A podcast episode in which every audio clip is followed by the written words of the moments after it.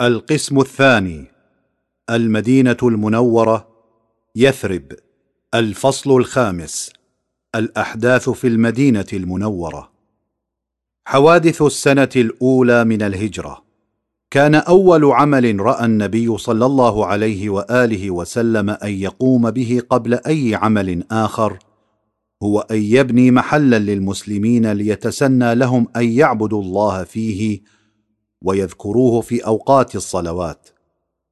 مضافا إلى أنه كان هناك حاجة أكيدة لمركز يجتمع فيه أعضاء حزب الإسلام حزب الله كل أسبوع في يوم معين ويتشاوروا في مصالحهم وشؤونهم بجانب أدائهم صلاة العيد فيه مرتين كل عام.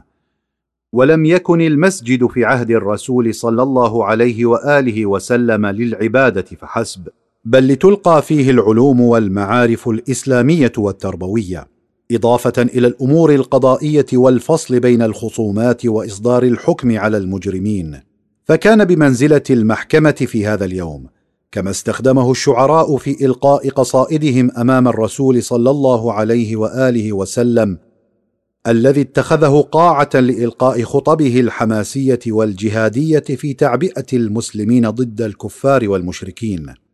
مما يبين أن النبي صلى الله عليه وآله وسلم أراد بذلك أن يعلن للجميع أن دينه ليس مجرد أمر معنوي لا يتصل بالأمور الدنيوية بل هو دين شامل كامل يهتم بالتقوى وشؤون المعيشة والأوضاع الاجتماعية.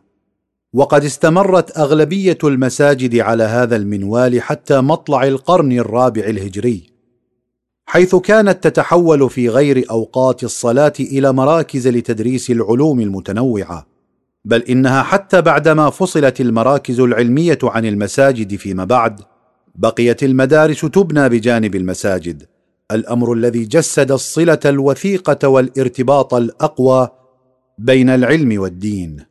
وفي بناء المسجد اشترك النبي صلى الله عليه وآله وسلم بنفسه في عملية البناء. ينقل الحجارة واللبن ويردد وهو يعمل لا عيش إلا عيش الآخرة اللهم ارحم الأنصار والمهاجرة. وكان عمار بن ياسر ممن عمل بشدة وقوة مع الرسول صلى الله عليه وآله وسلم في البناء. إذ كان يحمل اللبن والأحجار بدل النبي صلى الله عليه وآله وسلم وبدل الآخرين حتى شكا إليه صلى الله عليه وآله وسلم فعلهم وقال يا رسول الله قتلوني يحملون علي ما لا يحملون. فقال له النبي صلى الله عليه وآله وسلم ويح ابن سمية ليسوا بالذين يقتلونك إنما تقتلك الفئة الباغية. وبني كذلك بجانب المسجد صفة يسكن فيها الفقراء والمهاجرون المحرومون. وكلف عبادة بن الصامت بأن يعلمهم الكتابة وقراءة القرآن. ثم بعد ذلك بنيت منازله ومنازل أصحابه حول المسجد. وفي هذه البيئة الجديدة واجه النبي صلى الله عليه وآله وسلم ثلاث مشكلات أو قضايا أساسية. واحد قريش والوثنيين. في شبه الجزيرة العربية. اثنان اليهود في المدينة أو خارجها مع توافر الأموال لديهم. ثلاثة الاختلاف بين المهاجرين والأنصار وبين الأنصار أنفسهم الأوس والخزرج أي الجبهة الداخلية. وقد تمكن الرسول صلى الله عليه وآله وسلم من التغلب على تلك المشكلات والقضايا بأساليب حكيمة وسياسية محنكة. فبالنسبة إلى التناقضات بين فئات المجتمع فقد عالجها بالمؤاخاة بين المهاجرين والأنصار. حينما جمعهم الرسول صلى الله عليه وآله وسلم وقال لهم تآخوا في الله أخوين أخوين. فأصبح هذا التآخي والوحدة بين الأطراف المتنازعة طريقا لحل المشكلات الأخرى كما اختار عليا عليه السلام أخا لنفسه وقال يا علي أنت أخي في الدنيا والآخرة. أما مشكلة يهود يثرب فإن النبي صلى الله عليه وآله وسلم أدرك أنه ما لم تصلح الأوضاع الداخلية في المدينة وما لم يضم اليهود إلى جانبه أي أن يقيم وحدة سياسية متوسعة فإن شجرة الإسلام لن تتمكن من النمو بالإضافة إلى أنه لن يتمكن من معالجة القضية الأخرى وهي خطر قريش. ومن هنا رأى النبي صلى الله عليه وآله وسلم أن يتقدم بالتفاهم معهم بعقد معاهدة تعايش سلمي ودفاع مشترك بين الأنصار والمهاجرين يوقع عليها اليهود أيضا. وتعتبر هذه المعاهدة من أهم الأعمال ومسندا تاريخيا قوي الدلالة تكشف عن مدى التزام الرسول صلى الله عليه وآله وسلم بمبادئ الحرية والعدالة كما تكشف عن حنكته السياسية حيث استفاد من هذه الوسيلة من أجل إيجاد جبهة متحدة قوية في وجه الحملات الخارجية. فهي في الواقع واحدة من أكبر الانتصارات السياسية التي أحرزتها الحكومة الإسلامية الناشئة في ذلك الوقت. بل هي أعظم معاهدة تاريخية على الإطلاق وهي نموذج كامل لرعاية الإسلام وحرصه على مبدأ حرية الفكر والاعتقاد وضرورة التعاون وتوضيح حدود صلاحيات وتوضيح حدود صلاحيات واختيارات القائد ومسؤولية الموقعين عليها. وقد احترم فيها النبي صلى الله عليه وآله وسلم دين اليهود وثرواتهم في إطار شرائط معينة. بالإضافة إلى التعاهد مع يهود يثرب فإن النبي صلى الله عليه وآله وسلم عقد مع طوائف اليهود الأخرى بني قريضة بني النضير وبني قينقاع معاهدات مماثلة فيما بعد كان من أهم بنودها.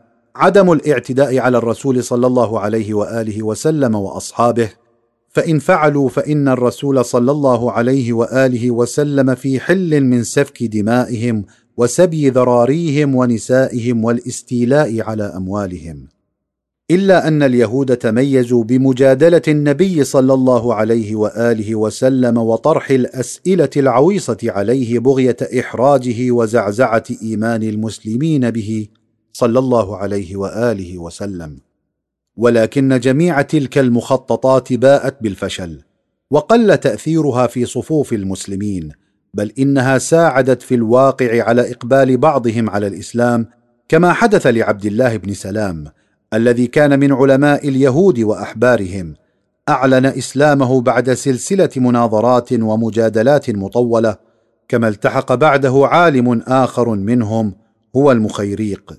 ولم يكتف اليهود بذلك أنهم استخدموا أسلوب المؤامرات والدسائس مثل فرق تسد لإضعاف المسلمين وذلك باستغلال رواسب الماضي بين الأوس والخزرج وإثارة العداء بينهم وإقامة العلاقات السرية مع مشركي الأوس والخزرج والمنافقين واشتراكهم صراحة في اعتداءات قريش على المسلمين في الحروب التي دارت بين الطرفين فقدموا كل دعم ومساندة للوثنيين والعمل لصالحهم كما اشتهروا بنقض العهود والمواثيق. الأمر الذي أدى إلى وقوع مصادمات وحروب مستمرة بينهم وبين المسلمين. نتج عنه إنهاء الوجود اليهودي في المدينة. أما المشكلة الأخيرة والمرتبطة باعتداءات قريش فإن الفصل القادم يتناولها بالتفصيل. وقد أقام النبي صلى الله عليه وآله وسلم في المدينة. منذ ربيع الأول من السنة الأولى للهجرة إلى شهر صفر من السنة الثانية. وأسلم في هذه الفترة من تبقى من الأوس والخزرج ولم يبق دار من دور الأنصار إلا أسلم أهلها. ما عدا بعض الفروع والعوائل ممن بقوا على شركهم إلا أنهم أسلموا بعد معركة بدر. أحداث السنة الثانية من الهجرة. تميزت هذه الفترة بالاستعراضات العسكرية والمناورات الحربية واستعراض القوة التي أمر بها الرسول صلى الله عليه وآله وسلم منذ الشهر الثامن من الهجرة حتى رمضان من السنة الثانية وهي أول مناورات عسكرية في تاريخ المسلمين. كما تميزت الفترة بحدثين عظيمين كان لهما الأثر الكبير في حياة المسلمين وهما واقعة بدر الكبرى وتغيير جهة القبلة. وقد راج في كتابات المؤخرين وكتاب السيرة مصطلح الغزوة والسرية. فالغزوة هي تلك العمليات العسكرية التي كان يقودها النبي صلى الله عليه وآله وسلم بنفسه. أما السرية فهي مجموعات عسكرية صغيرة يقودها أحد قواده دون أن يشترك فيها الرسول صلى الله عليه وآله وسلم. وقد أعد أول لواء عسكري بقيادة حمزة بن عبد المطلب حيث سيره النبي صلى الله عليه وآله وسلم مع ثلاثين فردا إلى سواحل البحر الأحمر حيث تمر في طرقاته قوافل قريش التجارية ولم يحدث أي قتال بينهم. وبعث النبي صلى الله عليه وآله وسلم بسرية أخرى بقيادة عبيدة بن الحارث بن عبد المطلب في ستين فردا بهدف التعرض لقافلة قريش التجارية إلا أن قتالا لم يجر بين الأطراف. كما بعث سرية قادها سعد بن أبي وقاص لرصد تحركات قريش. أما في شهر صفر من السنة الثانية للهجرة فقد أناب على المدينة سعد بن عبادة وقاد بنفسه مجموعة من المهاجرين والأنصار لملاحقة ركب قريش التجاري واعتراضه. حتى بلغ الأبواء ولكنه رجع دون أن يلقى أحدا منهم. وخرج أيضا في شهر ربيع الأول من السنة نفسها مع مئتي فرد حتى وصل إلى بواط قرب ينبع على بعد تسعين كيلومترا من المدينة ولكنه لم يظفر بقافلة قريش بقيادة أمية بن خلف كما أنه خرج في شهر جماد الأولى لاعتراض أكبر قافلة تجارية لقريش خارجة من مكة نحو الشام بقيادة أبي سفيان إلا أنه لم يلتقي بهم في ذات العشيرة. أما عبد الله بن جحش فقد بعثه الرسول صلى الله عليه وآله وسلم في شهر رجب على رأس أفراد لملاحقة قافلة قريش التجارية فنزل نخلة بين مكة والطائف وتقابل مع قافلة قرشية بقيادة عمرو بن الحضرمي فباغتهم المسلمون وقاتلوهم واستولوا على أموالهم بالإضافة إلى القبض على أسيرين. إلا أن الرسول صلى الله عليه وآله وسلم انزعج لحدوث القتال في شهر رجب الحرام. وخاصة عندما استغلت أطراف عدة كاليهود وقريش هذه القضية للتشهير بالرسول صلى الله عليه وآله وسلم وأنه استخدم الشهر الحرام فسفك فيه الدماء وأخذ الأموال. وكذلك المسلمون فقد عابوا على عبد الله بن جحش فعلته هذه. إلا أن آية قرآنية نزلت فابعدت تلك المخاوف والحيرة التي أصبح فيها المسلمون.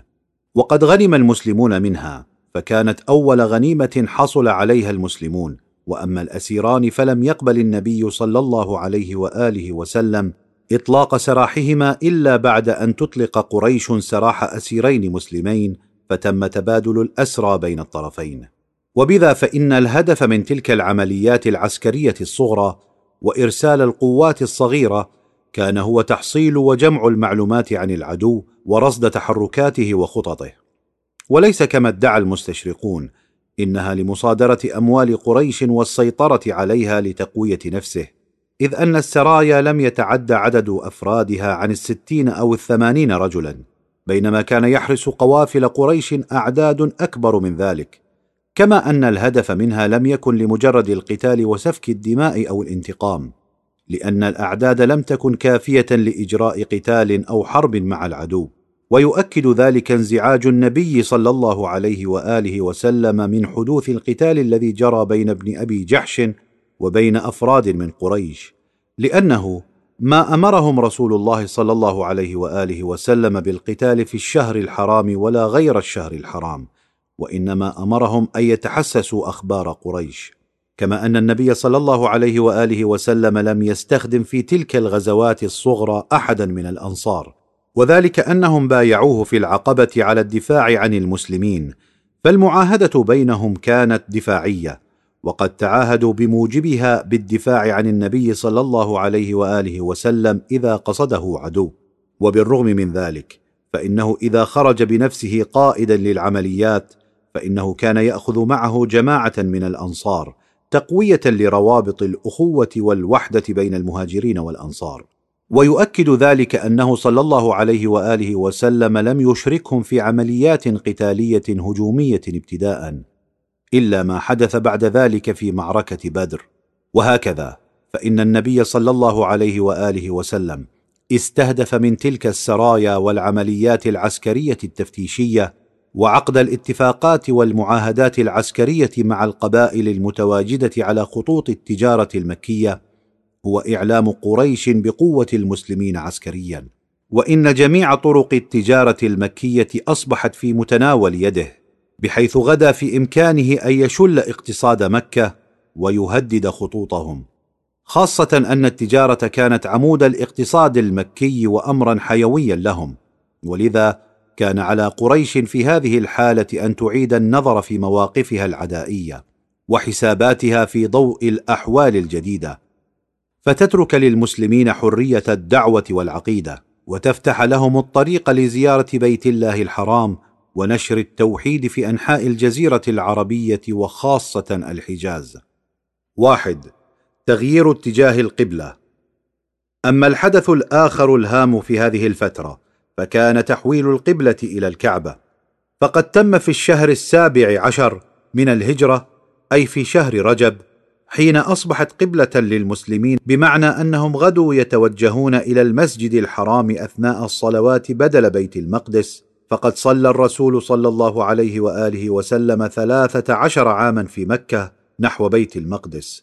ولما زاد إيذاء اليهود للرسول صلى الله عليه وآله وسلم بعد تنامي قوة المسلمين وانتشار الإسلام وقولهم أنت تابع لنا تصلي إلى قبلتنا.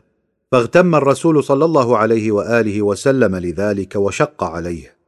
فانتظر فرجا ووحيا من جانب الله حتى نزلت الآية قد نرى تقلب وجهك في السماء فلنولينك قبلة ترضاها. فكان تغيير القبلة واحدا من مظاهر الابتعاد عن اليهود واجتنابهم كما أن اتخاذ الكعبة قبلة كان من شأنه كسب رضا العرب واستمالة قلوبهم وترغيبهم في الإسلام تمهيدا لاعتناق دين التوحيد ونبذ الأصنام وخاصة أن الكعبة كانت موضع احترام العرب وتقديسهم منذ أن رفع النبي إبراهيم عليه السلام قواعدها.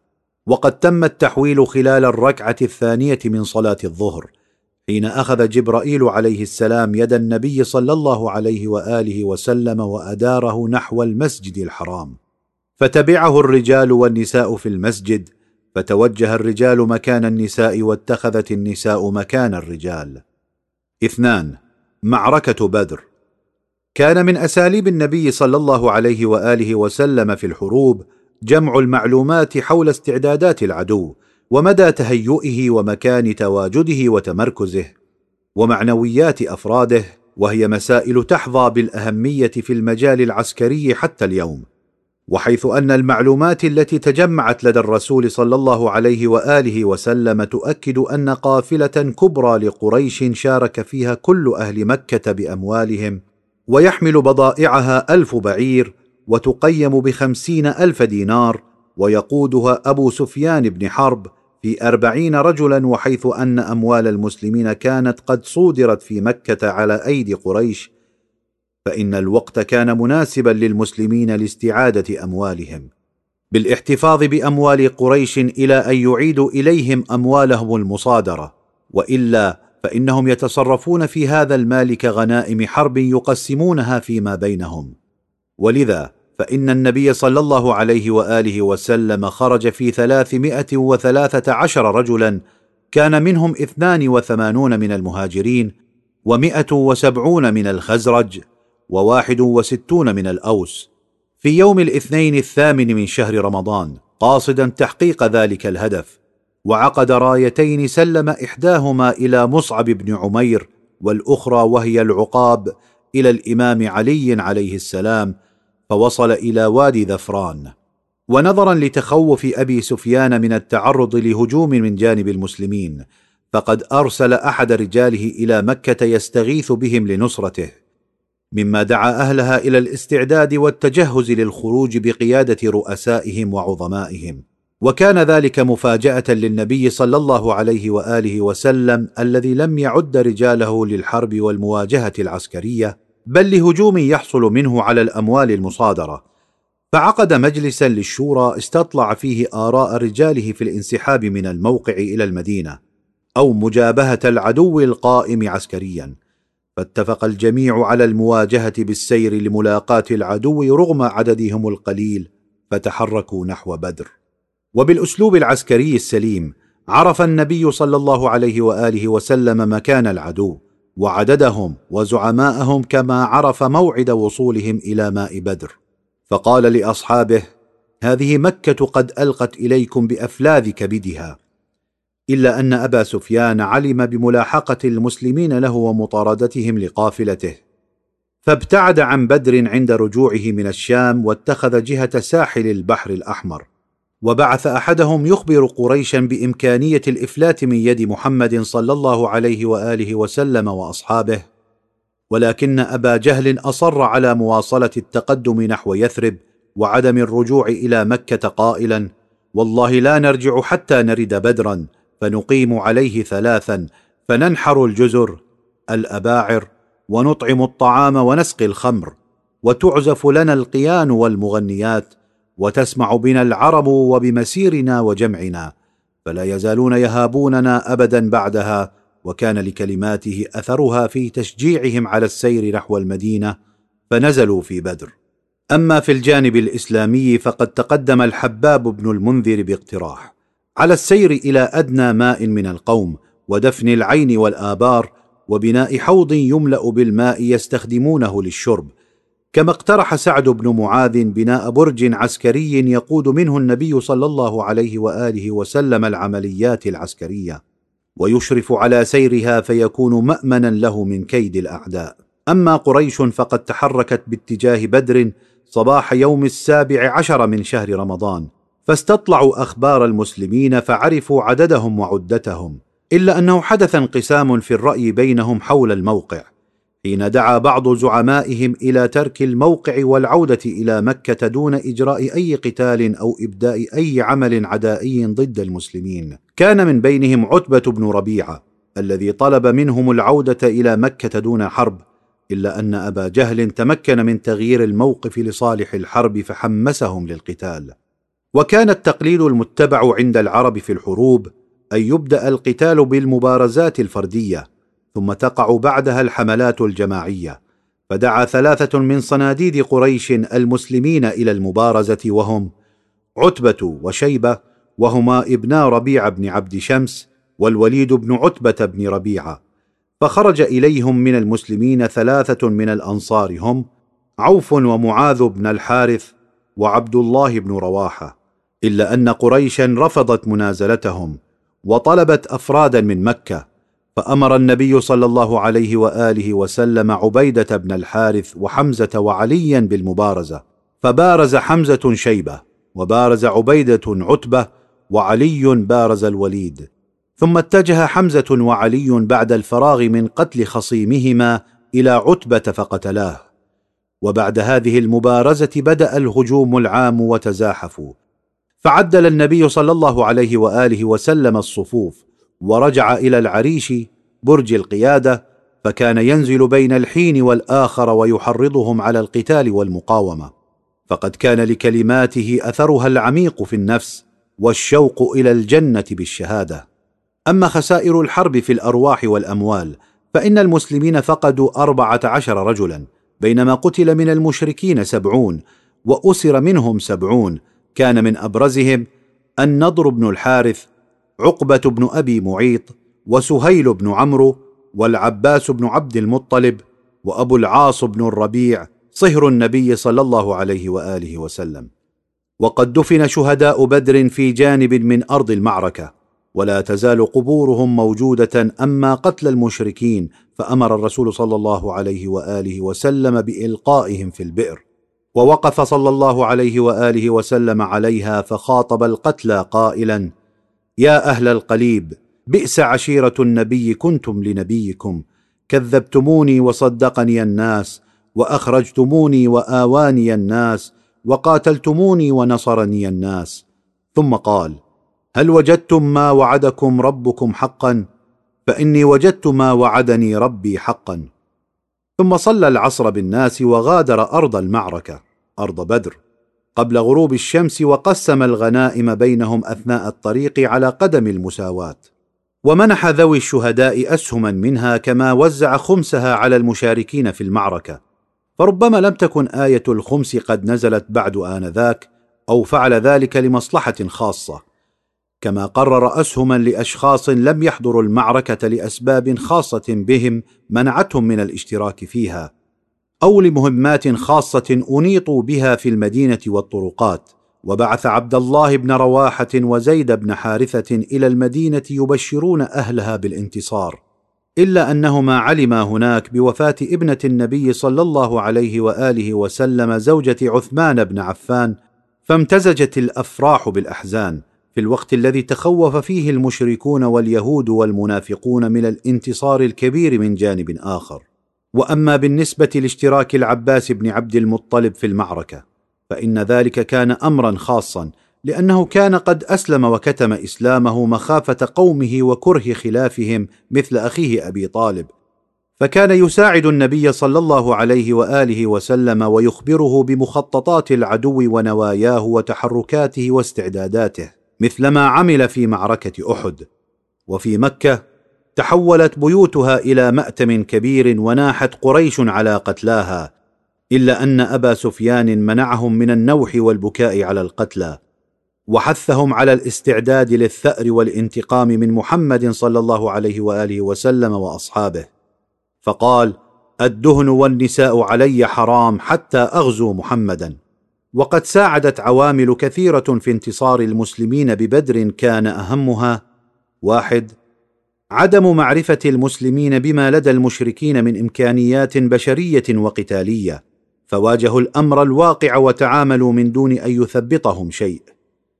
اثنان تقليل عدد المسلمين في أعين المشركين وعدد المشركين في أعين المسلمين في أول القتال وتكثير عدد المسلمين في أعين الكفار أثناء الحرب. ثلاثة الأمور الغيبية. مثل مساعدة المطر ونزوله في هذه الفترة ومساعدة الملائكة وتثبيت قلوب المؤمنين بواسطة هؤلاء الملائكة. وإلقاء الرعب في قلوب الكفار حيث تشير الآيات القرآنية في سورة الأنفال وآل عمران إلى كل ذلك. نتائج وآثار معركة بدر. أعلن النبي صلى الله عليه وآله وسلم قرارا تاريخيا بعد المعركة خاصا بأسلوب المعاملة مع الأسرى. وذلك بأن من علم منهم عشرة من الصبيان الكتابة والقراءة كان ذلك فداءه ويخلى سبيله دون أن يؤخذ منه مال. وإن من دفع فدية قدرها أربعة آلاف درهم إلى ألف خلى سبيله. ومن كان فقيرا لا مال له أفرج عنه دون فداء. وإن الباب مفتوح أمامهم للدخول في الإسلام لينعموا في كنفه مع المسلمين. ولقد أحدث هذا القرار رد فعل كبير لدى عائلات مكة. دفعهم إلى تقديم الفداء إلى المسلمين لإطلاق سراحهم. وكان أبو العاص بن الربيع من ضمن الأسرى وهو زوج زينب ابنة الرسول صلى الله عليه وآله وسلم التي تزوجها في الجاهلية. وثبت على دينه بعد إيمان بنات النبي صلى الله عليه وآله وسلم كلهم. فبعثت زينب في فدائه بمال فيه قلادة كانت هدية أمها السيدة خديجة عليها السلام لها ليلة زفافها. فلما رأى الرسول صلى الله عليه وآله وسلم القلادة تذكر زوجته الوفية وبكى بشدة مما أثر في المسلمين فأطلقوا سراحه دون أخذ الفدية. وأخذ صلى الله عليه وآله وسلم على أبي العاص الميثاق بأن يخلي سبيل زينب ويبعثها إلى المدينة ففعل مع إعلانه الإسلام فيما بعد. ويعتبر تعليم الأولاد من قبل الأسارى المتعلمين أول عملية تعليمية لمكافحة الأمية وهي أعظم خطوة حضارية وثقافية. كما أنه كان لانتصار المسلمين أثر كبير على المراكز السياسية المتناثرة في شبه الجزيرة العربية. فكما كان له أثره القوي على قريش وأهلها فإنه هدد مراكز أخرى في المدينة وخارجها. كاليهود الذين أبدوا تخوفهم من تطور قوة المسلمين وخاصة يهود بني قينقاع الذين بدأوا بتدبير المؤامرات وممارسة الأعمال العدوانية ضد المسلمين وإعلان الحرب الباردة بنشر الأكاذيب وبث المعلومات المزيفة وإطلاق الشعارات القبيحة لتحقيرهم وتخريب سمعتهم وإضعاف معنوياتهم. إلا أنهم بذلك كانوا قد أعلنوا نقضهم لمعاهدة التعايش السلمي التي عقدها معهم الرسول الكريم صلى الله عليه وآله وسلم إبان قدومه إلى المدينة. وبالرغم من ذلك فإن النبي صلى الله عليه وآله وسلم حاول النصيحة بأن يتعايشوا معهم دون إظهار أي عمل تخريبي أو سيء.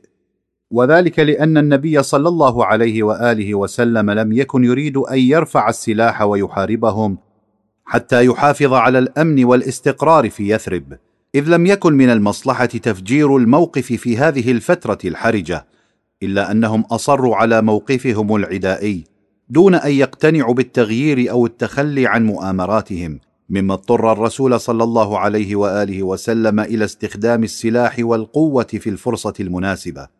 وقد حدثت تلك المناسبة عندما اعتدى يهودي على امرأة عربية في السوق بإظهار عورتها والضحك عليها فقتله رجل مسلم فاجتمع عليه عدد من اليهود فقتلوه مما اعتبر الشرارة الأولى في إعلان الحرب عليهم.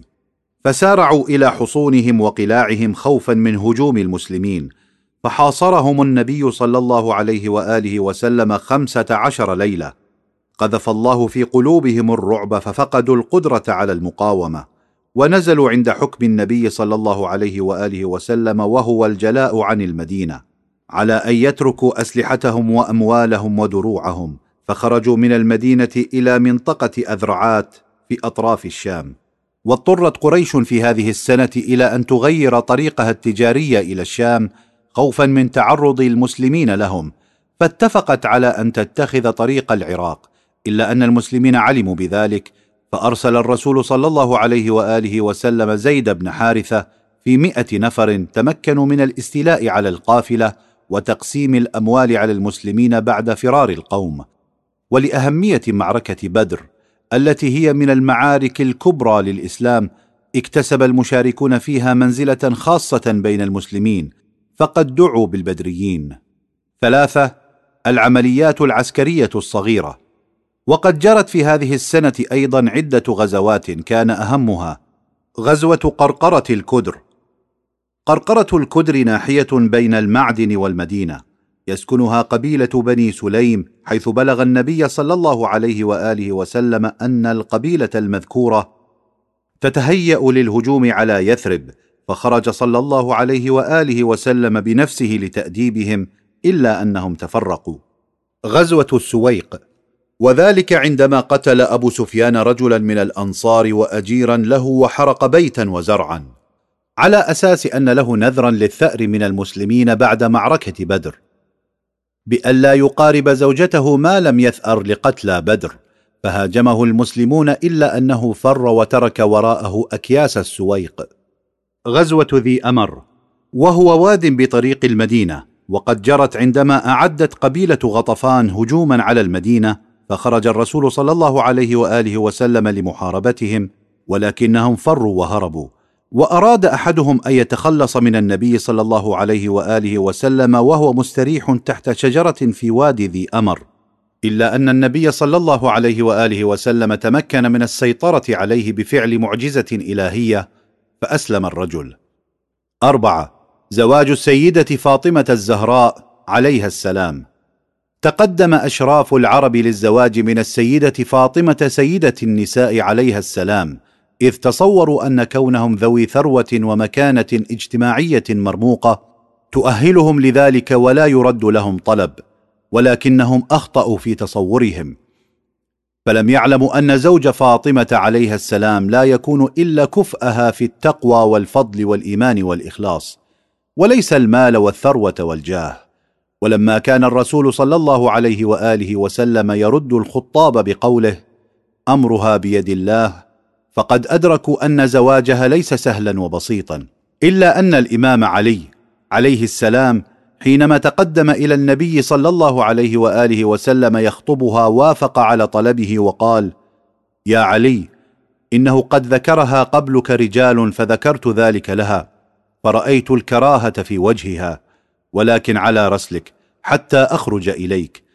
فدخل على السيدة الزهراء عليها السلام قائلا إن علي بن أبي طالب من قد عرفت قرابته وفضله وإسلامه وإني قد سألت ربي أن يزوجك خير خلقه وأحبهم إليه.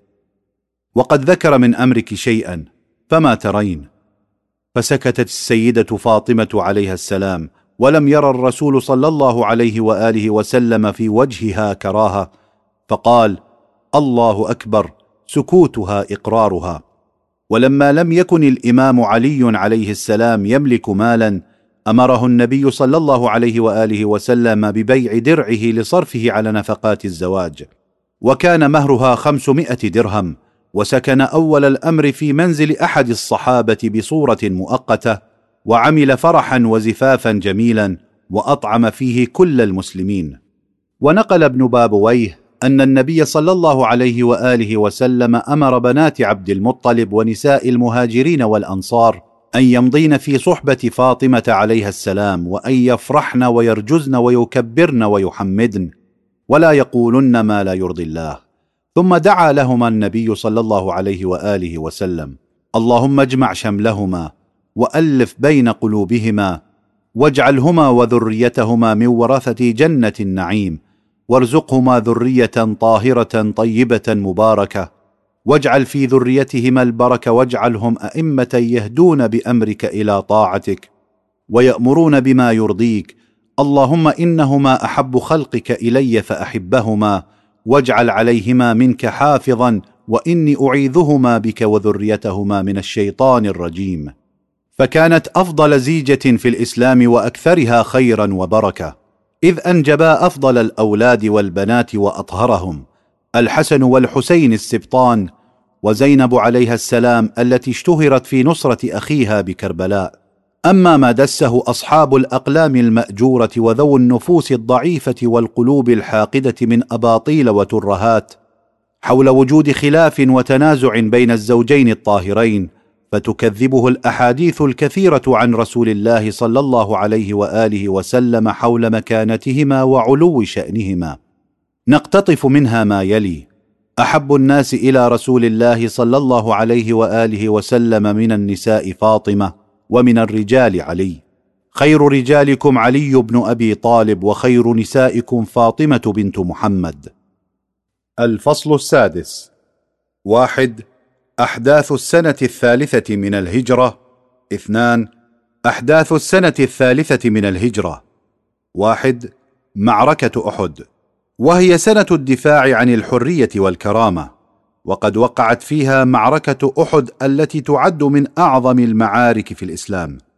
فقد قرر كفار قريش إعلان الحرب على النبي صلى الله عليه وآله وسلم على أن تتكفل قريش نفقاتها فأعدت أربعة آلاف مقاتل إضافة إلى النساء اللائي هدفوا من اشتراكهن تحريض الرجال على القتال والصمود وعدم الفرار وإشعال الحماس في النفوس. وإن فرار الرجال يعني أسرهن.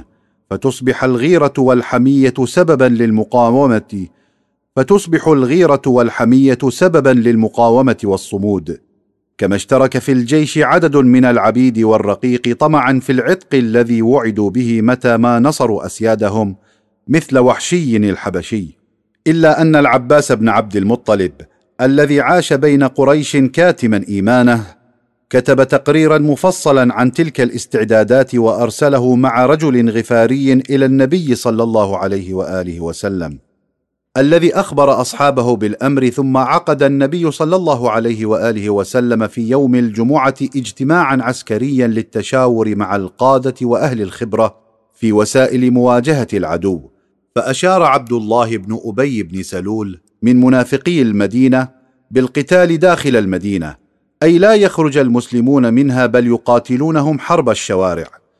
إلا أن فتيان المسلمين شجبوا هذا الرأي وأقروا الخروج من المدينة لملاقاة العدو. بعد أن أيد الرأي السابق أكابر أصحاب الرسول صلى الله عليه وآله وسلم من المهاجرين والأنصار. وكان حمزة وسعد بن عبادة على رأس القائلين بلقاء العدو خارج المدينة. فأيد النبي صلى الله عليه وآله وسلم رأي الأكثرية بالخروج للحرب.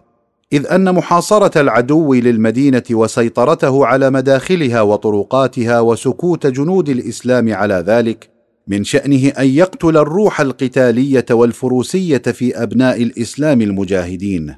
وكان جيش الكفار قد وصل أطراف المدينة حتى استقر قرب جبل أحد يوم الخميس الخامس من شهر شوال. فاستعد النبي صلى الله عليه وآله وسلم بأن لبس لامته والدرع وتقلد السيف واعتم فخرج من بيته مما أثار المسلمين وهزهم بشدة حتى تصور بعضهم أنهم قد أجبروه صلى الله عليه وآله وسلم على الخروج. فطلبوا منه المعذرة وإجراء أي فعل يقصده. فقال صلى الله عليه وآله وسلم ما ينبغي لنبي إذا لبس لامته أن يضعها حتى يقاتل. ثم صلى الناس الجمعة وخرج على رأس ألف مقاتل قاصدا أحد. وكان صلى الله عليه وآله وسلم قد رفض اشتراك جماعة من اليهود الذين تحالفوا مع عبد الله بن أبي بن سلول فانعزل عن الجيش وعاد بثلث الناس. كلهم من الأوس المتحالفين معه إلى المدينة. بحجة أن الرسول صلى الله عليه وآله وسلم أخذ برأي الفتية والشباب ولذا لم يشترك اليهود والمنافقون في هذه الحرب. وفي يوم السبت السابع من شهر شوال اصطف الجيش الإسلامي أمام قوى الشرك المعتدية فجعل ظهره إلى جبل أحد كمانع طبيعي يحفظ الخلف. ووضع جماعة من الرماة عند ثغرة في الجبل عليهم عبد الله بن جبير وطلب منهم الالتزام بالموقع. إلزموا مكانكم لا تبرحوا منه إن كانت لنا أو علينا فلا تفارقوا مكانكم. إلا أن المسلمين انهزموا بعد انتصارهم في بداية المعركة نتيجة تجاهل هؤلاء الرماة لأوامر النبي صلى الله عليه وآله وسلم حين اخلوا هذا الموقع الاستراتيجي. وكانت قريش قد أعدت تسعة رجال شجعان من بني الدار لحمل الراية قتلهم الإمام علي عليه السلام جميعا كما قتل غلامهم حين برز أيضا. وبذا فإن النتيجة الأولية كانت هزيمة الكفار مخلفين وراءهم غنائم واموالا كثيرة. فانتصر المسلمون على عدوهم القوي عددا وعدة لأسباب منها أنهم قاتلوا في مرضاة الله ونشر عقيدة التوحيد دون أن يهدفوا إلى مصلحة مادية. ولكنهم انهزموا بعد انتصارهم الساحق لأسباب كان أهمها تغير أهدافهم فقد اتجهت أنظارهم إلى الغنائم في أرض المعركة ونسوا أوامر النبي صلى الله عليه وآله وسلم وتعاليمه بالتمسك بها مهما حدث. وخاصة أولئك الرماة الحامين ظهر المسلمين على جبل أحد حين تركوا مواقعهم ونزلوا إلى الساحة يريدون جمع الغنائم قائلين ولم نقيم هنا من غير شيء وقد هزم الله العدو فلنذهب ونغنم من إخواننا. وهو الأمر الذي استغله خالد بن الوليد الذي كان آنذاك مع المشركين وكان يترصد خلو الثغرة من الرماة. فقتل باقي الرماة وكانوا عشرة من خمسين. ثم هاجم المسلمين الغافلين عن الوضع السيء والذين انشغلوا بجمع الغنائم فتفرقت جموعهم واجتمع جنود قريش الهاربون فقاتلوا المسلمين قتالا ضاريا حتى قتل منهم سبعون رجلا. وعندما قتل أحد أبطال المشركين من قريش حامل لواء الإسلام مصعب بن عمير ظن أنه الرسول صلى الله عليه وآله وسلم فصاح قتلت محمدا.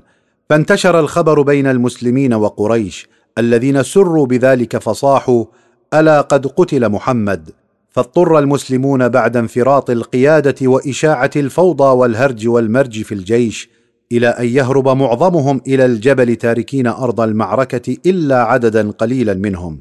وكان خمسة من صناديد قريش قد تعاهدوا على أن يضعوا نهاية لحياة النبي صلى الله عليه وآله وسلم مهما كلفهم الأمر.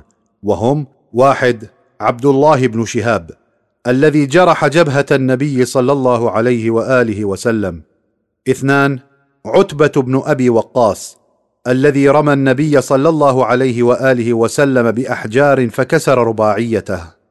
ثلاثة ابن قميئة الليثي الذي رمى وجنتي الرسول صلى الله عليه وآله وسلم وجرحهما. أربعة عبد الله بن حميد الذي حمل على النبي صلى الله عليه وآله وسلم فقتله أبو دجانة بطل فقتله أبو دجانة بطل الإسلام.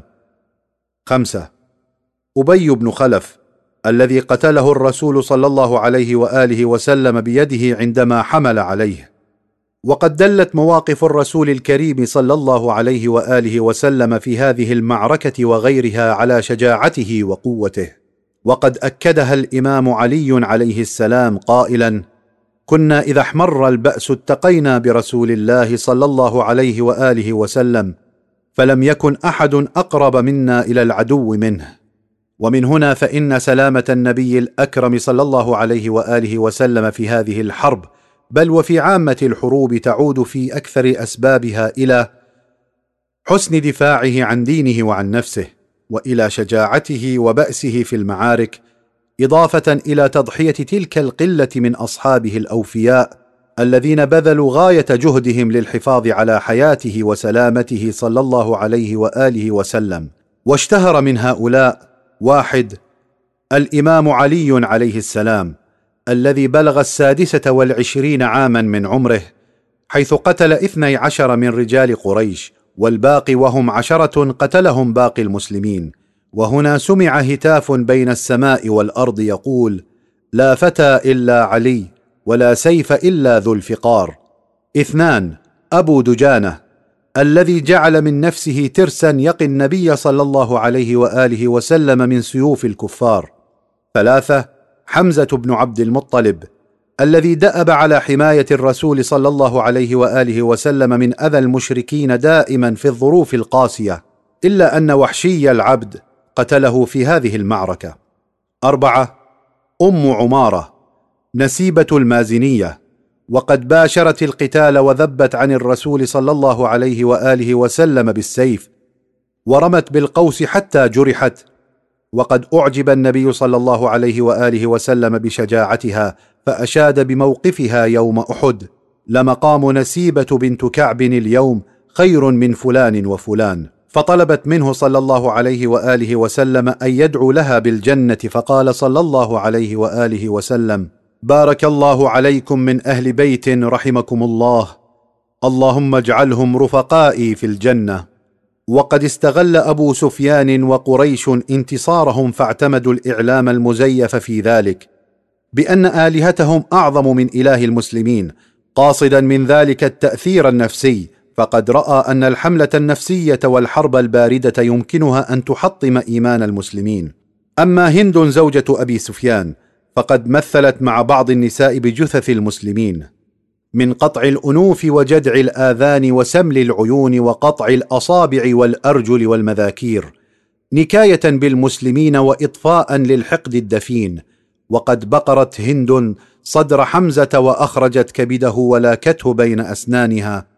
دون أن تستطيع أكله فعرفت بآكلة الأكباد كما عرف أبناؤها فيما بعد ببني آكلة الأكباد. وقال الرسول صلى الله عليه وآله وسلم عندما شاهد عمه حمزة ما وقفت موقفا قط اغيض إلي من هذا. وهكذا غادر كفار قريش أرض المعركة إلى مكة. أما المسلمون فبعد أن صلى بهم النبي صلى الله عليه وآله وسلم الظهر والعصر. دفنوا الشهداء واحدا واحدا أو اثنين اثنين عند جبل أحد. أما الشهداء فكانوا ما بين سبعين أو واحد وثمانين مسلما على روايات مختلفة. ولم يتجاوز عدد قتلى قريش اثنان وعشرون فردا. وأما النبي صلى الله عليه وآله وسلم فقد عالجته السيدة فاطمة عليها السلام والإمام علي عليه السلام حينما رجع إلى المدينة. غزوة حمراء الأسد. إلا أن الوضع لم يستقر بل أن الأحداث استمرت إلى يوم الجمعة حيث غزوة حمراء الأسد. ذلك أن اليهود والمنافقين أتباع عبد الله بن أبي استغلوا الوضع الخطير الذي أصبح فيه المسلمون وكانوا قد سروا لما أصابهم ووجدوا البيوت حزينة يسمع منها أنين الجرحى والبكاء على الموتى والشهداء. ولما كان هناك خوف أن يؤدي ذلك إلى ضعف الجبهة الداخلية إذ أن انهيار الوحدة والانسحاب في هذه الجبهة أخطر بكثير من تعرض البلاد لهجوم خارجي. ولذا فقد أمر صلى الله عليه وآله وسلم بملاحقة العدو في نفس هذه الليلة حتى يرهب العدو ويبلغه قوة المسلمين واتحادهم وأن ما أصابهم وأن ما أصابهم لم يوهنهم عن عدوهم. فخرج الرسول صلى الله عليه وآله وسلم بأصحابه إلى حمراء الأسد مخلفا على المدينة ابن أم مكتوم. وقد استطاع معبد بن أبي معبد الخزاعي رئيس بني خزاعة الذي ارتبط بعلاقات ودية طيبة مع الرسول صلى الله عليه وآله وسلم والمسلمين بالرغم من كفره وشركه من أن يخوف أبا سفيان ويرعبه بما ذكره له عن قوة المسلمين. وأعدادهم وملاحقتهم لقريش مما دعاه إلى الانصراف عن مهاجمة المدينة مرة أخرى. وفي هذه السنة الثالثة من الهجرة أيضا بعث الرسول صلى الله عليه وآله وسلم أيضا السرايا واشتهرت منها سرية محمد بن مسلمة عندما انزعج كعب بن الأشرف لانتصار المسلمين في بدر. وحاول إثارة قريش عليهم فبدأ بإيذاء نساء المسلمين مما جعل الرسول صلى الله عليه وآله وسلم يقرر التخلص منه. فأرسل إليه محمد بن مسلمة الذي أعد خطة محكمة للقضاء عليه. فقتلوه بمساعدة أخيه بالرضاعة أبو نائلة كما تخلصوا من مفسد آخر هو أبو رافع سلام بن أبي الحقيق اليهودي. الذي قام بنفس دور كعب بن الأشرف في إيذاء الرسول صلى الله عليه وآله وسلم والمسلمين. وفي هذه السنة ولد السبط الإمام الحسن عليه السلام في الخامس عشر من شهر رمضان. أحداث السنة الرابعة من الهجرة. واحد النتائج السلبية لمعركة أحد. بالرغم من إظهار المسلمين قوتهم ومطاردتهم للعدو ومنعهم من مهاجمة المدينة فإن المنافقين واليهود والمشركين أعدوا المؤامرات ضد الإسلام والمسلمين وجهزوا العدة لمحاربتهم مثل قبيلة بني أسد التي أرادت الهجوم على المدينة لنهبها فأرسل الرسول صلى الله عليه وآله وسلم مئة وخمسين فردا بقيادة أبي مسلمة الذي تمكن من القضاء عليهم والتخلص منهم. ومن المعروف أن النبي صلى الله عليه وآله وسلم كان يرسل الدعاة والمبلغين من قراء القرآن الكريم والمسلمين بالأحكام الإسلامية والتعاليم النبوية لينقلوا تلك التعاليم والأحكام إلى الناس في المناطق البعيدة والأماكن النائية. كما كان يبعث من جانب آخر السرايا والمجموعات العسكرية للقضاء على محاولات التمرد والمؤامرات. ليتسنى لهؤلاء المبلغين والدعاة في ضوء الأمن والحرية والأمان الدعوة إلى الإسلام وإرساء دعائم الحكومة الإسلامية في القلوب وتنوير الأفكار وإيقاظ العقول إلا أنه كان يحدث أن بعض القبائل المتوحشة والمتخلفة فكريا واخلاقيا كانت تعتدي على هؤلاء المبلغين وتقتلهم بصورة مفجعة مأساوية. مثل ما قامت به جماعة من قبيلة عضل والقارة الذين طلبوا القراء من الرسول صلى الله عليه وآله وسلم وغدروا بهم أثناء الطريق إلى مكان سكنهم. ومن قبلهم طلب أبو براء العامري في شهر صفر من هذه السنة من الرسول صلى الله عليه وآله وسلم أن يبعث رجالا إلى نجد يدعوهم للإسلام مع أنه لم يسلم. فقال الرسول صلى الله عليه وآله وسلم إني أخشى عليهم أهل نجد ولكن أبا براء أعلن عن استعداده لإجارتهم وضمان أمنهم فقال أنا لهم جار.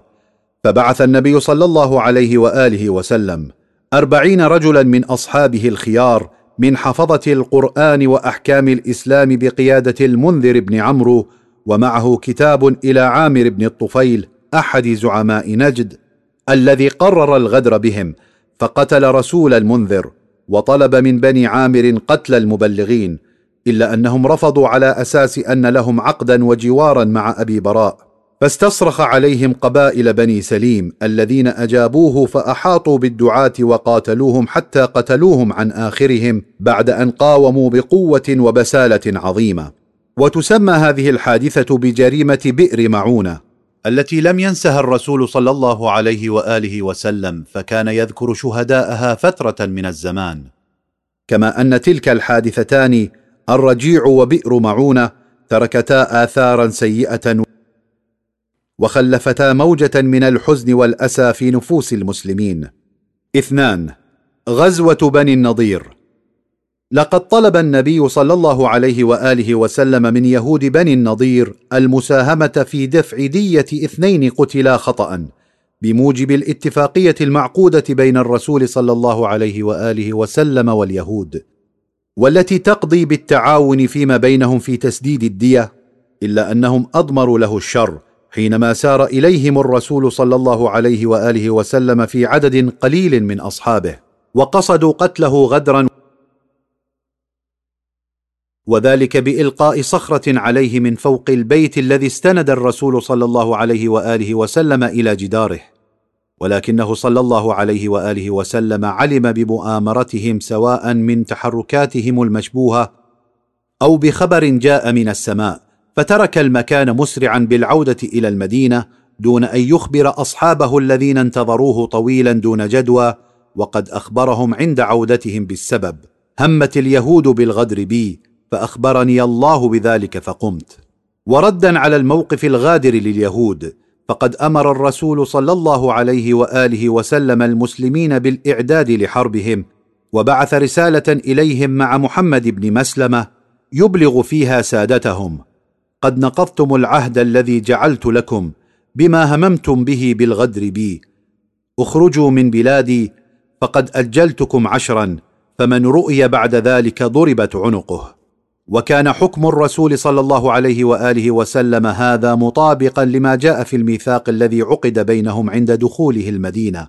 الا يعينوا على رسول الله صلى الله عليه وآله وسلم ولا على أحد أصحابه بلسان ولا يد ولا بسلاح في السر والعلانية. والله بذلك عليهم شهيد. فإن فعلوا فرسول الله في حل من سفك دمائهم وسبي ذراريهم ونسائهم وأخذ أموالهم.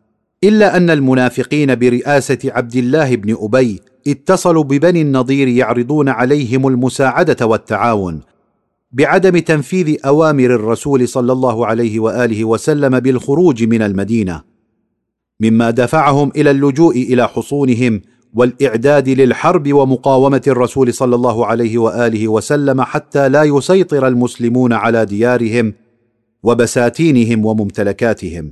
وأرسل حيي بن أخطب إلى الرسول صلى الله عليه وآله وسلم. إنا لا نبرح من دارنا وأموالنا فاصنع ما أنت صانع. فما كان من النبي صلى الله عليه وآله وسلم إلا أن خرج إليهم بعد أن استخلف على المدينة ابن أم مكتوم وسار لمحاصرة بني النضير.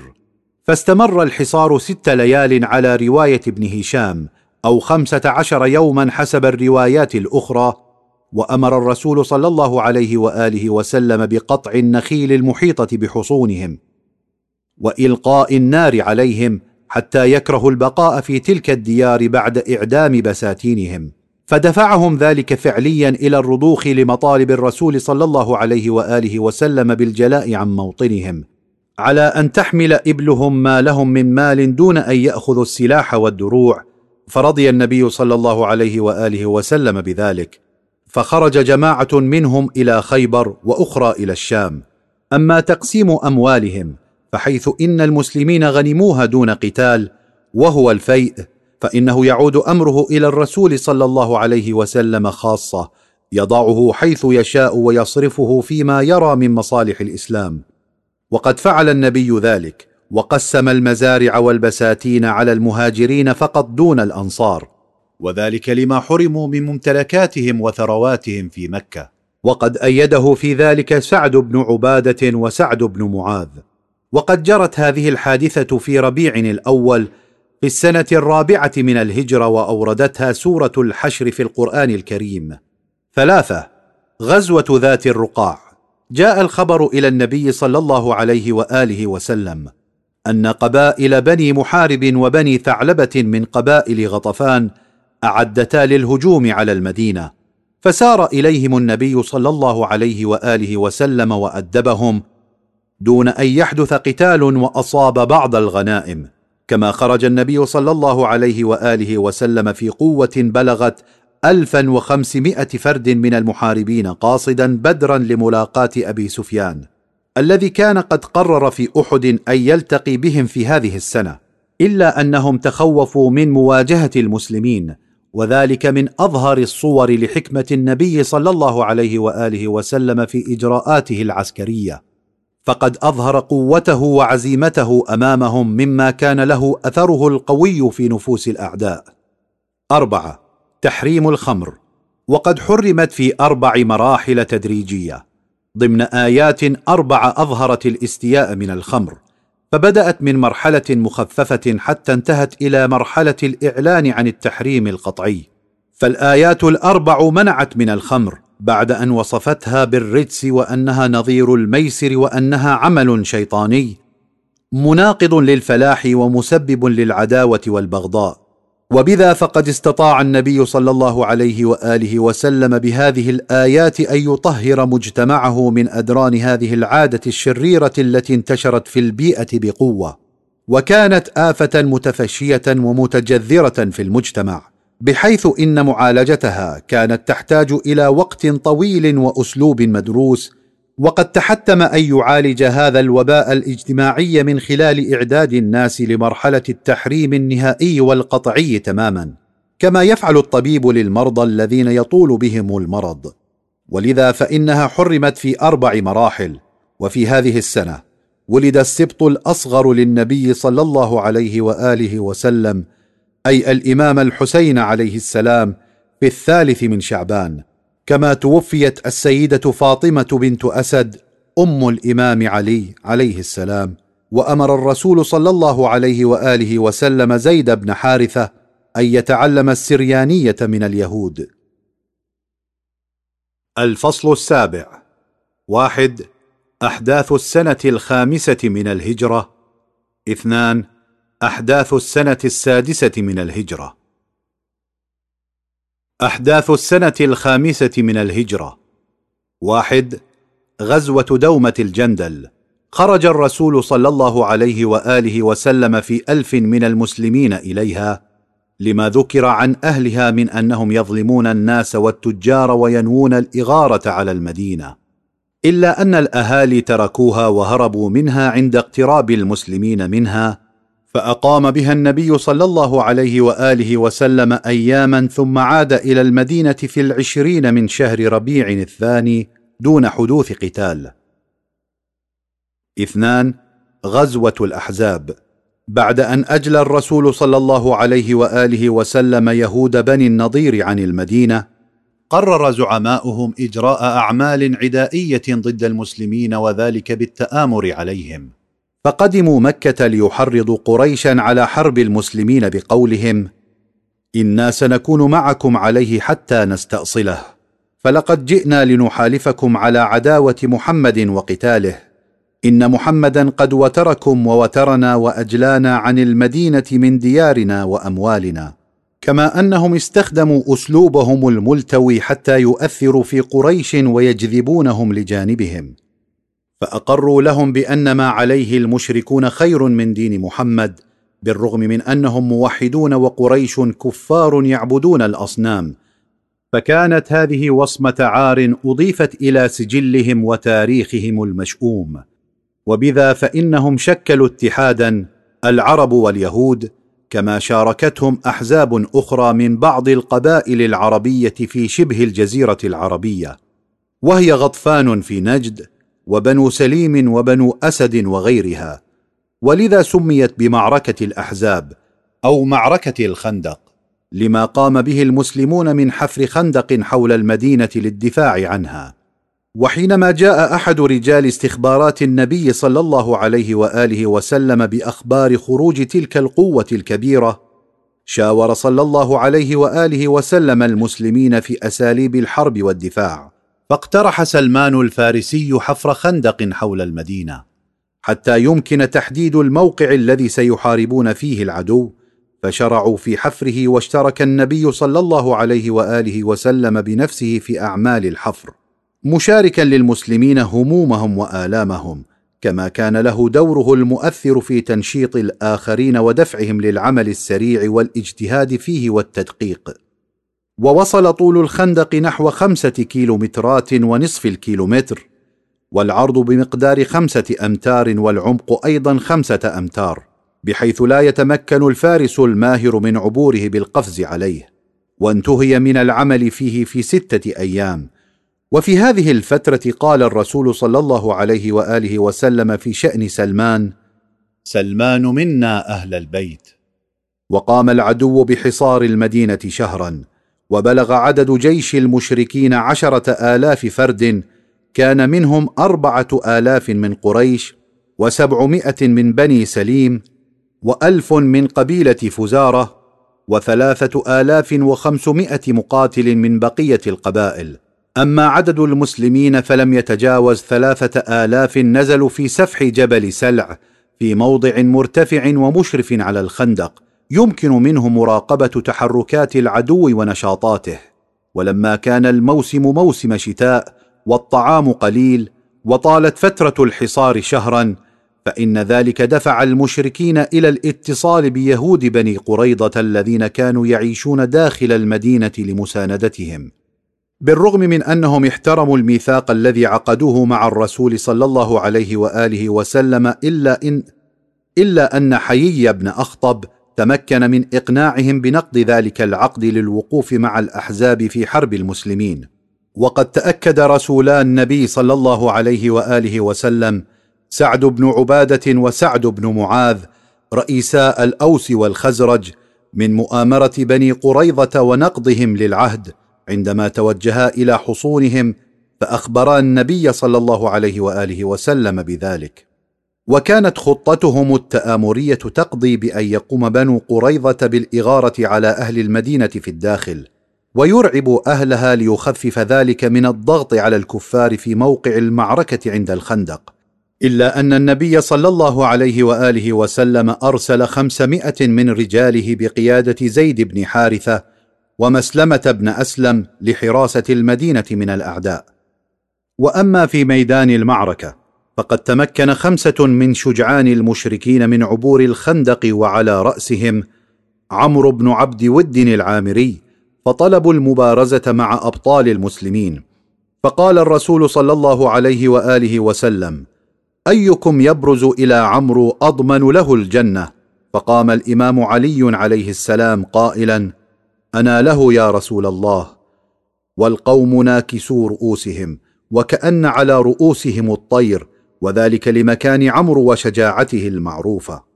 وبذا فقد برز الإمام علي عليه السلام وقال النبي صلى الله عليه وآله وسلم هنا كلمته الخالدة برز الإيمان كله إلى الشرك كله وتمكن الإمام علي عليه السلام من التخلص من عمرو والقضاء عليه حين ضربه ضربة قوية على ساقيه فقطعهما فكبر الإمام علي عليه السلام يعلن انتصاره ومقتل عمرو مما كان له أثره في العدو فألقى الرعب في نفوسهم. فهربوا إلى معسكرهم تاركين الخندق وسقط أحدهم بفرسه في الخندق وهو نوفل بن عبد الله فرماه الحرس بالحجارة مما جعله يطلب مقاتلة أحد المسلمين. فنزل إليه الإمام علي عليه السلام فقاتله وقضى عليه في الخندق.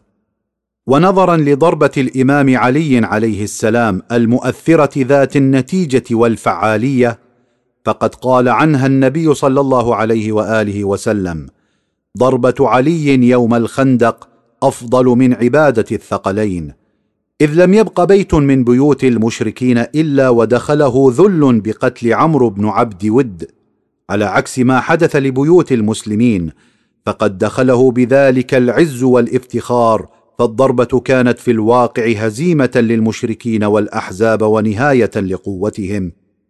بالإضافة إلى الظروف السائدة من قلة الطعام والعلف والبرد عوامل تفرق الأحزاب. واحد اختلاف قبائل غطفان وفزارة مع قريش وتخاذلهم في الهجوم. وخاصة عندما اتصل بهم النبي صلى الله عليه وآله وسلم للاتفاق على عودتهم وتراجعهم في مقابل مساعدتهم ماديا. اثنان مصرع فارسهم الأكبر عمرو بن عبد ود الذي علقوا عليه الآمال في الانتصار. ثلاثة دور نعيم بن مسعود في تفرقة أعداء المسلمين وإيقاع الخلاف بينهم وكان قد أسلم حديثا فقد تمكن بدهائه من التفرقة بين يهود بني قريظة وجيش الأحزاب حيث أقنع اليهود بأن يأخذوا رهائن من العرب ليكونوا ضمانا في مقابل تعاون اليهود مع المشركين. قائلين حتى نناجز محمدا فإننا نخشى إن ضرستكم الحرب واشتد عليكم القتال أن تسرعوا إلى بلادكم وتتركونا. والرجل في بلدنا ولا طاقة لنا بذلك منه. وفي نفس الوقت طلب من قريش عدم إعطاء اليهود أحدا من رجالهم إذا طلبوا منهم ذلك فإنهم سيرسلونهم إلى النبي صلى الله عليه وآله وسلم ليقتلهم.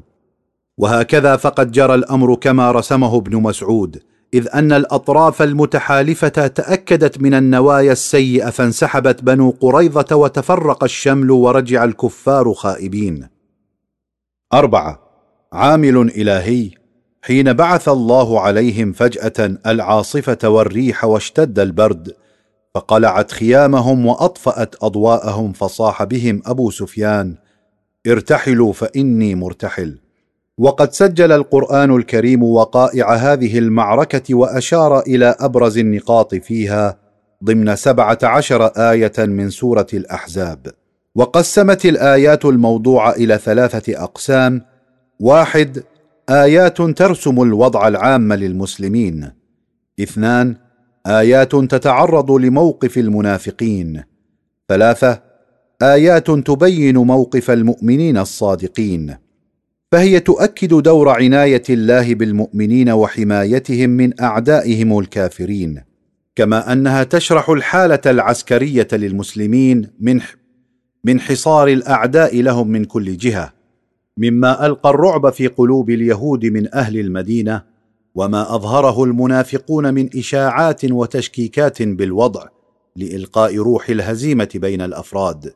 وبالتالي فهذه الواقعة التي انتهت في الرابع والعشرين من شهر ذي القعدة كانت امتحانا واختبارا دقيقا للنفوس والقلوب ميزت الصادق عن المنافق والموفون بالعهد وعن الناقضين له. كما كشفت عن أن وعود الله صادقة ومحققة متى توفرت شرائطها ومقدماتها كما أنها أشارت إلى دور الطابور الخامس في إضعاف الجبهات وأساليب مواجهتها. ثلاثة غزوة بني قريظة. قرر النبي صلى الله عليه وآله وسلم معالجة قضية بني قريظة بعد المعركة دون انتظار وذلك بأمر من الله تعالى. فسار مع المسلمين ليحاصر حصونهم التي تحصنوا بها وأغلقوا الأبواب. ولما كان يوم ولما كان اليوم السبت فإنهم لم يبتغوا القتال فيه أو الحرب. ثم إن وفدا منهم طلب من النبي صلى الله عليه وآله وسلم أن يتركهم يخرجوا من المدينة بأموالهم مثلما فعل مع بني النضير أو يتركوا سلاحهم وأموالهم. فرفض النبي صلى الله عليه وآله وسلم مقترحاتهم ومطالبهم حتى لا يفعلوا فعل بني النضير في تحريك العرب المشركين ضد المسلمين. ولذا فقد سلموا أنفسهم للمسلمين دون أية شروط فدخل المسلمون الحصن وجردوهم من سلاحهم وحبسوهم حتى يتقرر مصيرهم. أو يحكم فيهم سعد بن معاذ الأوسي حليفهم وفي المجلس الذي أعد لذلك حكم سعد عليهم بقتل الرجال وتقسيم أموالهم وسبي ذراريهم ونسائهم رغم الإلحاح عليه بحسن الحكم في حلفائه بني قريظة. وقد استند في حكمه إلى ألف أن يهود بني قريظة كانوا قد تعهدوا للنبي صلى الله عليه وآله وسلم بأنهم لو تآمروا ضد المسلمين وناصروا أعداءهم أو أثاروا الفتن والقلاقل فإن للمسلمين الحق في قتلهم ومصادرة أموالهم وسبي نسائهم. باء وأن حكمه جاء بمثل ما في شريعتهم. جيم ما قد رآه بعينه مما صدر قبل ذلك من قبائل اليهود حين عفى عنهم النبي صلى الله عليه وآله وسلم ولكنهم نقضوا عهودهم معه صلى الله عليه وآله وسلم وأثاروا الأجانب عليهم واشتركوا مع المشركين ضدهم الأمر الذي جعله يتخوف من أن يعرض هؤلاء مركز الإسلام للخطر من خلال مؤامراتهم وخاصة أنهم كانوا قد أخلوا بالأمن فترة من الزمن في المدينة ولولا الحراسة المكثفة التي عينها الرسول صلى الله عليه وآله وسلم لفعلوا أفظع الأمور والأعمال. وقد قسمت الغنائم بين المسلمين بعد إخراج الخمس منها وأعطي للفارس سهمان وللراجل سهم واحد وسلم الرسول صلى الله عليه وآله وسلم أموال الخمس لزيد بن حارثة ليشتري بها السلاح والعتاد والخيل من نجد. وقد استشهد سعد بن معاذ الذي كان قد جرح في معركة الخندق بعد أحداث بني قريظة وانتهت هذه المشكلة في التاسع عشر من شهر ذي الحجة. أربعة زواج الرسول صلى الله عليه وآله وسلم بزينب بنت جحش.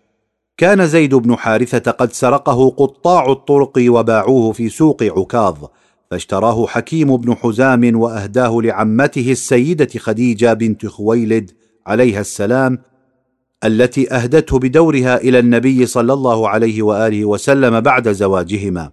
وقد دفعت أخلاق النبي صلى الله عليه وآله وسلم وسيرته الحسنة إلى أن يحبه زيد حبا شديدا إلى آخر عمره. حتى أنه فضل العيش معه صلى الله عليه وآله وسلم على الرجوع إلى أهله. ولما قرر النبي صلى الله عليه وآله وسلم بأمر من الله تعالى أن يحطم التقاليد الجاهلية في المجتمع العربي ليعيشوا جميعا تحت لواء الإنسانية والتقوى إخوة متحابين فقد زوج زيدا من ابنة عمته زينب بنت جحش حفيدة عبد المطلب.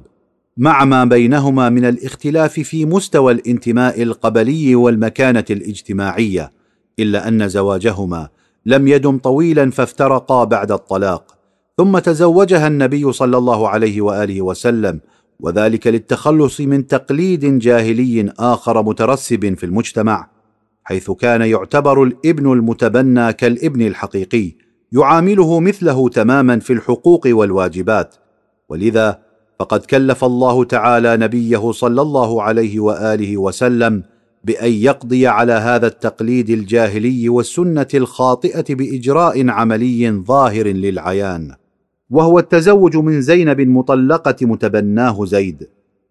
فلما قضى زيد منها وطرا زوجناكها لكي لا يكون على المؤمنين حرج في أزواج أدعيائهم إذا قضوا منهن وطرا وكان أمر الله مفعولا. أحداث السنة السادسة من الهجرة. واحد اليهود. كان لابد من القضاء على خطر اليهود إذا أراد المسلمون حياة الاستقرار والأمن حتى لا تتكرر قضية الأحزاب مرة أخرى. فأرسل النبي صلى الله عليه وآله وسلم مجموعة من شجعان الخزرج لتصفية هذا العنصر الحاقد. وكان على رأسهم. سلام بن أبي الحقيق الذي عاش في خيبر فخرجوا حتى وصلوا خيبر فدخلوها ليلا فدخلوا على المفسد وقتلوه إذ طالما أزعج المسلمين بفتنه ومؤامراته وعادوا إلى المدينة سالمين. اثنان قبيلة بني لحيان. قرر النبي صلى الله عليه وآله وسلم في هذه السنة تخويف هذه القبيلة. التي اعتدت من قبل على عدد من دعاة المسلمين غدرا ودون رحمة فقام بسلسلة من المناورات العسكرية واستعراض لقواته القتالية ليرهب أعداء الله الآخرين أيضا وقريشا خاصة فيذعرهم حين كان الرسول صلى الله عليه وآله وسلم وأصحابه قد نزلوا عسفان على مقربة من مكة. وكان النبي صلى الله عليه وآله وسلم من رأيه أنه لو هبطنا عسفان لرأى أهل مكة أنا قد جئنا مكة. كما ذكر جابر بن عبد الله الأنصاري أن النبي صلى الله عليه وآله وسلم قال عند رجوعه إلى المدينة أعوذ بالله من وعثاء السفر وكآبة المنقلب وسوء المنظر في الأهل والمال. ثلاثة بنو غطفان. في الثالث من شهر ربيع الأول اعتدى جماعة من بني غطفان على إبل لرسول الله صلى الله عليه وآله وسلم في منطقة الغابة. وهي قريبة من المدينة من ناحية الشام. وقتلوا رجلا وأخذوا امرأة. فطاردهم الرسول صلى الله عليه وآله وسلم وقاتلهم في ذي قرد. واستعاد منهم المرأة وعددا من الإبل. أربعة. غزوة بني المصطلق. وهم من قبائل خزاعة المتحالفة مع قريش. قرر زعيمها الحارث بن أبي ضرار أن يغزو المدينة. فأعد الرسول صلى الله عليه وآله وسلم عدته للقضاء عليهم. فخرج عندما علم من رجال مخابراته بنواياهم فلقيهم عند ماء المريسيع وقاتلهم فتفرقوا وغنم المسلمون منهم كثيرا كما سبوا عددا كبيرا من نسائهم. وبعد المعركة حدث أن تقاتل اثنان من المهاجرين والأنصار على الماء حتى كادت أن تقع حرب بين الطرفين لولا حكمة الرسول صلى الله عليه وآله وسلم الذي تمكن من إخماد الفتنة في مهدها. وتجنيب المسلمين أخطارها إلا أن عبد الله بن أبي رئيس المنافقين استغل الموقف فأثار الأنصار ضد المهاجرين على أساس أنهم أقل مكانة منهم. مما تركت كلماته أثرها في نفوسهم إذ أنهم ما زالوا يعانون من بقايا العصبية الجاهلية وكادت الحركة أن توجه ضربة قاضية إلى صرح الوحدة الإسلامية والأخوة الإيمانية. ولكن زيد بن الأرقم ظهر من بين فتيان المسلمين ليرد عليه بالكلمات القوية. أنت والله الذليل القليل المبغض في قومك ومحمد في عز من الرحمن ومودة من المسلمين. والله لا أحبك بعد هذا أبدا. ثم سار إلى النبي صلى الله عليه وآله وسلم يخبره بما حدث من المنافق. فأراد الرسول أن يهدئ الأوضاع فأمر بالرحيل في ساعة من النهار لم يكن يرتحل فيها عادة. فأمر بالرحيل في ساعة من النهار لم يكن يرتحل فيها عادة. كما أنه سار ليلا ونهارا دون استراحة إلا للصلاة وذلك حتى يشغلهم عن الذي حدث من عبد الله بن أبي المنافق. وقد طلب ابنه عبد الله من النبي صلى الله عليه وآله وسلم أن يسمح له بقتل أبيه حيث كان مسلما حقيقيا أفضل من أبيه. ولكن الرسول صلى الله عليه وآله وسلم قال بل نترفق به ونحسن صحبته ما بقي معنا. فما كان من المسلمين إلا أن توجهوا باللوم على ابن أبي فلحقه من ذلك ذل شديد بين الناس فلم يعبأ به أحد ولم يعد له أي دور وعاش بقية حياته محتقرا بين الناس. وقد تزوج الرسول صلى الله عليه وآله وسلم الجويرية بنت الحارث بن أبي ضرار التي كانت من بين سباياهم فأسلمت وأسلم أهلها ثم أطلق الباقون وهم مائه عائلة من بني المصطلق إذ اعتبروا من أصهار النبي صلى الله عليه وآله وسلم. وأطلق جميع أسرى بني المصطلق رجالا ونساء بفضل هذا الزواج المبارك وبفضل سياسة النبي صلى الله عليه وآله وسلم الحكيمة. وفي هذه السنة خرج جماعة من قريش تنشد اللجوء إلى الحبشة خوفا من قوة المسلمين وكان فيهم عمرو بن العاص الذي قدم الهدايا الكثيرة إلى الملك الذي نصحه بأن يعلن إسلامه إذ لا مفر من انتشار الإسلام في بلاده فاضطر إلى أن يسلم على يديه وكتم أمره عن أصحابه. خمسة قصة الإفك. يرى أكثر المحدثين المفسرين أن القصة ترتبط بالسيدة عائشة زوجة الرسول صلى الله عليه وآله وسلم. ويذكرون أحداثا لا يتلاءم بعضها مع عصمة الرسول الأعظم صلى الله عليه وآله وسلم ولذا لا يمكن القبول بها. بينما يذهب آخرون إلى أن المعني فيها هو مارية القبطية زوجة رسول الله صلى الله عليه وآله وسلم وأم إبراهيم. ففي رواية البخاري التي نقلها عن السيدة عائشة ما يتنافى بقوة مع عصمة النبي صلى الله عليه وآله وسلم. لأنها تكشف عن أنه وقع صلى الله عليه وآله وسلم فريسة بأيدي الشائعات الكاذبة إلى درجة أنه غير سلوكه تجاه السيدة عائشة بعد أن شك في عفافها وشاور أصحابه في أمرها.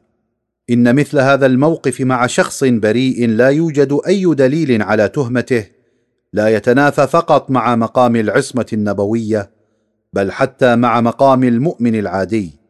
كما أن الآية الثانية عشر والرابعة عشر من سورة النور توبخ أولئك الذين وقعوا فريسة الشائعات وظنوا السوء. مما يعني أن هذا العتاب والتوبيخ كان يعم الرسول صلى الله عليه وآله وسلم أيضا لو صحت رواية البخاري هذه. ولذا فإنه يرفض كل الرواية المذكورة في شأن النزول الذي يتناقض مع عصمة الرسول صلى الله عليه وآله وسلم. وأما بالنسبة لرواية البخاري الأخرى بشأن النزول والتي ينقلها عن عائشة ومفادها أنه حدث شجار وصدام بين الأوس والخزرج أمام الرسول صلى الله عليه وآله وسلم حينما كان يخطب على المنبر. فاتهموا بعضهم بعضا بسبب قضية الإفك حتى أشار عليهم صلى الله عليه وآله وسلم بالسكوت فهدأهم حتى انصرفوا. فهي كذلك لا تتناسب مع أحداث التاريخ الصحيح إذ أن سعد بن معاذ رئيس الأوس كان قد توفي قبل حادثة الإفك التي جرت وقائعها بعد أحداث معركة بني قريظة وقد صرح بذلك البخاري نفسه في صحيحه. في باب معركة الأحزاب وبني قريظة فكيف يمكن أن يحضر مجلس النبي صلى الله عليه وآله وسلم ويجادل سعد بن عبادة في قضية الإفك التي وقعت بعد أحداث بني قريظة بعدة شهور. ولذا فمن المهم أن نعرف أن حزب النفاق حاول أن يزلزل النفوس بإلقاء التهمة والبهتان إلى امرأة صالحة ذات مكانة وأهمية في المجتمع الإسلامي. وقد فسر قوله تعالى الذي تولى كبره بأن الذي تحمل القسط الأكبر من هذه العملية الخبيثة هو عبد الله بن أبي فهو الذي قاد هذه العملية الرخيصة الخطرة كما صرحت بذلك السيدة عائشة نفسها. فقد كان عبد الله بن أبي يعمل بتجارة الجواري ويضعهن تحت تصرف الرجال للزنا بهن فيجني ارباحا طائلة من وراء هذه التجارة البغيضة حتى بعد انتشار الإسلام في المدينة. ولما كان يكرههن على البغاء واشتكت إحدى نسائه من ذلك فقد نزلت الآية الكريمة تشجب عمله الدنيء. ولا تكرهوا فتياتكم على البغاء إن أردنا تحصنا لتبتغوا عرض الحياة الدنيا. وعندما حدث العداء بينه وبين ابنه بعد واقعة بني المصطلق عمد إلى فعل كل ما يشفي غليله ويذهب غيظه. كترويج الشائعات الكاذبة انتقاما من المجتمع الإسلامي ليعمل على بلبلة الرأي العام ويشغله بالتوافه من القضايا ويصرفه عن القضايا المهمة والمصيرية إذ أن سلاح الشائعات يعتبر من الأسلحة المدمرة وتستخدم في تشويه سمعة الأفراد الصالحين والمجتمع أيضا. أما الرواية الأخرى فترى أن المقصود من الآية مارية القبطية حيث اتهم فرد يدعى جريح بعد وفاة ابنها إبراهيم بأنه هو والد إبراهيم وليس النبي صلى الله عليه وآله وسلم. فأرسل صلى الله عليه وآله وسلم الإمام عليا ليقتله. فصعد جريح إلى نخلة خوفا من علي عليه السلام وفتكه به فتعقبه علي فرمى بنفسه من فوقها فبدت عورته. فإذا ليس له ما للرجال ولا له ما للنساء فرجع علي عليه السلام إلى النبي صلى الله عليه وآله وسلم فأخبره بما رأى. فقال النبي صلى الله عليه وآله وسلم الحمد لله الذي صرف عنا السوء أهل البيت. وجميع هذه الروايات ضعيفة فلا يمكن القبول بها في شأن نزول آيات الإفك. ستة الحديبية رحلة دينية سياسية. كانت السنة السادسة للهجرة تقترب من نهايتها. حينما رأى الرسول صلى الله عليه وآله وسلم في المنام أنه دخل الكعبة وحلق رأسه وأخذ مفتاح البيت فقص صلى الله عليه وآله وسلم رؤياه على أصحابه وتفاءل بها خيرا. إن هذه الرحلة الروحانية أنتجت مصالح اجتماعية وسياسية عززت مكانة المسلمين في الجزيرة العربية وساعدت على نشر الدين الإسلامي فيها. وذلك لأن القبائل العربية المشركة تصورت أن النبي صلى الله عليه وآله وسلم خالف كل عقائد العرب وتقاليدهم الموروثة بما فيها الحج والعمرة. فأكد بذلك الصلح وتجنب القتال في الشهر الحرام أنه لا يعارض تلك الطقوس الدينية بل يعتبرها فريضة مقدسة مثل والد العرب الأكبر إسماعيل بن إبراهيم. ويعمل على المحافظة على هذه التقاليد الدينية مما قلل من مخاوفهم تجاه الرسول صلى الله عليه وآله وسلم ودعوته. ولما لم يكن يحمل أسلحة معه على أساس حرمة الأشهر الحرم فإن ذلك غير من نظرة هؤلاء تجاه دعوة الإسلام حين شاهدوا الرسول صلى الله عليه وآله وسلم وهو يحرم القتال في الشهر الحرام ويدعو إلى رعاية هذه السنة الدينية القديمة. وستكون مناسبة يتمكن المهاجرون فيها من زيارة وطنهم وأهاليهم وأقربائهم. أما إذا منعتهم قريش من الدخول فإن سمعتها هي تتعرض للخطر ويتضح عدوانها وينكشف للجميع بطلان مواقفها نظرا لموقفها السيء تجاه جماعة مسالمة أرادت أداء مراسم العمرة فقط. وإذا نجح المسلمون في سعيهم بأداء مناسك العمرة فإنه سيكون أفضل إعلام لجميع مناطق العرب إذ أن نداء الإسلام سينتشر في تلك البقاع والمناطق التي لم يصلها دعاة النبي صلى الله عليه وآله وسلم ومبلغوه حتى هذا الوقت. ولذا فإن الرسول صلى الله عليه وآله وسلم أمر أصحابه بالتهيؤ للعمرة داعيا القبائل المجاورة التي لم تزل على كفرها وشركها إلى مرافقة المسلمين في هذه الرحلة وبلغت أعدادهم ألفا وأربعمائة أو ألفا وستمائة أو ألفا وثمانمائة. أحرموا في ذي الحليفة فشاع في الجزيرة العربية أن المسلمين متجهون صوب مكة للعمرة في شهر ذي القعدة. وعند عسفان أخبروا الرسول صلى الله عليه وآله وسلم بأن قريشا ترفض السماح لهم بالدخول إلى مكة. كما أرسلت كتيبة من أفرادهم بقيادة خالد بن الوليد لتنفيذ الأوامر المعلنة فغير الرسول صلى الله عليه وآله وسلم طريقه حتى لا يلتقي بخالد. سالكا طرقا وعرة حتى وصل الحديبية التي بركت فيها ناقة الرسول صلى الله عليه وآله وسلم فنزلوا في ذلك المكان. إلا أن خالد بن الوليد تمكن من الوصول بكتيبته وحاط بهم وحاصر موكبهم ولكن النبي صلى الله عليه وآله وسلم لم يكن قد جاء ليحارب في سبيل دخول مكة ولم يكن هذا هدفه ولذا فإن التفاوض كان من أفضل الحلول لهذه المشكلة. فقال صلى الله عليه وآله وسلم لا تدعوني قريش اليوم إلى خطة يسألونني فيها صلة الرحم إلا أعطيتهم إياها. فبلغ ذلك مسامع الجميع. فقرروا إرسال عدد من أفرادهم إلى الرسول صلى الله عليه وآله وسلم للتعرف على هدفه الأصلي من رحلته ومجيئه إلى مكة. فبعثوا إليه بأربعة أشخاص لتفهم موقف الرسول صلى الله عليه وآله وسلم. فقال لهم صلى الله عليه وآله وسلم إنا لم نجئ لقتال أحد ولكنا جئنا معتمرين. إلا أن المندوبين أكدوا للمسلمين أن قريشا لن تقبل بدخولهم مكة. يعاهدون الله لا تدخلها عليهم عنوة ابدا.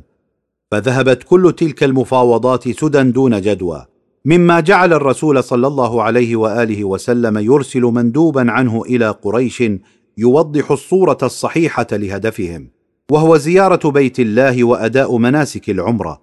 إلا أن قريشا خلافا لكل الأعراف الدولية والاجتماعية والتي تقضي بحماية السفراء واحترامهم عمدت إلى عقر الجمل الذي قدم عليه السفير والمندوب النبوي. بل كادوا أن يقتلوه أيضا. لولا تدخل جماعة من قادة العرب فخلت سبيله ليعود إلى النبي صلى الله عليه وآله وسلم. كما أن قريشا أرسلت كتيبة لإرهاب الرسول صلى الله عليه وآله وسلم وجماعته وإرعابهم ونهب شيء من أموالهم إلا أن الوضع لم يكن في صالحهم فقد أسرهم المسلمون وكانوا خمسين فردا. فتدخل النبي صلى الله عليه وآله وسلم وعفى عنهم وخلى سبيلهم. ليؤكد لهم أنه جاء يريد السلام وأن هؤلاء ينشدون الحرب والقتال. واختار الرسول صلى الله عليه وآله وسلم عمر بن الخطاب لمهمة سفارة أخرى لقريش لأنه لم يكن قد أراق دم أي من المشركين حتى ذلك الوقت ولكنه اعتذر عن تحمل هذه المسؤولية المحفوفة بالمخاطر قائلا يا رسول الله إني أخاف قريشا على نفسي وليس بمكة من بني عدي من يمنعني ولكني أدلك على رجل أعز بها مني عثمان بن عفان إلا أن قريشا ألقت القبض على عثمان وحبسوه. لعلهم يتوصلون إلى حل فيطلقوه ليبلغ الرسول صلى الله عليه وآله وسلم رأيهم. فلما أبطأ عثمان عنهم وأوجد ذلك قلقا شديدا في نفوس المسلمين وخاصة أنه أشيع أن عثمان قتل فإن المسلمين ثاروا وقرروا الانتقام والقتال. مما دعا النبي صلى الله عليه وآله وسلم أن يجدد بيعته مع المسلمين فبايعوه تحت الشجرة على الاستقامة والثبات والوفاء وحلفوا الا يتخلفوا عنه ابدا وأن يدافعوا عن حياض الإسلام حتى النفس الأخير. وسميت هذه البيعة بيعة الرضوان التي ذكرها القرآن الكريم بقوله لقد رضي الله عن المؤمنين إذ يبايعونك تحت الشجرة فعلم ما في قلوبهم فأنزل السكينة عليهم وأثابهم فتحا قريبا. وبذا فإن موقف المسلمين تحدد فيه إما دخول مكة وزيارة بيت الله وإما القتال فيما لو تصلب موقف قريش الرافض لذلك. ولكن عثمان بن عفان رجع إليهم وأخبرهم أن اليمين التي التزمت بها قريش بمنعهم من دخول مكة هذا العام هي التي تجعلهم في موقف متصلب رافض وأنهم سيرسلون إلى الرسول صلى الله عليه وآله وسلم من يتفاوض معه في هذا الشأن. وكلف سهيل ابن عمرو بإنهاء هذه المشكلة. ونتج عن التفاوض بين الطرفين عقد صلح شامل وواسع بينهما. وفي الوقت الذي كان المندوب القرشي يتصلب في بعض البنود والمواد فإن النبي صلى الله عليه وآله وسلم كان يتساهل معه ويتنازل عنها. مما كان له أثر بعيد فالتسامح الذي أبداه الرسول صلى الله عليه وآله وسلم في تنظيم وثيقة الصلح لا يعرف له نظير في تاريخ العالم لأنه أظهر بجلاء أن رسول الله صلى الله عليه وآله وسلم لم يقع فريسة بيد الأهواء والأغراض الشخصية والعواطف والأحاسيس العابرة. فكان يعلم أن الحقائق لا تتبدل ولا تتغير بالكتابة والمحو وهو ما جعله يتسامح مع مفاوض قريش الذي تصلب في مطالبه غير الشرعية وذلك حفاظا على أصل الصلح وحرصا على السلام. وقد حدث خلال ذلك أن طلب المندوب القرشي بأن يمسح الرسول صلى الله عليه وآله وسلم ما كتبه بسم الله الرحمن الرحيم ويكتب بدلا منه باسمك اللهم كما طلب مسح كلمة رسول الله وإبدالها بمحمد بن عبد الله فأجابه الرسول صلى الله عليه وآله وسلم إلى ذلك. أما صلح الحديبية فكان من أبرز بنوده. واحد وقف القتال عشر سنين بين الطرفين. اثنان من قدم إلى النبي من قريش دون إذن وليه يرده عليهم ومن جاء قريشا من محمد لا يردوه إليه. ثلاثة السماح بدخول أي طرف في التحالف مع أية أطراف. أربعة يرجع المسلمون هذا العام على أن يقدموا العام القادم للعمرة. خمسة لا يستكره أحد على ترك دينه ويعبد المسلمون الله بمكة بحرية وأمان. ستة احترام الطرفين لأموالهم فلا خيانة ولا سرقة. سبعة لا تعين قريش على محمد وأصحابه احدا سواء بسلاح أو أفراد. ثم كتبت الوثيقة بنسختين ووقع عليها نفر من شخصيات قريش والمسلمين شهودا عليها. وتسلم سهيل بن عمرو نسخة قريش واحتفظ النبي صلى الله عليه وآله وسلم بالنسخة الأخرى. وكثيرا ما اعترض المسلمون على بعض البنود كالبند القاضي بتسليم كل مسلم سار إلى الرسول صلى الله عليه وآله وسلم من قريش والعكس فأوضحه الرسول صلى الله عليه وآله وسلم. من جاءهم منا فأبعده الله ومن جاءنا منهم رددناه إليهم فلو علم الله الإسلام من قلبه جعل له مخرجا. فلا قيمة لإسلام وإيمان من يترك المسلمين ويهرب لاجئا عند المشركين إذ أنه يؤكد بفعله أنه لم يؤمن حقا بالإسلام ولذا لم يكن هناك حاجة لقبوله في جماعتهم. وهذا الميثاق يؤكد نزاهة الإسلام وروحه وحقيقة تعاليمه وأنه لم يطلب نشره بقوة وإجبار كما يذكره الأجانب وغيرهم دوما. وبعد الانتهاء من تلك المراسيم وعودة جماعة قريش قام الرسول صلى الله عليه وآله وسلم بنحر ما كان معه من الهدي في نفس ذلك المكان وحلق. وأدى الآخرون نفس العملية ثم عادوا إلى المدينة بعد تسعة عشر يوما من البقاء في أرض الحديبية. وكان لهذه المعاهدة نتائج وآثار بعيدة المدى كان من أبرزها وأهمها. واحد تهيأت الأرضية لنشر الإسلام في المناطق المختلفة بعد استقرار الأمن والسلام بين المسلمين وقريش فقد كان يقضي صلى الله عليه وآله وسلم أكثر وقته في العمل على إفشال المؤامرات والدفاع عن المدينة والدخول في الحروب.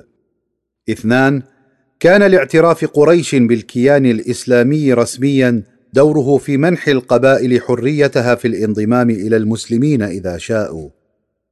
ثلاثة زال الستار الحديدي الذي ضربه المشركون حول المسلمين في المدينة فتمكن الناس من الارتحال إلى المدينة والتعرف عليها وعلى تعاليم الإسلام العليا. مما فسح المجال لهم في اعتناق الإسلام كما تمكن المسلمون من السفر إلى مكة وأجزاء أخرى مما ساعد في نشر الإسلام في تلك الجهات. أربعة التحق عدد كبير من رؤوس الشرك والكفر كخالد بن الوليد وعمرو بن العاص بالمسلمين واعتنقوا الإسلام قبل فتح مكة. خمسة زال الحاجز النفسي بين قريش والمسلمين حيث أثبت الرسول صلى الله عليه وآله وسلم لهم بأنه معدن عظيم من معادن الخلق الإنساني الكريم بعد صبره وتجلده وتحمله تصلب قادة المشركين وتعنتهم. فقد شاهدوا موقف النبي الأكرم صلى الله عليه وآله وسلم في مخالفته لآراء المعارضين من جماعته لبعض البنود عند توقيع العقد وذلك في رغبة صادقة منه لإقرار السلام بين الجانبين. فأبطل بذلك كل الدعايات والإشاعات المغرضة التي روجت ضده وضد دعوته المباركة وأثبت أنه حقا رجل سلام وداعية خير للبشرية. حتى لو سيطر على مقاليد الجزيرة العربية فإنه سيعامل أعداءه باللطف والحسنى والتسامح. ويؤكد ذلك قول الإمام الصادق عليه السلام بعد ذلك وما كان قضية أعظم بركة منها إذ لم يكد النبي صلى الله عليه وآله وسلم أن يصل إلى المدينة حتى نزلت سورة الفتح التي وعدت المسلمين وبشرتهم بالانتصار مما اعتبر مقدمة لفتح مكة. انا فتحنا لك فتحا مبينا. وكانت الماده الثانية من المعاهده والتي اختلف حولها المسلمون هي التي تسببت في الفتح بعد ذلك. لأن قريشا طلبت من النبي صلى الله عليه وآله وسلم بعد فترة قصيرة من توقيع المعاهدة بإلغاء تلك المادة التي تنص على الحكومة الإسلامية أن تعيد كل مسلم هارب من مكة إلى قريش وليس عليها أن تعيد كل هارب من المسلمين. ولما أثارت هذه المادة المسلمين فإن النبي صلى الله عليه وآله وسلم طمأنهم حينما ذكر لأحدهم إن الله جاعل لك ولمن معك من المستضعفين فرجا ومخرجا.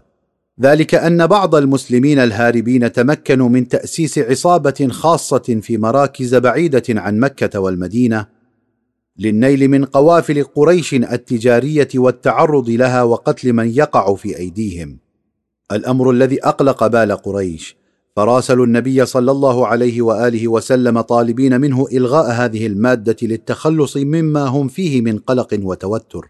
فوافق الرسول الكريم صلى الله عليه وآله وسلم على ذلك. ولذلك انضم هؤلاء المسلمون المتفرقون إلى جماعة المسلمين بالمدينة. إلا أن النبي صلى الله عليه وآله وسلم لم يقبل بإعادة المسلمات.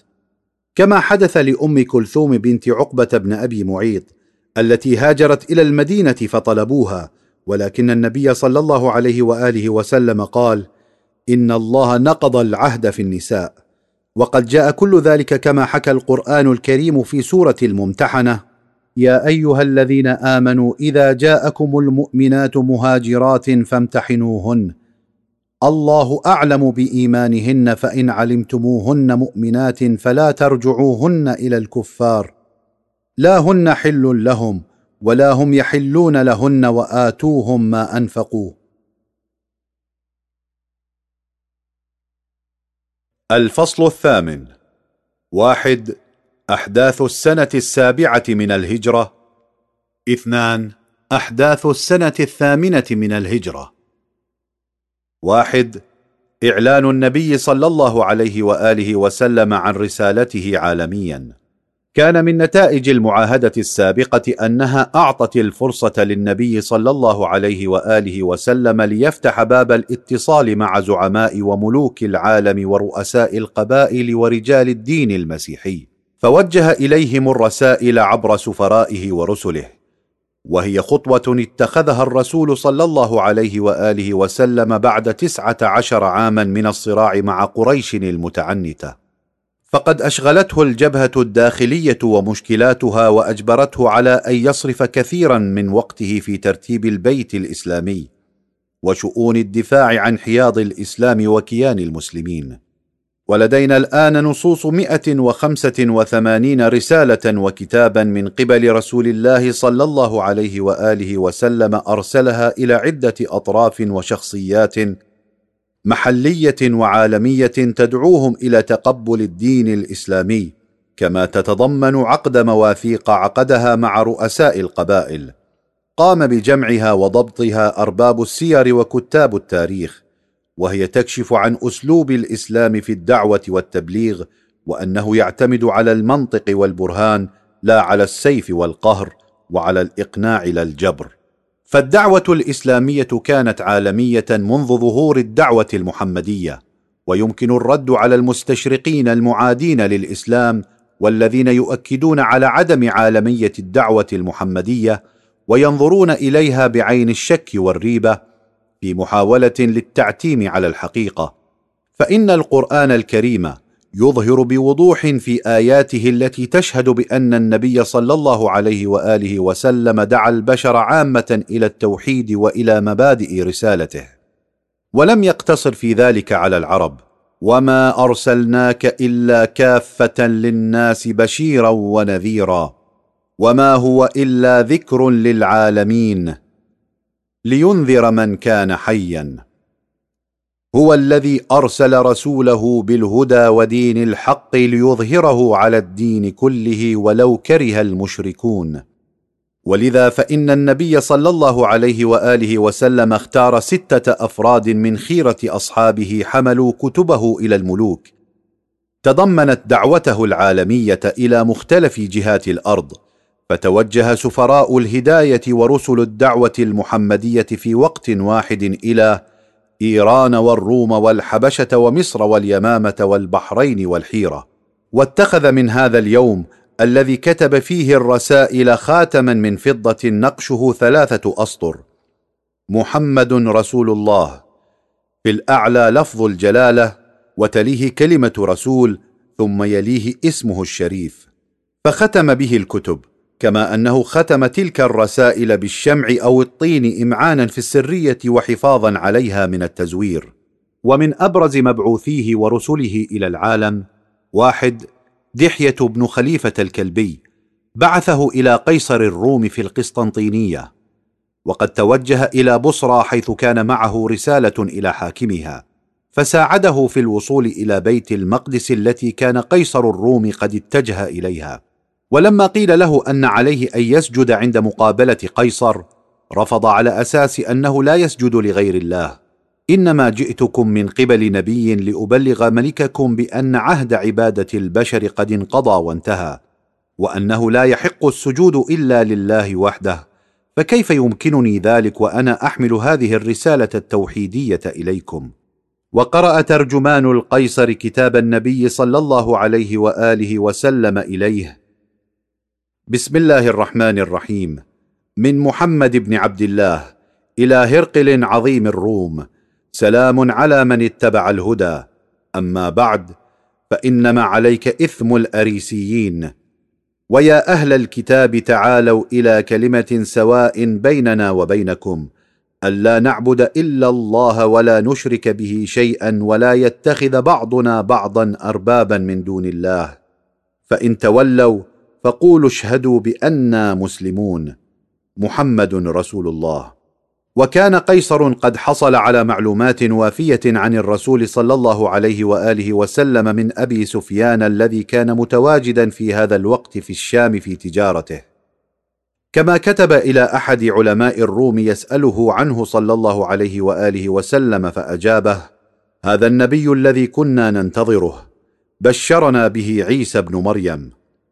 ولذا فإنه دعا قومه إلى الإيمان به صلى الله عليه وآله وسلم وبالإسلام إلا أنهم رفضوا ذلك وثاروا عليه فأسكتهم ثم أمر بإكرام دحية وكتب جوابا على رسالة النبي صلى الله عليه وآله وسلم وأرسل معه هدية إليه صلى الله عليه وآله وسلم. اثنان عبد الله بن حذافة السهمي إلى البلاط الفارسي.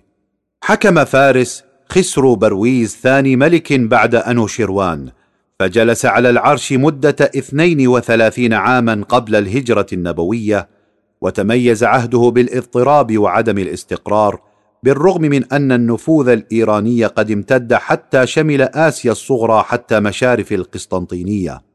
كما استولى على صليب عيسى المقدس عند النصارى وأحضره إلى المدائن. إلا أن الأحوال السيئة وأساليب الحكم غير الصحيحة أدت إلى ضعف هذه الدولة وخروج المستعمرات من تحت نفوذها مما ساعد على اجتياح الروم لأراضي إيران وهروب الإمبراطور خسرو برويز الذي أثار بذلك السخط عليه فقتله ابنه شيرويه. وبرويز هذا هو الإمبراطور الذي اشتهر بأنه مزق رسالة النبي صلى الله عليه وآله وسلم وعامل رسوله بجفاء وسوء أدب وفيما يلي نص الرسالة إليه. بسم الله الرحمن الرحيم. من محمد رسول الله إلى كسرى عظيم فارس. سلام على من اتبع الهدى وآمن بالله ورسوله. وأشهد أن لا إله إلا الله وحده لا شريك له وأن محمدا عبده ورسوله. أدعوك بدعاية الله. فإني رسول الله كافة لأنذر من كان حيا ويحق القول على الكافرين. أسلم تسلم فإن أبيت فعليك إثم المجوس. وقد مزق الإمبراطور الكتاب عند قراءة أول جملة منها ودون أن يعلم ما كان فيها ثم أمر بإخراج الرسول من قصره. وعندما أخبر النبي صلى الله عليه وآله وسلم بذلك قال اللهم مزق ملكه.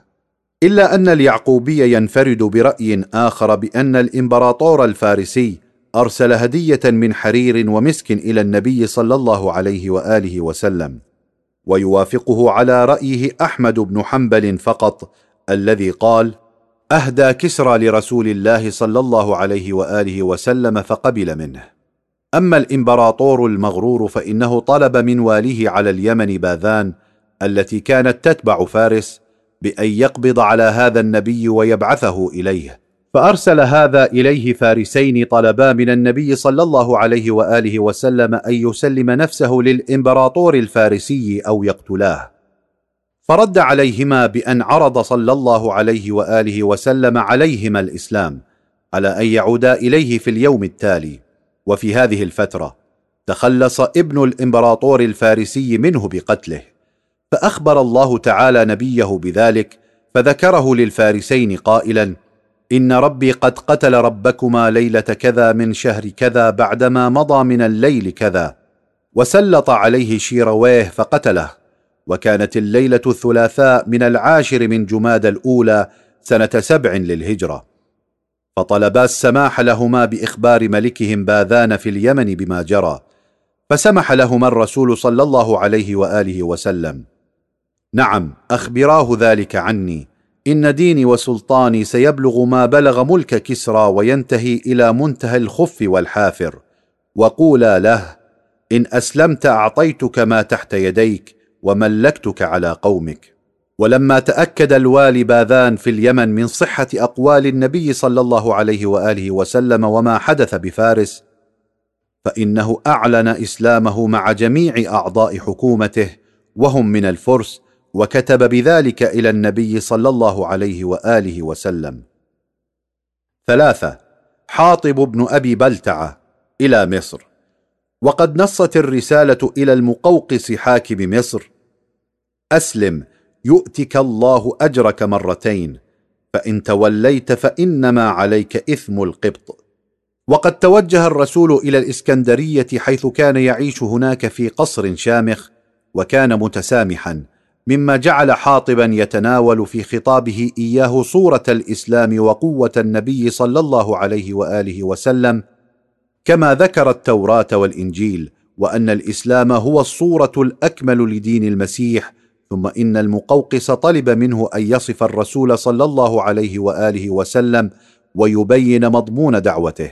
فقال بعد أن سمع وصفه كنت أعلم أن نبيا بقي وكنت أظن أن مخرجه بالشام فأراه قد خرج من أرض العرب والقبط لا تطاوعني في اتباعه وسيظهر على البلاد وينزل أصحابه من بعد بساحتنا هذه حتى يظهروا على ما ها هنا. ثم كتب كتابا إلى النبي صلى الله عليه وآله وسلم. أما بعد فقد قرأت كتابك وفهمت ما ذكرت فيه وما تدعو إليه. وقد أكرمت رسولك وبعثت إليك بجاريتين لهما مكان عظيم في القبط وبثياب وأهديت إليك بغلة لتركبها والسلام عليك. وحينما تسلم النبي صلى الله عليه وآله وسلم كتابه وهداياه قال ضن بملكه ولا بقاء لملكه. أربعة. عمرو بن أمية الضميري إلى الحبشة. اختير عمرو لتسليم كتاب النبي صلى الله عليه وآله وسلم إلى نجاشي الحبشة الملك العادل. وكان النبي صلى الله عليه وآله وسلم قد أرسل إليه من قبل رسائل بشأن المهاجرين المسلمين للإعتناء بهم ورعايتهم. وشمل كتابه صلى الله عليه وآله وسلم هذه المرة دعوته إلى الدين. أحمد الله الذي لا إله إلا هو الملك القدوس السلام المؤمن المهيمن. وأشهد أن عيسى ابن مريم روح الله وكلمته وإني أدعوك إلى الله وحده لا شريك له والموالاة على طاعته وأن تتبعني وتوقن بالذي جاءني فإني رسول الله وإني أدعوك وجنودك وقد بلغت ونصحت فاقبلوا نصيحتي والسلام على من اتبع الهدى. ونظرا للعلاقات الطيبة بين الطرفين. فإن الرسول صلى الله عليه وآله وسلم بدأ كتابه بالسلام عليه ومرسلا تحياته الشخصية في حين أنه لم يفعل هذا في الكتب الأخرى التي أرسلت إلى كسرى وقيصر والمقوقس فقد خصه بالسلام عليه دون غيره من الزعماء. أما النجاشي فقد اعترف بنبوة النبي صلى الله عليه وآله وسلم أشهد بالله أنه للنبي الذي ينتظره أهل الكتاب وإن بشارة موسى براكب الحمار كبشارة عيسى براكب الجمل وأنه ليس الخبر كالعيان ولكن أعواني من الحبشة قليل. فانظرني حتى أكثر الأعوان وألين القلوب ولو أستطيع أن آتيه لأتيته. وكتب بذلك كتابا إلى النبي صلى الله عليه وآله وسلم ذكر فيه إلى محمد رسول الله من النجاشي. سلام عليك يا نبي الله ورحمة الله وبركاته. الذي لا إله إلا هو الذي هداني إلى الإسلام. أشهد أنك رسول الله وقد بايعتك وبايعت ابن عمك وأسلمت عليه وأسلمت على يديه لله رب العالمين. فإني أشهد أن ما تقول حق والسلام عليك ورحمة الله وبركاته. كما بعث إليه بهدايا خاصة. خمسة. شجاع بن وهب إلى أمير الغساسنة. انزعج ملكها الحارث بن أبي شمر الغساني مما قرأ في آخر الكتاب. وإني أدعوك أن تؤمن بالله وحده لا شريك له يبقى ملكك. فقال من ينتزع مني ملكي؟ أنا سائر إليه ولو كان باليمن جئته. وأعد الجيوش واستعرض قوته العسكرية أمام سفير النبي صلى الله عليه وآله وسلم ارعابا وتخويفا. ثم أرسل إلى قيصر يخبره بنواياه إلا أن قيصرا هدأ من ثائرته وكتب إليه يمنعه من السير إلى رسول الإسلام مما كان له الأثر في تغيير موقفه. فأكرم السفير ومنحه هدايا ثمينة ووجهه نحو المدينة معززا مكرما وأبلغ السلام إلى النبي الأكرم صلى الله عليه وآله وسلم إلا أن النبي صلى الله عليه وآله وسلم لم يقبل بأسلوبه الدبلوماسي غير الصادق فقال باد ملكه أي أن ملكه سيزول عما قريب فمات الحارث في السنة الثامنة من الهجرة أي بعد عام واحد. ستة سليط بن عمرو إلى ملك اليمامة هوذة بن علي الحنفي ونص خطابه صلى الله عليه وآله وسلم إليه اعلم أن ديني سيظهر إلى منتهى الخف والحافر أي يعم الشرق والغرب فأسلم تسلم وأجعل لك ما تحت يديك. وقد استطاع السفير بما أوتي من قوة في المنطق وشجاعة أدبية وخبرة بالأسفار أن يقنع ملك اليمامة بقبول مبادئه وأهدافه. كما نصحه أحد الأساقفة بتقبل الدين الجديد وأنه هو النبي الذي بشر به الإنجيل. فكتب كتابا إلى النبي صلى الله عليه وآله وسلم قال فيه ما أحسن ما تدعو إليه وأجمله وأنا شاعر قومي وخطيبهم والعرب تهاب مكاني فاجعل إلي بعض الأمر أتبعك. أي أنه طلب أن يجعله النبي صلى الله عليه وآله وسلم خليفة من بعده. فقال الرسول صلى الله عليه وآله وسلم لا ولا كرامة. لو سألني سيابة من الأرض ما فعلت اللهم اكفنيه. آثار تلك الرسائل ونتائجها. أصبح هؤلاء السفراء والرسل دليلا قاطعا على عالمية الرسالة الإسلامية. إذ أن شعوبا كبرى تعرفت على النبي العربي محمد صلى الله عليه وآله وسلم الذي تأثر به معظم هؤلاء القادة والملوك. فأصبح ظهوره صلى الله عليه وآله وسلم حديث الأوساط والمحافل الدينية بالإضافة إلى المراكز السياسية. فقد تمكنت هذه الرسائل من إثارة مشاعر تلك الشعوب المتحضرة ودفعتهم إلى البحث والتحقيق حول من بشر به التوراة والإنجيل. وتسابقت أفواج وفرق عدة من رجال الدين وغيرهم بالقدوم إلى المدينة لدراسة أوضاع الدين الجديد والتعرف على مبادئه. اثنان أحداث خيبر بؤرة الخطر. تقع خيبر على بعد اثنين وثلاثين فرسخا من المدينة وهي منطقة واسعة خصبة. سكنها اليهود وبنوا فيها الحصون والقلاع المتينة. وبلغ عدد سكانها عشرون ألف فرد. ولما كانوا ممن اشتركوا في جيش الأحزاب وساعدوا المشركين في حربهم ضد النبي صلى الله عليه وآله وسلم والمسلمين فإن النبي صلى الله عليه وآله وسلم أسرع للقضاء عليهم وعلى خطرهم نحو الإسلام والمسلمين. إذ هم أشد تعصبا لدينهم من تعصب قريش للوثنية. فقد كان يعلن ألف مشرك وثني إسلامهم في مقابل يهودي واحد. كما أن النبي صلى الله عليه وآله وسلم تخوف من استغلال جهات أخرى معادية كالقيصر أو كسرى لهؤلاء اليهود في القضاء على الدولة الإسلامية إذ لا يستبعد منهم ذلك وخاصة أنهم كانوا المحرضين لقريش في محاربة المسلمين. ولذا فقد أعد النبي صلى الله عليه وآله وسلم لغزو آخر مركز من مراكز اليهود في الجزيرة العربية. وقال لا تخرجوا معي إلا راغبين في الجهاد أما الغنيمة فلا. فخرج معه ألف وستمائة مقاتل وعندما وصل إلى المنطقة قطع الطريق عن أية إمدادات عسكرية تأتي من الشمال وذلك بقطع خط الارتباط بين قبائل غطفان وفزارة ويهود خيبر.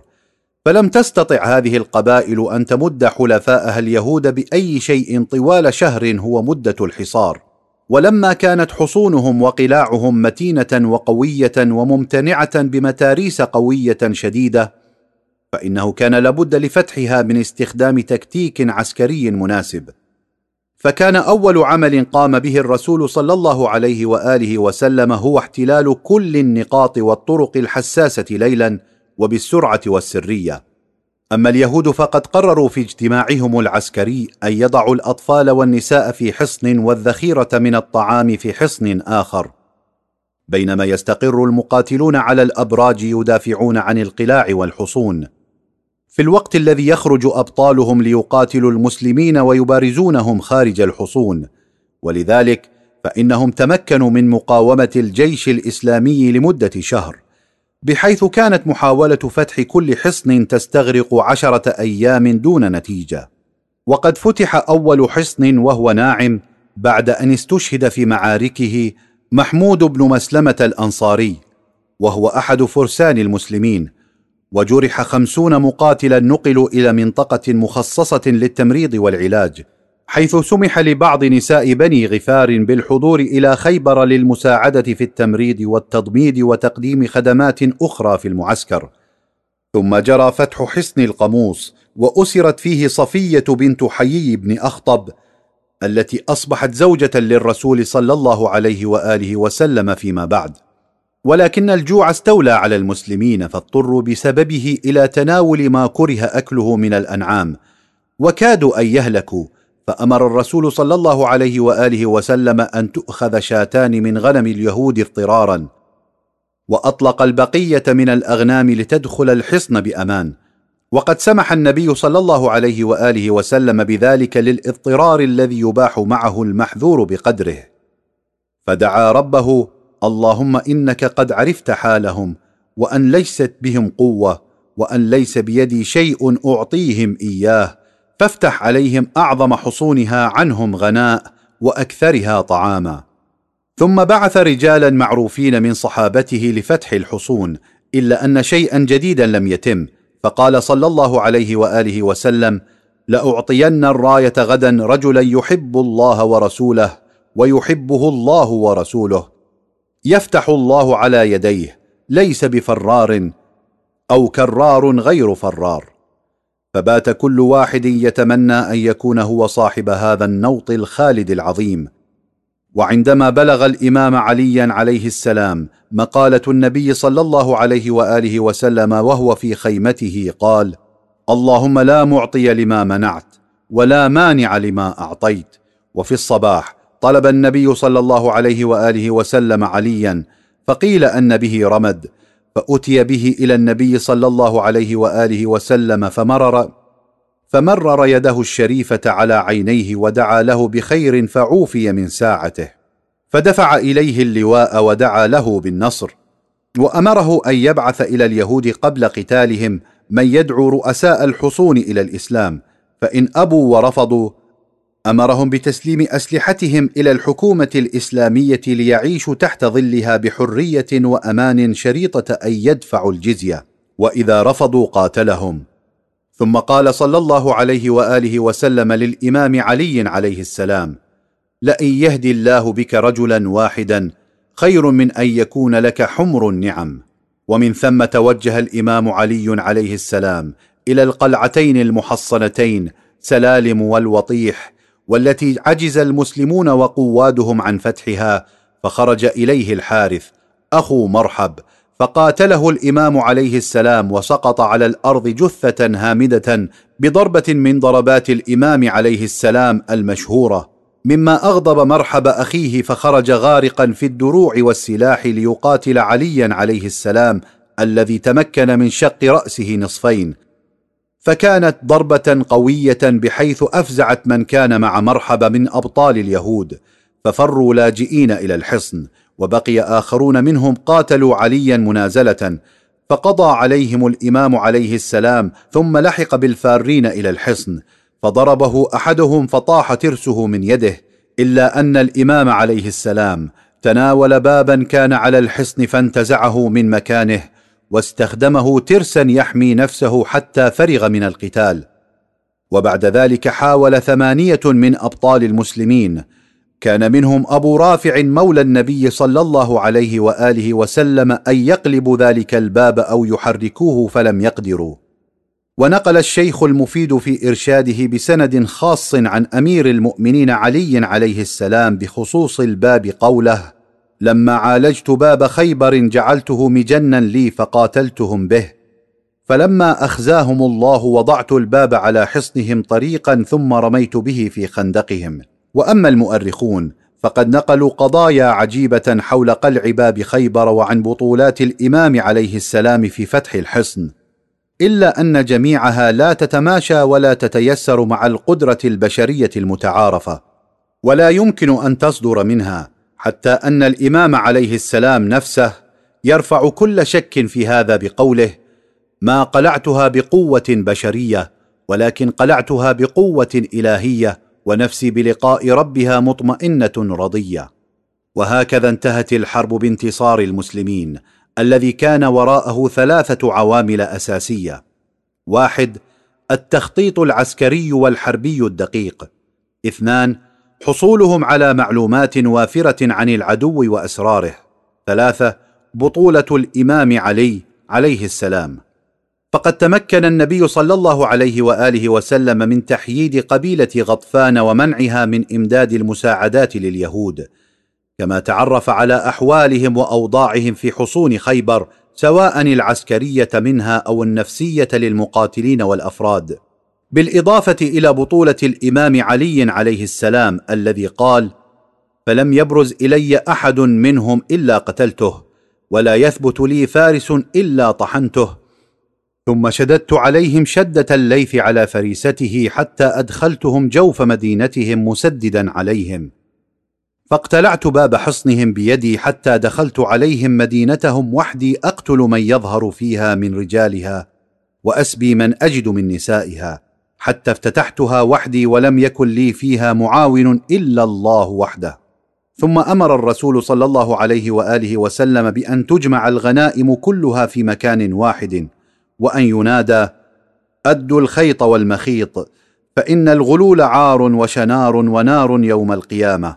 فالإسلام يشدد على أهمية الأمانة حتى اعتبر رد الأمانة مهما صغرت من علائم الإيمان. والخيانة من علائم النفاق.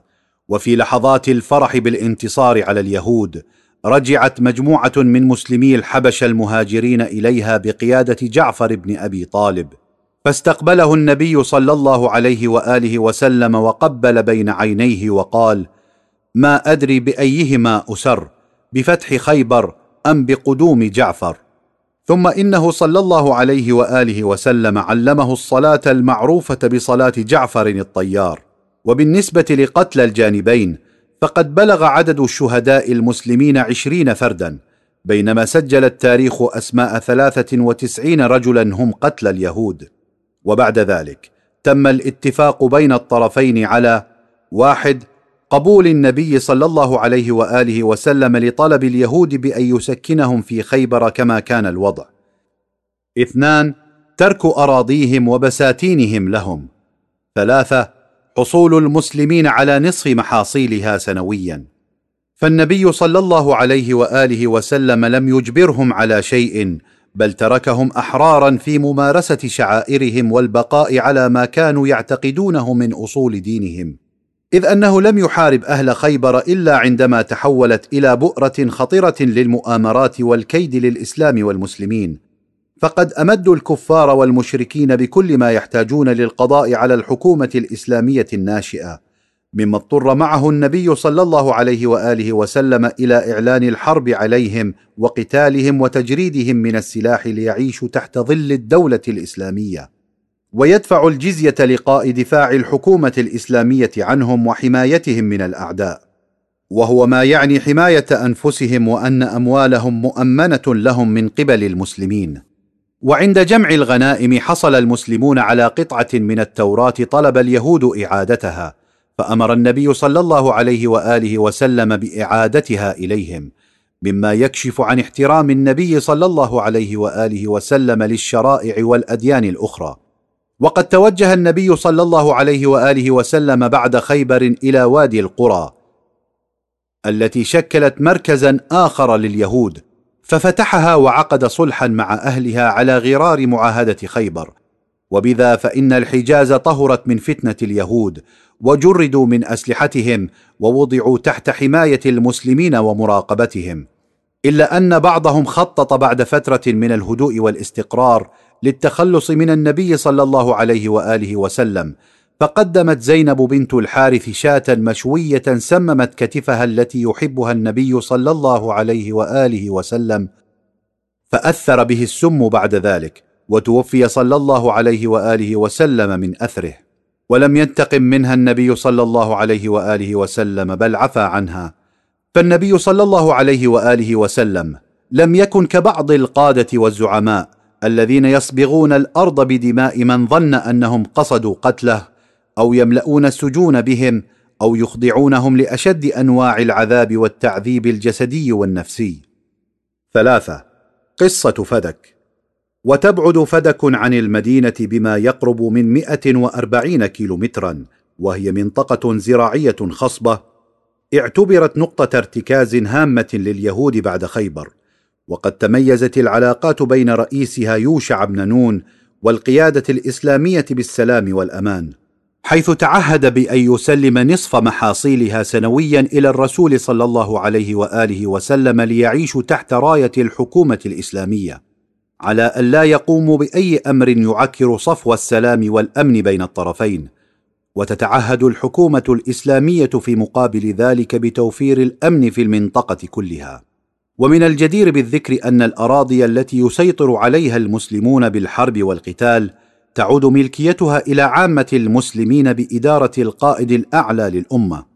أما الأراضي التي لا يستخدمون القوة في احتلالها فتصبح ملكا للرسول صلى الله عليه وآله وسلم والإمام من بعده يتصرف فيها كما يشاء.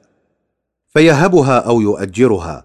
وعلى هذا الأساس وهب رسول الله صلى الله عليه وآله وسلم فدكا لابنته الطاهرة فاطمة الزهراء عليها السلام حيث ابتغى من وراء ذلك تحقيق أمرين. واحد أن يستفيد منها الإمام في أداء واجباته ومتطلبات الناس عندما يدير الحكم من بعده إذ أنه سيكون في حاجة إلى ميزانية كبيرة. اثنان وأن تعيش أسرة النبي صلى الله عليه وآله وسلم بعده بصورة تليق بمقامه صلى الله عليه وآله وسلم وشرفه ومكانته السامية.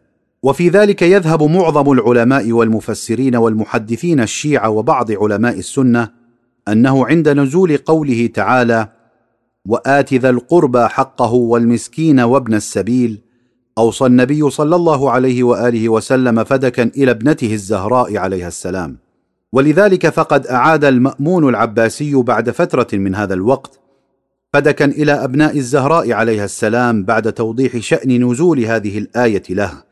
كما أن الإمام عليا عليه السلام قد صرح بملكيته لفدك في إحدى رسائله إلى واليه على البصرة عثمان بن حنيف بلى كانت في أيدينا فدك من كل ما أظلته السماء فشحت عليها نفوس قوم وسخت عنها نفوس قوم آخرين ونعم الحكم الله.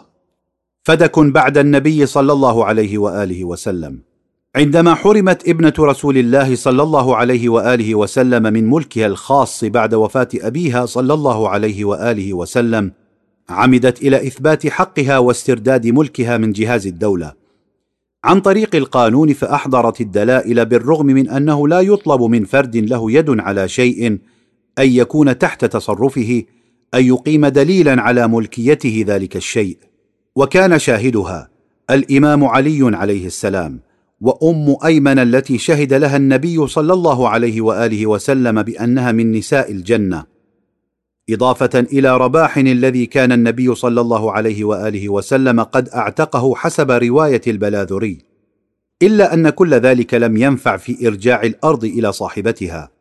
وفي العصر الأموي وزع معاوية بن أبي سفيان فدكا بين ثلاثة مروان بن الحكم عمرو بن عثمان ويزيد. وعندما حكم مروان استولى عليها تماما ووهبها لابنه عبد العزيز الذي سلمها لولده عمر الذي أزال أول بدعة وهي إعادة فدك إلى بني فاطمة عليها السلام. فقد كان الخليفة المعتدل ولكن حكام بني أمية تداولوها ثانية حتى نهاية دولتهم. أما في العصر العباسي فقد ردها السفاح أبو العباس إلى عبد الله بن الحسن بن الحسن ثم قبضها أبو جعفر المنصور من بني الحسن ثم ردها المهدي ابنه إليهم حتى جاء المأمون فردها على أصحابها الشرعيين بصورة رسمية.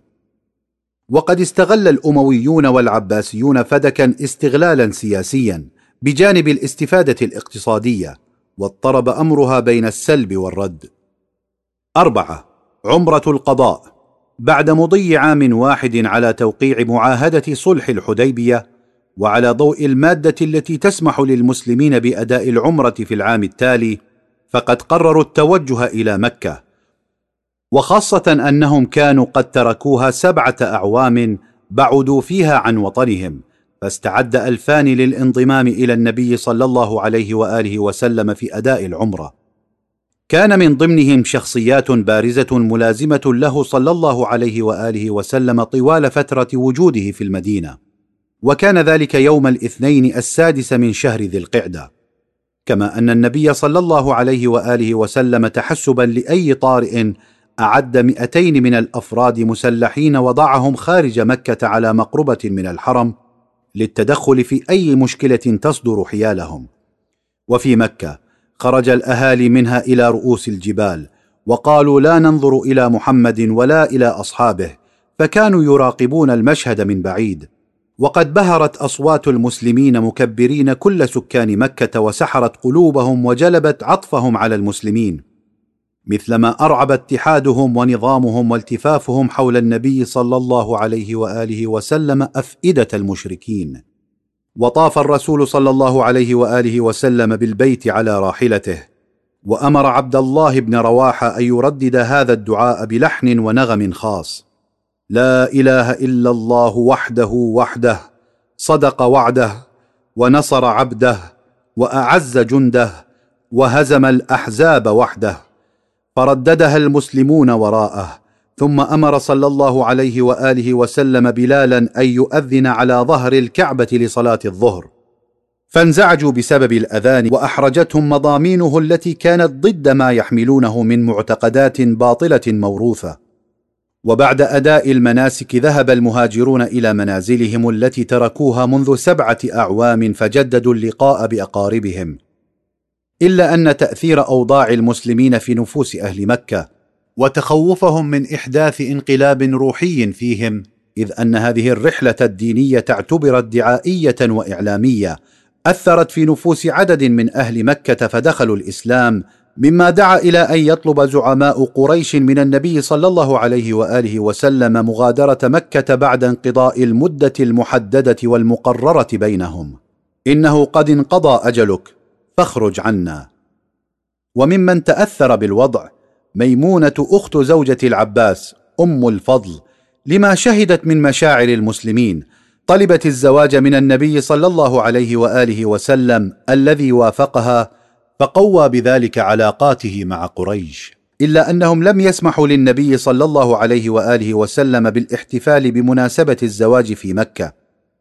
فطلب صلى الله عليه وآله وسلم من أبي رافع أن يحضر زوجته بعد ذلك. وبذا فقد تحققت رؤيا النبي صلى الله عليه وآله وسلم قبل عام من هذا في أنه دخل البيت وحلق رأسه ونزلت آية الفتح التي تناولت تحقيق هذا الوعد. لقد صدق الله رسوله الرؤيا بالحق.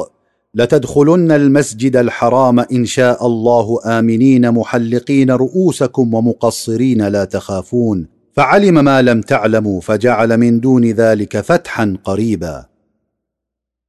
أحداث السنة الثامنة من الهجرة. واحد معركة مؤتة. بعد وقوع الأحداث السابقة. واستقرار الأمن في الحجاز بين المسلمين وقريش والأطراف المعادية الأخرى وضعف نفوذ اليهود وسطوتهم فكر النبي الأكرم صلى الله عليه وآله وسلم في أن يركز في دعوته على سكان مناطق الحدود عند الشام.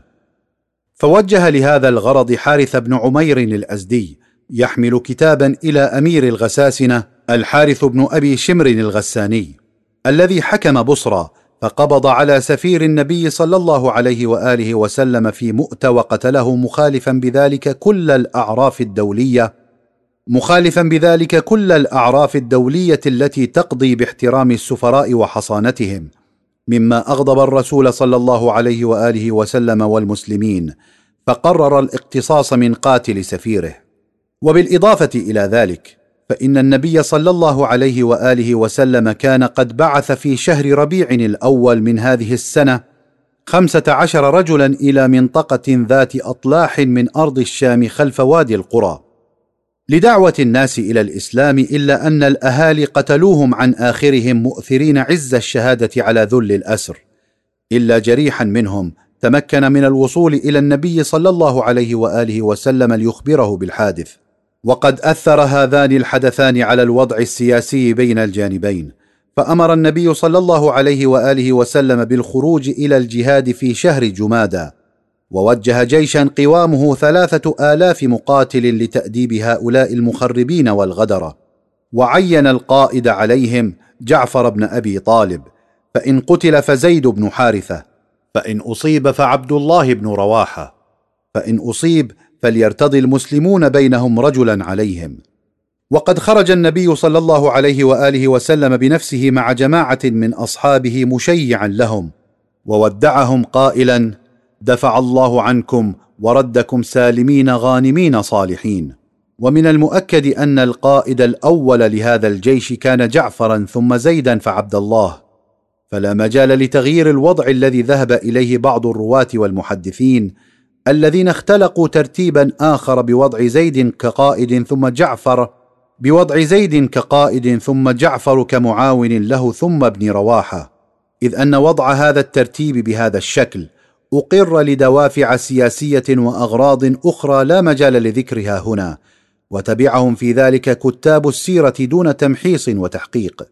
وفي الشام أعد الحاكم الحارث مائه ألف فارس لإيقاف تقدم المسلمين كما أعد القيصر مائه ألف آخرين في البلقاء كقوة احتياطية تتدخل عند اللزوم. ومن الواضح أنه لم يكن هناك أي تكافؤ بين الجيشين الإسلامي والروماني. سواء في نوعية المعدات الحربية والأجهزة القتالية أو وسائل النقل أو عدد الجنود. والأرض وساحة المعركة الغريبة عن المسلمين وقيامهم بدور الهجوم لا الدفاع الذي اتخذه الروم ونفذوه في أرضهم وبلادهم. وقد تواجه الجيشان في منطقة مشارف ولكن المسلمين تراجعوا نحو مؤتة فبدأت المبارزات الفردية اولا. فقتل جعفر بعد مبارزة شجاعة ثم قتل زيد بن حارثة وأيضا ابن رواحة. فاختار الجنود خالد بن الوليد قائدا فعمد إلى استخدام تكتيك عسكري لم يعرف من قبل. إذ أمر بالعسكر أن يحدث بعض التغييرات في صفوفه بالليل دون صوت ويذهب عدد منهم إلى مكان بعيد ثم يلتحق بالمسلمين عند الصباح مكبرين. فيظن العدو بوصول إمدادات عسكرية بشرية جديدة إلى جانب المسلمين. ولذا تمكن المسلمون من مواجهتهم وقتالهم وقتل أعداد كبيرة منهم فهدأت الأحوال. فرجع الجيش الإسلامي مستفيدا من هذا التكتيك ونجوا بأنفسهم من خطر فناء ساحق وأكيد. إلا أن المسلمين في المدينة رفضوا منطق الانسحاب من المعركة وفضلوا الاستشهاد في ساحة المعارك على الانسحاب. فهم كانوا يعدون الموت والشهادة في سبيل الله أفضل من الانسحاب. وقد تأثر النبي صلى الله عليه وآله وسلم لشهادة جعفر وبكى بشدة. فكان كلما تذكر جعفرا وزيدا بكى. اثنان غزوة ذات السلاسل. إن الاطلاع المبكر على أسرار العدو العسكرية ومعرفة حجم طاقاته ومبلغ استعداداته واكتشاف خططه يعد من العوامل الجوهرية المؤثرة في الانتصار عليه. والنبي صلى الله عليه وآله وسلم هو أول من ابتكر في تاريخ الإسلام جهازا خاصا بهذا العمل في صورة منظمة. وتبعه الخلفاء من بعده حين استعانوا بجواسيس وعيون للعمل في المجالات العسكرية والإدارية. واستطاع الرسول صلى الله عليه وآله وسلم في غزوة ذات السلاسل أن يطفئ نار فتنة باستخدام معلومات دقيقة علمها عن العدو قبل أن يخسر الكثير بغير ذلك. فقد علم من عناصر المخابرات الخاصة به صلى الله عليه وآله وسلم أن أعدادا كبيرة متحالفة تجمعوا في منطقة وادي اليابس هدفوا إلى التوجه نحو المدينة للقضاء على قوة الإسلام والمسلمين. وقتل النبي صلى الله عليه وآله وسلم والإمام علي عليه السلام خاصة. فأمر الرسول بنداء الصلاة جامعة أي دعوة الناس إلى الاجتماع به صلى الله عليه وآله وسلم. فقال صلى الله عليه وآله وسلم يا أيها الناس إن هذا هو عدو الله وعدوكم قد عمل على أن يبيتكم فمن لهم؟ فخرجت جماعة بقيادة أبي بكر ساروا مسافة حتى واجهوا قبيلة بني سليم الذين قاوموا القوة الإسلامية. فقرر أبو بكر الانسحاب والرجوع من حيث أتى إلا أن النبي صلى الله عليه وآله وسلم لم يقبل بهذا الوضع. فانزعج لعودة الجيش بهذه الصورة المهينة فأمر عمر بن الخطاب بتولي القيادة ولكنه لم يحارب أيضا لقوة العدو فانسحب أيضا إلى المدينة. وطلب عمرو بن العاص من النبي صلى الله عليه وآله وسلم أن يبعثه إلى هؤلاء الأعداء على أساس أنه من دهاة العرب إلا أن بني سليم قاتلوه فهزموه وقتلوا عددا من جماعته فلم ييأس النبي صلى الله عليه وآله وسلم. ونظم جماعة جديدة واختار الإمام عليا عليه السلام قائدها.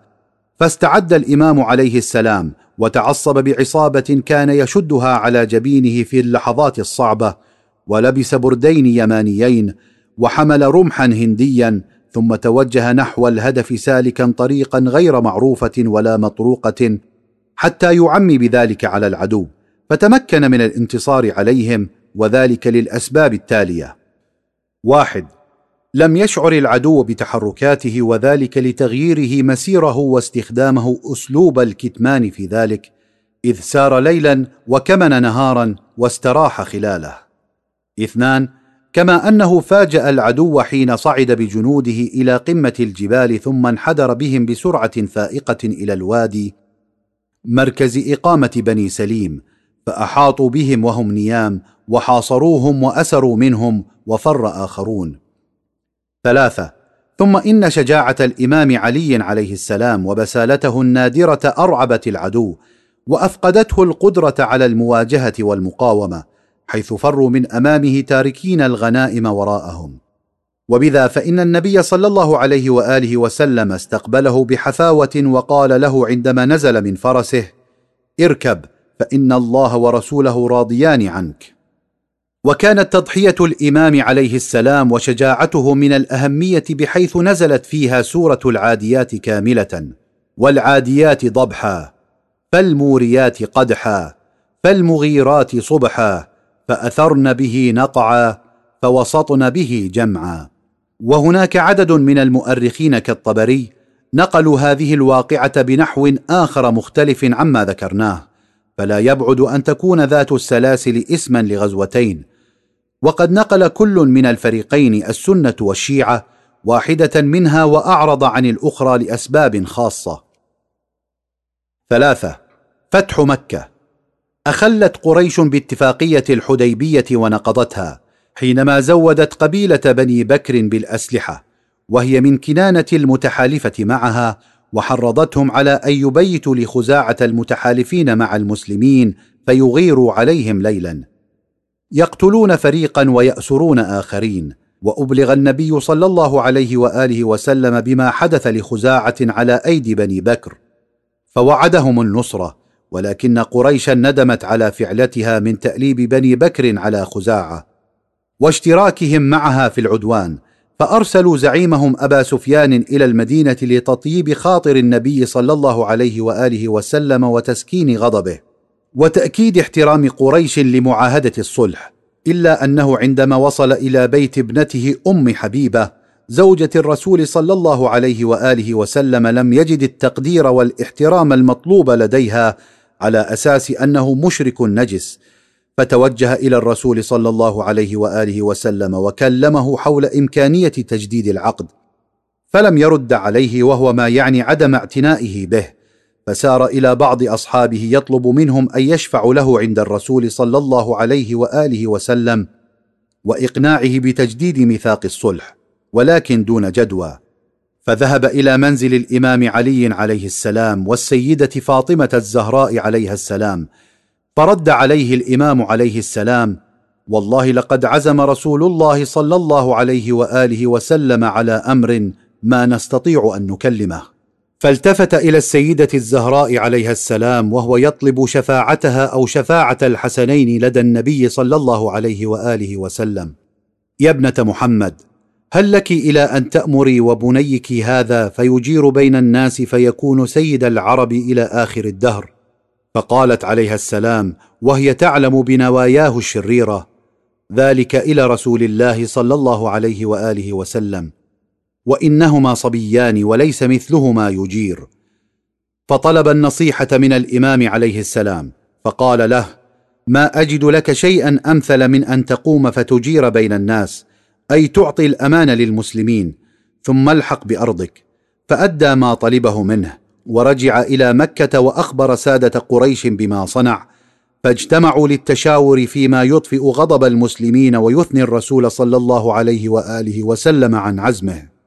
أما النبي الأكرم صلى الله عليه وآله وسلم فقد أعلن التعبئة العامة بهدف فتح مكة وتحطيم أقوى قلعة من قلاع الوثنية وإزالة حكومة قريش الظالمة التي كانت أقوى الموانع والعقبات في طريق تقدم الدعوة الإسلامية وانتشار الإسلام.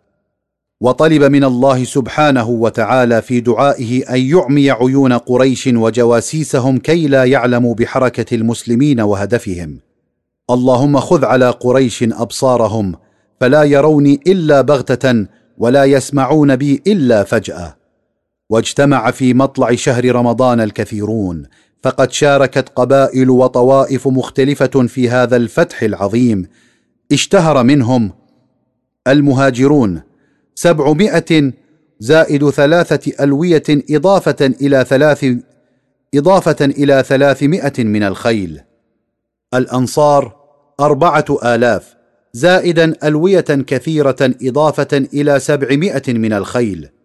قبيلة مزينة ألف مع مئة فرس ولواءان. قبيلة جهينة ثمانمائة مع خمسين فرسا وأربعة ألوية.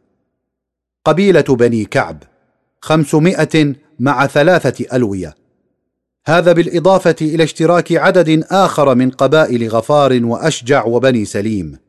ويذكر ابن هشام أن جميع من شهد فتح مكة من المسلمين بلغوا عشرة آلاف. من بني سليم سبعمائة ويقول بعضهم ألف. ومن بني غفار أربعمائة ومن أسلم أربعمائة. ومن مزينة ألف وثلاثمائة نفر وسائرهم من قريش والأنصار وحلفائهم وطوائف العرب من تميم وقيس وأسد. إلا أن أخبار هذه الحملة الكبيرة وصلت إلى قريش فقد أخبر جبرائيل عليه السلام النبي صلى الله عليه وآله وسلم أن أحد المسلمين أرسل كتابا إلى قريش يخبرهم فيه بتوجههم إلى مكة وأن امرأة تدعى سارة وهي مغنية تريد توصيل الكتاب لهم لقاء حصولها على مال. وقد ساعد النبي صلى الله عليه وآله وسلم والمسلمون هذه المغنية من قبل عندما تركت عملها في مكة واتجهت إلى المدينة. ورغم ذلك فإنها خانتهم بعملها جاسوسة تعمل لصالح قريش. مما جعل النبي صلى الله عليه وآله وسلم يطلب من الإمام علي عليه السلام والمقداد والزبير أن يلحقوا بها ويدركوها ويصادروا منها الكتاب وتمكنوا من اللحاق بها عند روضة الخاخ الخليقة إلا أنها أنكرت وجود كتاب لديها في رحلها فهددها الإمام عليه السلام. لتخرجن لنا هذا الكتاب أو لنكشفنك فاستخرجت الكتاب. وهكذا أعد النبي صلى الله عليه وآله وسلم للحركة الكبرى دون أن يعلم أحد وجهته على وجه التحديد وكان ذلك في العاشر من رمضان وفي الطريق أفطر على الماء وأمر جنده بالاقتداء به.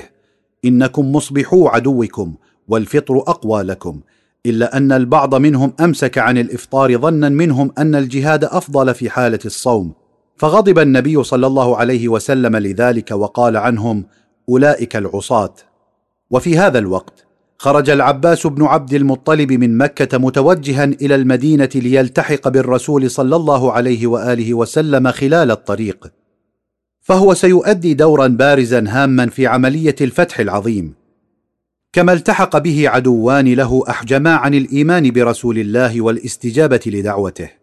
وهما أبو سفيان بن الحارث بن عبد المطلب وعبد الله بن أبي أمية بن المغيرة فقد كانا من أشد المعارضين للرسول صلى الله عليه وآله وسلم والمؤذين له.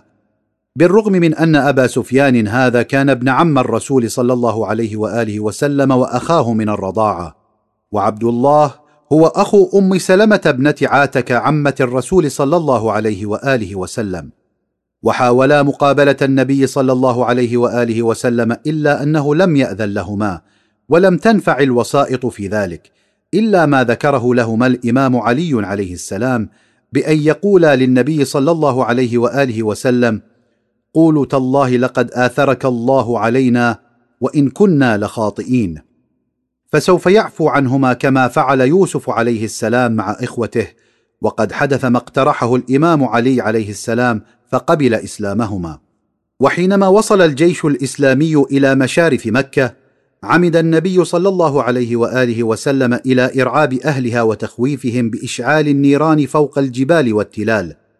وزيادة في التخويف وإظهار القوة أمر بأن يشعل كل فرد منهم نارا في شريط طويل على الأرض. وهنا اتجه العباس بن عبد المطلب ليؤدي دوره العملي لصالح الطرفين. فيقنع قريشا بالتسليم وعدم المقاومة إذ أخبرهم بقوة المسلمين وعددهم ومحاصرتهم لمكة المكرمة. واصطحب معه أبا سفيان حتى يطلب له الأمان ولهم كذلك من الرسول صلى الله عليه وآله وسلم. فأجاره عند الوصول إلى عسكر المسلمين خاصة عندما حاول عمر بن الخطاب أن يقضي عليه أن يقتل أبا سفيان كما أنه حاول إعادة قتله أمام النبي صلى الله عليه وآله وسلم على أساس أنه عدو لله فلا بد أن يقتل. وتحدث النبي صلى الله عليه وآله وسلم في خيمته مع أبي سفيان قائلا ألم يأن لك أن تعلم أنه لا إله إلا الله؟ فقال أبو سفيان بأبي أنت وأمي ما أحلمك وأكرمك وأوصلك. والله لقد ظننت أن لو كان مع الله إله غيره لقد أغنى عني شيئا بعد. فقال الرسول صلى الله عليه وآله وسلم ألم يأن لك أن تعلم أني رسول الله؟ فقال أما والله فإن في النفس منها حتى الآن شيئا. فغضب العباس من عناده وقال أسلم واشهد أن لا إله إلا الله وأن محمدا رسول الله قبل أن يضرب عنقك. فشهد شهادة الحق وأسلم ودخل في عداد المسلمين. فارتفع بذلك أكبر سد. وانزاح أكبر مانع من طريق الدعوة الإسلامية. ومع ذلك فقد أمر النبي صلى الله عليه وآله وسلم العباس بحبسه لأنه لم يأمن جانبه بعد. قبل أن يتم فتح مكة يا عباس احبسه بمضيق الوادي عند خطم الجبل أي أنفه حتى تمر به جنود الله فيراها. فطلب العباس من النبي صلى الله عليه وآله وسلم إن أبا سفيان رجل يحب الفخر فاجعل له شيئا. فاستجاب له النبي صلى الله عليه وآله وسلم وقال من دخل دار أبي سفيان فهو آمن ومن أغلق عليه بابه فهو آمن ومن دخل المسجد فهو آمن ومن طرح السلاح فهو آمن. وذلك بالرغم من أخلاق أبي سفيان المنحدرة وأعماله السيئة تجاه النبي صلى الله عليه وآله وسلم والمسلمين طيلة السنوات الماضية. وكان النبي صلى الله عليه وآله وسلم قد عزم على أن يفتح مكة دون إراقة دماء وإزهاق أرواح وتسليم العدو دون شروط. وقد تم ذلك نتيجة التخطيط السليم وتحييد موقف أبي سفيان العدائي وهو قائد قريش ولما كانت القطع العسكرية الإسلامية تمر من أمام أبي سفيان كان العباس يوضح له اسمها وخصوصيتها فمرت كتيبة النبي صلى الله عليه وآله وسلم فقال للعباس ما لأحد بهؤلاء قبل ولا طاقة يا أبا الفضل؟ والله لقد أصبح ملك ابن أخيك الغداة عظيما.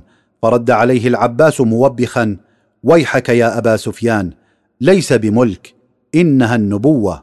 وحينئذ أطلق النبي صلى الله عليه وآله وسلم أبا سفيان ليرجع إلى مكة فيخبرهم بما رأى من قوة الجيش الإسلامي.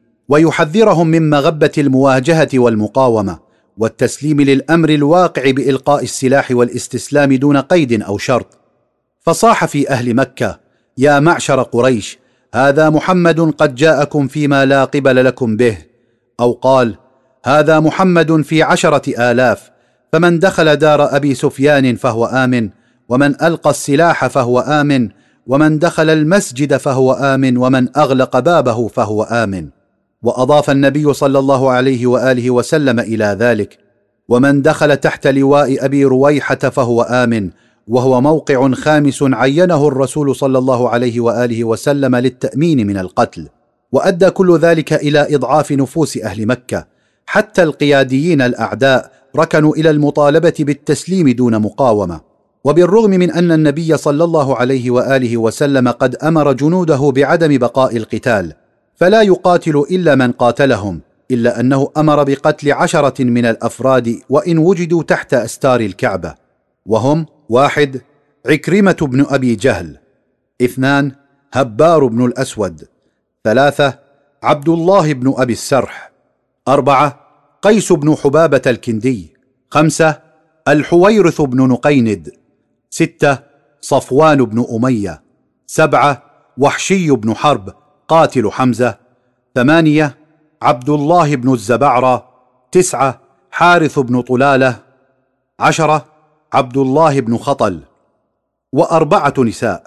وكان كل واحد من هؤلاء إما قتل أحدا أو ارتكب جناية أو شارك في مؤامرة أو حرب ضد الإسلام والمسلمين. وفي دخول مكة أخذ النبي صلى الله عليه وآله وسلم الحيطة والحذر ففرق الجنود على أن يدخلوها من أسفلها وآخرون يتخذون طريقا من أعلاها وأعدادا أخرى تدخل من جميع المداخل والطرق المؤدية إلى داخل مكة. فدخلت الفرق كلها مكة دون قتال إلا ما حدث مع جبهة خالد بن الوليد الذي قابلته مقاومة صغيرة تمكن من السيطرة على الوضع بعد هروب المعتدين. أما النبي الأكرم صلى الله عليه وآله وسلم فقد دخل مكة من ناحية أذاخر وهي أعلى نقطة في مكة. فضربت له قبة من أدم بالحجون عند قبر عمه العظيم أبي طالب ليستريح فيها فقد أبى أن ينزل في بيت من بيوتها واغتسل بعد الاستراحة فركب راحلته القصواء متوجها إلى المسجد الحرام لزيارة بيت الله المعظم والطواف به على راحلته حيث لم يترجل وكبر فكبر المسلمون حتى ارتجفت مكة لدوي صوتهم.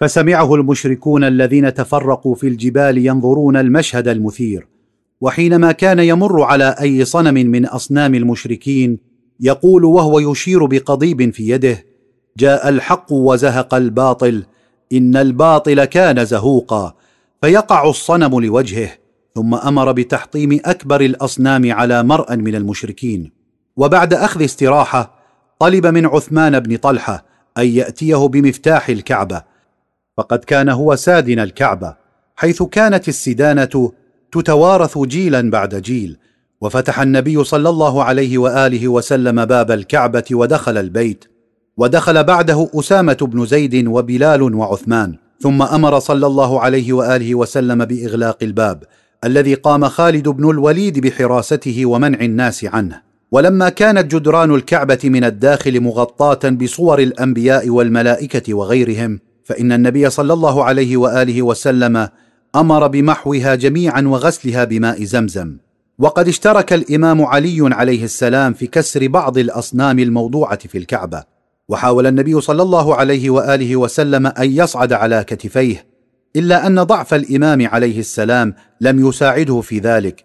فطلب منه النبي صلى الله عليه وآله وسلم أن يصعد علي على كتفه قائلا يا علي اصعد على منكبي.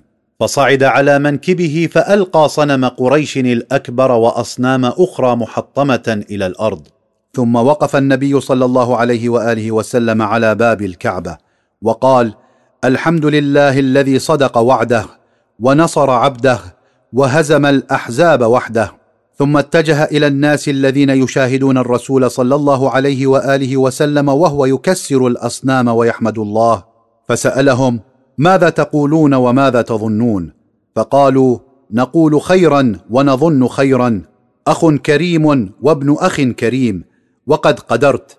فقال صلى الله عليه وآله وسلم فإني أقول لكم كما قال أخي يوسف قال لا تثريب عليكم اليوم يغفر الله لكم وهو أرحم الراحمين. وبهذا أعلن صلى الله عليه وآله وسلم العفو العام والشامل عن أهل مكة بقوله ألا لبئس جيران النبي كنتم؟ لقد كذبتم وطردتم وأخرجتم وآذيتم ثم ما رضيتم حتى جئتموني في بلادي تقاتلونني. اذهبوا فأنتم الطلقاء. وكان الوقت ظهرا فحان وقت الصلاة. فصعد بلال سطح الكعبة ورفع نداء التوحيد والرسالة. الأذان. وبعدها رد مفتاح الكعبة على عثمان بن طلحة وقال له هاك مفتاحك يا عثمان. اليوم يوم بر ووفاء. فالنبي صلى الله عليه وآله وسلم هو أول من يلتزم بالتعليم الإلهي في أداء الأمانة إلى أهلها. فيعيد مثل تلك الأمانة الكبرى إلى صاحبها ثم ألغى جميع مناصب الكعبة السائدة في الجاهلية إلا ما كان نافعا للناس كالسدانة والحجابة كالسدانة والحجابة وهي القيام بشؤون أستار الكعبة وسقاية الحجيج. وفي حديث له صلى الله عليه وآله وسلم إلى أقاربه في اجتماع ضم بني هاشم وبني عبد المطلب أوضح لهم أن صلة القربى التي تربطهم به صلى الله عليه وآله وسلم لا تبرر لأحد منهم أن يتجاهل قوانين الحكومة الإسلامية فيتخذ من انتسابه إلى زعيمها ذريعة وغطاء لارتكاب ما لا يحل للآخرين. وهو صلى الله عليه وآله وسلم بهذا قد شجب كل تمييز وتفضيل غير صحيح وسليم داعيا إلى لزوم العدل ومراعاة المساواة بين جميع الطبقات. يا بني هاشم يا بني عبد المطلب إني رسول الله إليكم وإني شفيق عليكم. لا تقولوا أن محمدا منا فوالله ما اوليائي منكم ولا من غيركم إلا المتقون. فلا أعرفكم تاتون يوم القيامة تحملون الدنيا على رقابكم ويأتي الناس يحملون الآخرة.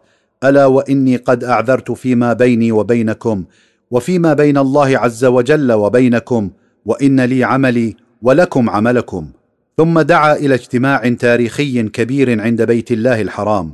حضره حشد كبير من أهالي مكة. وألقى فيهم خطابا تاريخيا عالج الأمراض الاجتماعية الخاصة بالمجتمع العربي في ذلك العصر وحتى وألقى فيهم خطابا تاريخيا عالج الأمراض الاجتماعية الخاصة بالمجتمع العربي في ذلك العصر وحتى عصرنا الحالي. ومن أهم ما ورد وتناوله صلى الله عليه وآله وسلم في هذا الخطاب واحد التفاخر بالنسب. فقد كان من الأمراض المستحكمة في البيئة العربية الجاهلية إذ كان من أكبر أمجاد المرء أن ينتسب إلى قبيلة معروفة أو يتفرع نسبه عن عشيرة بارزة كقريش مثلا.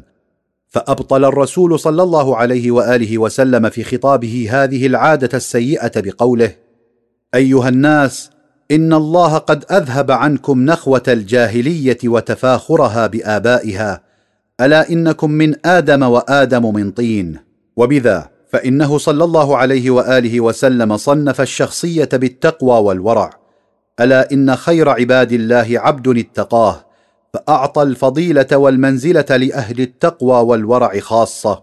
اثنان التفاضل بالقومية العربية. فقد اعتبروا الانتساب إلى العرق العربي مفخرة. فقال صلى الله عليه وآله وسلم إن العربية ليست بأب والد ولكنه لسان ناطق فمن قصر عمله لم يبلغ به حسبه. ثلاثة المساواة بين أفراد البشر فقد دعا إلى دعم المساواة بين الأفراد والجماعات. إن الناس من آدم إلى يومنا هذا مثل أسنان المشط. لا فضل للعربي على العجمي ولا للأحمر على الأسود إلا بالتقوى. وبذلك ألغى التمييز العنصري مؤسسا بذلك ميثاق حقوق الإنسان قبل أي جهة عالمية. أربعة الأحقاد والحروب الطويلة. إذ أن الحروب المتلاحقة بين القبائل العربية أدت إلى نشأة الحقد والضغينة. فلم يجد طريقا للقضاء عليها إلا بالطلب من الناس أن يتنازلوا عما لهم من دماء في أعناق الآخرين. سفكت في عهد الجاهليه فتعتبر ملفات العهد القديم باطله وقال في ذلك الا ان كل مال وماثره ودم في الجاهليه تحت قدمي هاتين خمسه الاخوه الاسلاميه حيث دعا إلى اتحاد المسلمين ووحده كلمتهم وحق المسلم على اخيه المسلم فهو من اهم مميزات الدين الاسلامي وهو بهذا يرغب غير المسلم في اعتناق الإسلام إذا سمع وراى مثل هذه الحقوق والعلاقات المتبادلة بين المسلمين. المسلم أخو المسلم والمسلمون إخوة وهم يد واحدة على من سواهم تتكافأ دماؤهم ليسعى بذمتهم أدناهم. وبعد ذلك تفرغ النبي صلى الله عليه وآله وسلم للحكم على بعض المجرمين والمؤذين حيث كان هناك عدد من المجرمين المكيين كان لابد من عقابهم على ما فعلوا من أعمال سيئة. وذلك بالرغم من إصدار العفو العام وقد طارد الإمام علي عليه السلام اثنين منهم لجأ إلى بيت أم هانئ أخت الإمام عليه السلام التي أجارتهما. ولكن الإمام عليه السلام طلب منها أن يعلم النبي صلى الله عليه وآله وسلم بأمانها ليعطي رأيه في جوارها وأمانها كمرأة. فقبل صلى الله عليه وآله وسلم ذلك وقال قد آجرنا من آجرت وأمنا من أمنت فلا يقتلهما. فهو بهذا وضع قاعدة تقبل جوار المرأة وأمانها كما أن عبد الله بن أبي السرح الذي ارتد عن الإسلام وأمر النبي صلى الله عليه وآله وسلم بقتله نجا من القتل بشفاعة عثمان بن عفان له وكذلك عكرمة بن أبي جهل الذي فر إلى اليمن وتشفعت فيه زوجته فنجا من القتل. كما أمن أيضا كبير المجرمين صفوان بن أمية حينما طلب عمير بن وهب من النبي صلى الله عليه وآله وسلم أن يعفو عنه فأمهله أربعة أشهر ليعلن إسلامه بعد التفكير. وكذلك وضع صلى الله عليه وآله وسلم قاعدة مبايعة النساء له صلى الله عليه وآله وسلم. فقد بايعته المرأة للمرة الأولى في بيعة العقبة بهذه الكيفية. حيث أمر الرسول صلى الله عليه وآله وسلم بإحضار قدح ماء ثم ألقى في الماء شيئا من الطيب والعطر فأدخل يده فيه وتلا الآية التي وردت فيها الأمور المذكورة ثم نهض من مكانه وقال لهن من أرادت أن تبايع فلتدخل يدها في القدح فإني لا أصافح النساء. وقد أجرى البيعة بهذا الأسلوب لوجود عدد كبير من النساء الفاسدات بينهن فكان لابد من ذلك حتى لا تستأنف إحداهن عملهن القبيح بعد ذلك في السر. هدم بيوت الأصنام. وللقيام بهذه المهمة الضرورية أرسل النبي صلى الله عليه وآله وسلم فرقا عسكرية إلى ضواحي مكة وداخلها وفي بيوتها لهدم الأصنام المتواجدة فيها كما أعلن صلى الله عليه وآله وسلم من كان في بيته صنم فليكسره. وأرسل خالد بن الوليد إلى تهامة لدعوة قبيلة جذيمة بن عامر وهدم أصنامها. ونهاه النبي صلى الله عليه وآله وسلم عن القتل أو إراقة الدماء. إلا أنه لما كانت هذه القبيلة قد قتلت أيام الجاهلية عم خالد ووالد عبد الرحمن بن عوف فإنه حقد عليهم وأمر بقتل عدد منهم.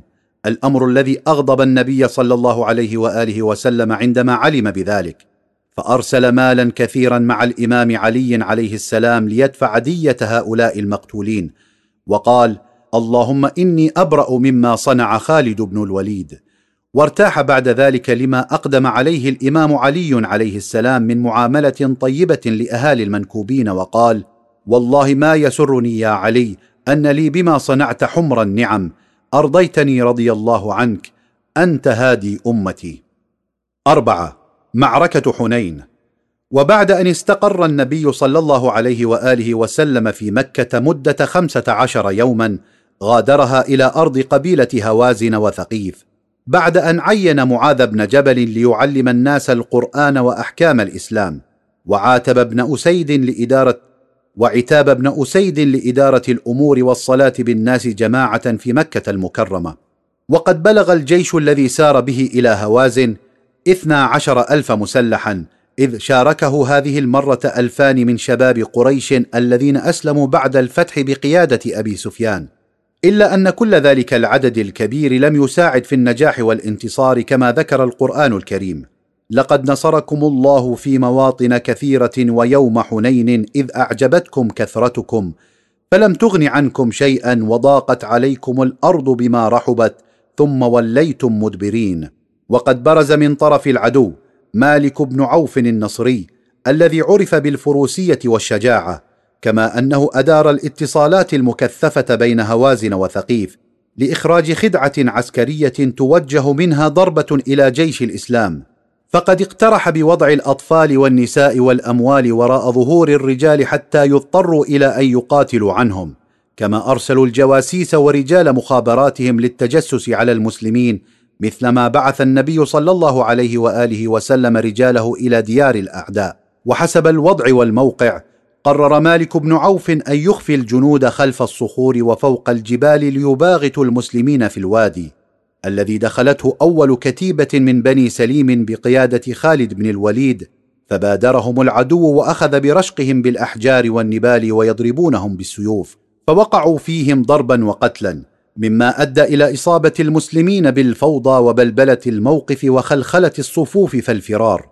الأمر الذي جعل النبي صلى الله عليه وآله وسلم يأمر العباس بن عبد المطلب بأن ينادي على هؤلاء الفارين والهاربين ويرجعهم فبلغت صرخاته مسامعهم فثارت حميتهم ونادوا لبيك لبيك. وبذا فقد تمكن النبي صلى الله عليه وآله وسلم من تنظيم صفوف جيشه من جديد وحملا حملة رجل واحد على العدو لغسل ما لحق بهم من عار الفرار وتمكنوا من النيل منهم وإجبارهم على الانسحاب من الموقع والفرار من أمامهم وذلك بتشجيع وحماس من الرسول صلى الله عليه وآله وسلم. أنا النبي لا كذب أنا ابن عبد المطلب. مما كان له الأثر الفعال في إلقاء الهزيمة المنكرة بقبيلة هوازن.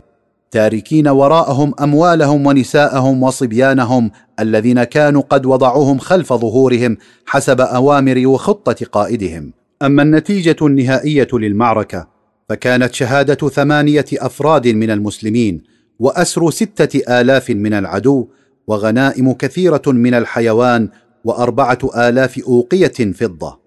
وأعطى النبي صلى الله عليه وآله وسلم أوامره بإرسال الغنائم والأسرى إلى الجعرانة بين مكة والطائف وبلغ من حنق المسلمين على المشركين في هذه المعركة أن قتلوا الرجال وذريتهم. فلما بلغ ذلك النبي صلى الله عليه وآله وسلم قال ألا لا تقتل الذرية؟ وعندما قيل له إنما هم أولاد مشركين قال صلى الله عليه وآله وسلم أوليس خياركم أولاد المشركين؟ كل نسمة تولد على الفطرة حتى يعرب عنها لسانها وأبواها يهودانها أو ينصرانها. خمسة غزوة الطائف. سكنت قبيلة ثقيف واشتركوا مع هوازن في قتال المسلمين وهربوا بعد المعركة السابقة إلى الطائف متحصنين في قلاعها وحصونها.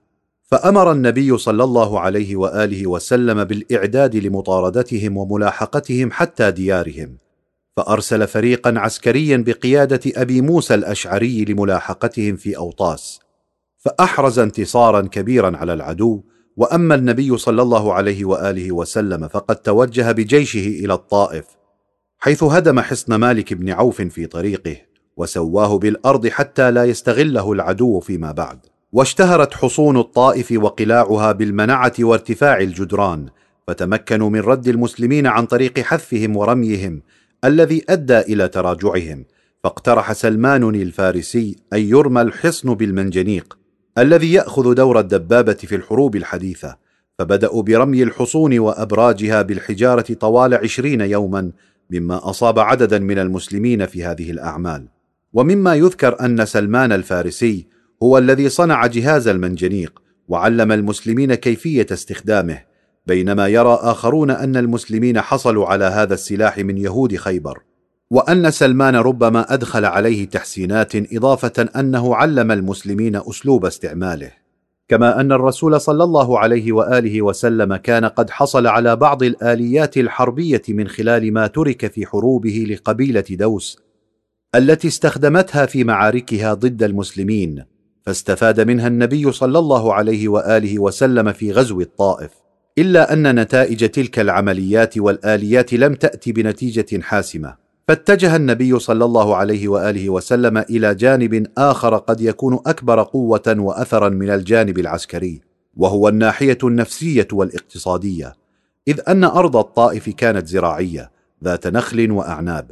مما فكر به الرسول صلى الله عليه وآله وسلم لتهديدهم وتخويفهم لأنه سيعمد لأنه سيعمد إلى قطع الأعناب وإفناء المزارع. إذا استمر المعتصمون بالحصون في المقاومة وعندما لم يرضخوا للتهديد نفذ المسلمون عمليا أوامر النبي صلى الله عليه وآله وسلم بالقطع والحرق والإتلاف.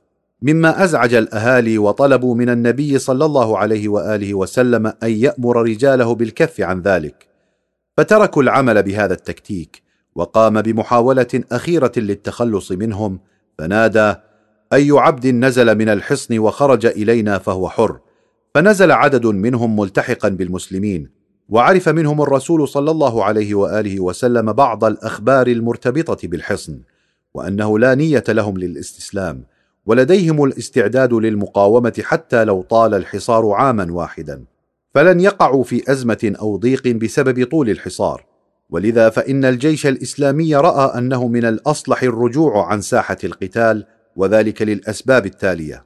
واحد مقتل عدد من المسلمين من قريش والأنصار كما أن شهر شوال كان قد انتهى وبدأ شهر ذي القعدة وهو من الأشهر الحرم. وللحفاظ على هذه السنة فقد رأى النبي صلى الله عليه وآله وسلم أن ينهي الحصار في أقرب وقت. اثنان كما أن موسم الحج كان قد اقترب وخاصة أن إدارة الموسم ومناسكه أصبحت في يد المسلمين الآن وليس بيد المشركين كما في السابق. ولكل ذلك ترك النبي صلى الله عليه وآله وسلم الطائف متوجها إلى الجعرانة حيث حفظت الغنائم والأسرى. فاستقر فيها ثلاثة عشر يوما وزرع فيها الغنائم بأسلوب جدير بالدراسة والتأمل. فقد أخلى سبيل بعض الأسرى وخطط لإخضاع وإسلام مالك بن عوف قائد المعارك ضد المسلمين. وكان من بين المشاركين مع هوازن قبيلة بني سعد التي أرضعت إحدى نسائها حليمة السعدية النبي صلى الله عليه وآله وسلم وكبر بينهم وعاش معهم خمس سنوات. ولذا فإن جماعة مسلمة منهم قدمت إلى النبي صلى الله عليه وآله وسلم يطلبون سراح الأسرى من هذه القبيلة وذكروه بكل حياته بينهم في تلك السنوات فرد عليهم النبي صلى الله عليه وآله وسلم محسنا إليهم بأكثر مما قدموا وتنازل عن نصيبه في الأسرى فتبعه المهاجرون والأنصار والآخرون فأرجعوهم إلى ذويهم كما أن النبي صلى الله عليه وآله وسلم دعا أخته شيماء وبسط لها رداءه ورحب بها ودمعت عيناه وسألها عن أمه وأبيه من الرضاعة فأخبرته بموتهما فقال إن أحببت فاقيمي عندنا محببة مكرمة وإن أحببت أن أمتعك وترجعي إلى قومك فعلت فاختارت الرجوع إلى أهلها بعد أن أسلمت طوعا ورغبة ومنحها ثلاثة عبيد وجارية وقد أدت معاملات النبي صلى الله عليه وآله وسلم هذه وإطلاق الأسرى إلى رغبة هوازن في الإسلام فأسلموا من قلوبهم ففقدت الطائف آخر حليف لها. أما بالنسبة لمالك بن عوف فقد رأى النبي صلى الله عليه وآله وسلم فرصة طيبة للسيطرة عليه وهو رئيس المتمردين فقال لوفد بني سعد أخبروا مالكا إنه إن أتاني مسلما رددت عليه أهله وماله وأعطيته ماءه من الإبل وعندما بلغه ذلك وعلم بقوة الإسلام وأخلاق النبي صلى الله عليه وآله وسلم وعظمته قرر الالتحاق بالنبي صلى الله عليه وآله وسلم. فخرج من الطائف لإدراك النبي صلى الله عليه وآله وسلم في مكة أو الجعرانة حين رد عليه ماله وأهله وأعطاه الإبل.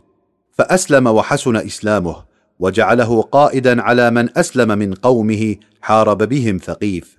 وأما الغنائم فقد قسمها بين المسلمين ووزع الخمس الذي هو حقه الخاص بين أشراف قريش حديثي العهد بالإسلام ليتألفهم مثل أبي سفيان ومعاوية ابنه وحكيم بن حزام والحارث بن هشام وسهيل بن عمرو وحويطب ابن عبد العزى والعلاء بن جارية وصفوان بن أمية وغيرهم ممن كانوا أعداءه بالأمس القريب. لكل واحد منهم مائه بعير وهذا الفريق يصطلح عليه في الفقه الإسلامي المؤلفة قلوبهم وهم يشكلون إحدى مصارف الزكاة بنص القرآن الكريم إلا أن بعضهم لم يستحسن أسلوب النبي صلى الله عليه وآله وسلم في التوزيع ورأى أنه لم يعدل حين وزع خمس الغنيمة على أبناء قبيلته ومن أشهرهم ذو الخويصرة التميمي الذي رفض أسلوب النبي صلى الله عليه وآله وسلم مما دعا عمر بن الخطاب أن يستأذن النبي صلى الله عليه وآله وسلم لقتله. ولكن النبي صلى الله عليه وآله وسلم قال دعه فإنه سيكون له شيعة أي تبع يتعمقون في الدين حتى يخرجوا منه كما يخرج السهم من الرمية. وقد أصبح فعلا زعيما لفرقة الخوارج في عهد الإمام علي عليه السلام. كما اشتكى عدد من جانب الأنصار حول كيفية توزيع الخمس. فخطب فيهم النبي صلى الله عليه وآله وسلم موضحا موقفه من هذا التوزيع في تأليف القلوب. أفلا ترضون يا معشر الأنصار أن يذهب الناس بالشاة والبعير؟ وترجعوا برسول الله إلى رحالكم والذي نفس محمد بيده. لولا الهجرة لكنت امرئا من الأنصار ولو سلك الناس شعبا وسلكت الأنصار شعبا لسلكت شعب الأنصار ثم ترحم عليهم قائلا اللهم ارحم الأنصار وأبناء الأنصار وأبناء أبناء الأنصار.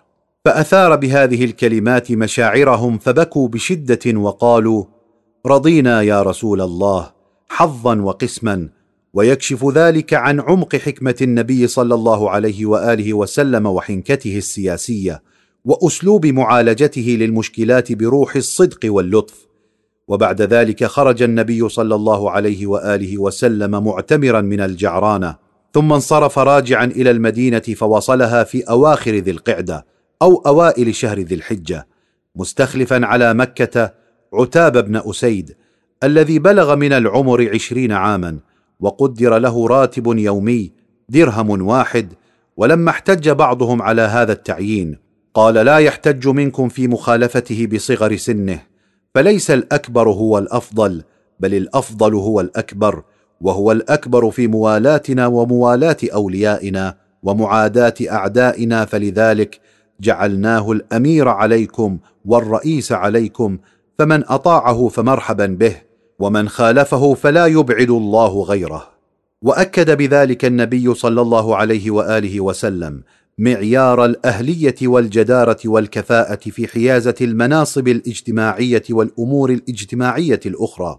ومن أحداث هذه السنة أيضا وفاة زينب بنت الرسول صلى الله عليه وآله وسلم وهي التي كان زوجها ابن خالتها أبي العاص الذي بقي على شركه بعد أن آمنت هي بأبيها.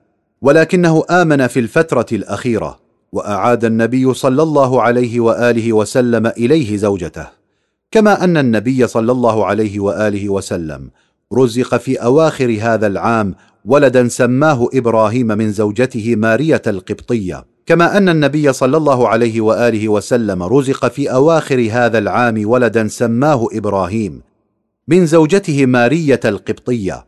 فأهدى المولدة هدية ثمينة وعق له في اليوم السابع وحلق شعره وتصدق بوزنه فضة في سبيل الله. الفصل التاسع. واحد. أحداث السنة التاسعة من الهجرة. اثنان. أحداث السنة العاشرة من الهجرة. ثلاثة. أحداث السنة الحادية عشرة من الهجرة. أحداث السنة التاسعة من الهجرة. واحد. عام الوفود. انتهت السنة الثامنة بسقوط أكبر قاعدة من قواعد الوثنية والشرك. في أيدي المسلمين الذين انتصروا على أعدائهم تماما. فأخذت القبائل المتمردة تتقرب إليهم تدريجيا وتوالت وفودها على النبي صلى الله عليه وآله وسلم تقدم ولاءها وتعلن إسلامها وتتقبل الرسالة المحمدية. مما دعت تلك الكثرة من الأعداد الوافدة على النبي صلى الله عليه وآله وسلم أن يسمى بعام الوفود. إن دراسة الوفود وما دار بينهم وبين الرسول صلى الله عليه وآله وسلم تفيد بوضوح بأن الإسلام انتشر في الجزيرة العربية عن طريق الدعوة والتبليغ. وتحدث القرآن الكريم في سورة خاصة عن حضور تلك الوفود على النبي صلى الله عليه وآله وسلم وما حققه الإسلام من فتح وانتصار. إذا جاء نصر الله والفتح ورأيت الناس يدخلون في دين الله أفواجا فسبح بحمد ربك واستغفره إنه كان توابا. إلا أنه بالرغم من ذلك فإن النبي صلى الله عليه وآله وسلم أعد في هذا العام عدة سرايا بعثها إلى جهات معينة. من جملتها سرية الإمام علي عليه السلام إلى أرض طيء وقد اختصت لهدم مظاهر الوثنية. كما وقعت غزوة واحدة مثل غزوة تبوك وإن لم يقاتل فيها النبي صلى الله عليه وآله وسلم احدا إلا أنها كانت تمهيدا لفتح المناطق الحدودية. اثنان هدم الأصنام. أدرك النبي صلى الله عليه وآله وسلم في ضوء تعاليم الوحي أن الوثنية كجرثومة الكوليرا تهدم فضائل الإنسان وشرفه. وتقضي على مكارم الأخلاق وتحط من مكانة الإنسان الرفيعه وتجعله كائنا حقيرا أمام الطين والحجر. وعلى هذا الأساس أمره الله تعالى أن يجتث جذور الشرك من كيان ذلك المجتمع الموبوء. بإزالة كل مظاهر الوثنية وأنواعها وأشكالها مستخدما القوة تجاه الجماعات المعارضة. وعلم صلى الله عليه وآله وسلم أن في قبيلة طيء صنما كبيرا يقدس حتى ذلك الوقت فأرسل الإمام عليا عليه السلام مع مئة وخمسين فارسا ليحطم هذا الصنم ويهدم بيته. ونجح الإمام عليه السلام في مهمته وعاد بالغنائم والأسرى إلى المدينة وهرب رئيسها عدي بن حاتم الطائي إلى الشام ملتحقا بأهل دينه لأنه كان نصرانيا حسب ما ذكر بنفسه.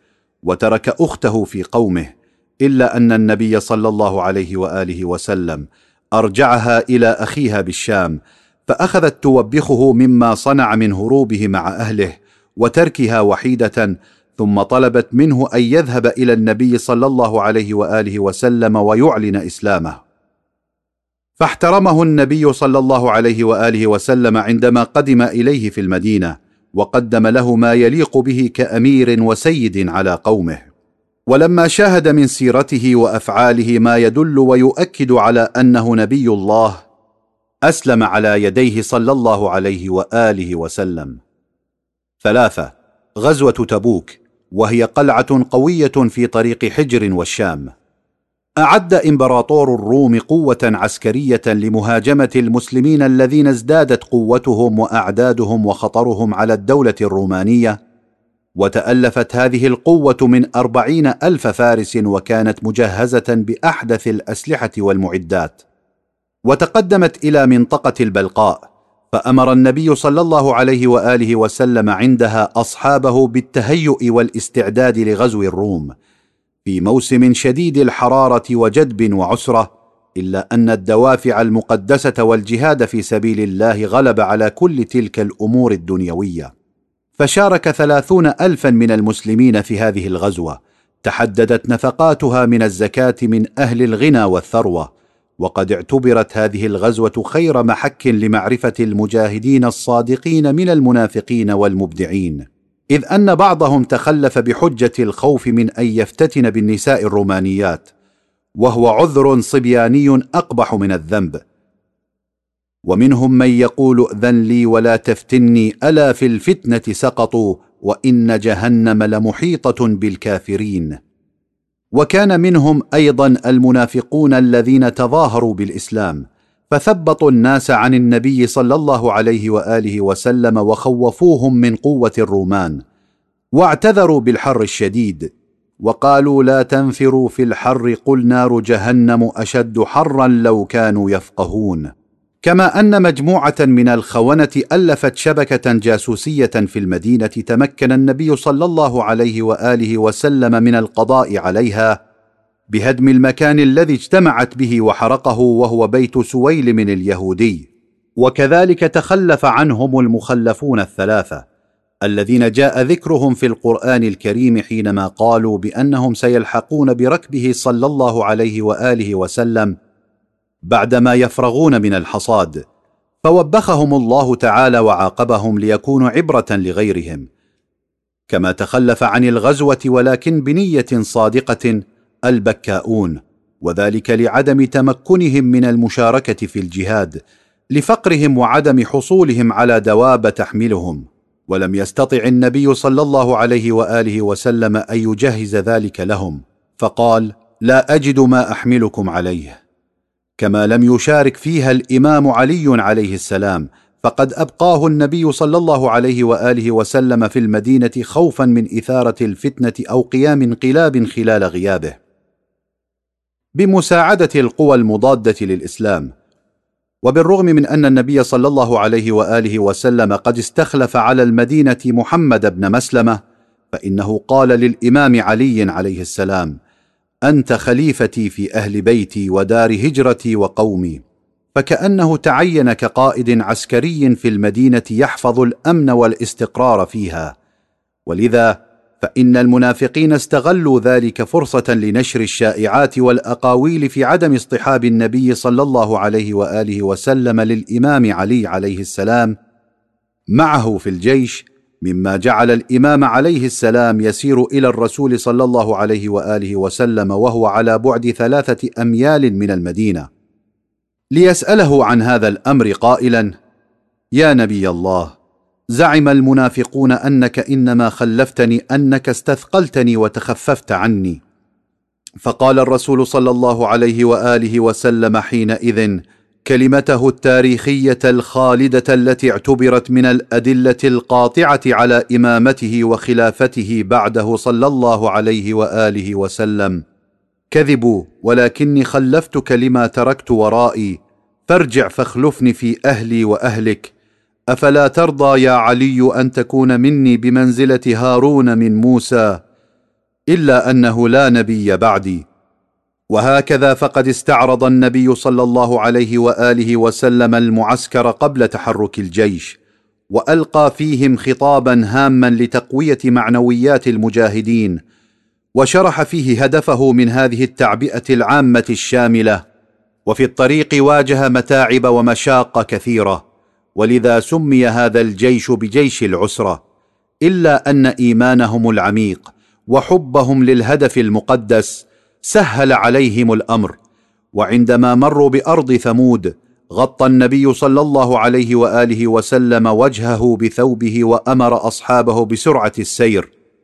لا تدخلوا بيوت الذين ظلموا إلا وأنتم باكون خوفا أن يصيبكم مثل ما أصابهم.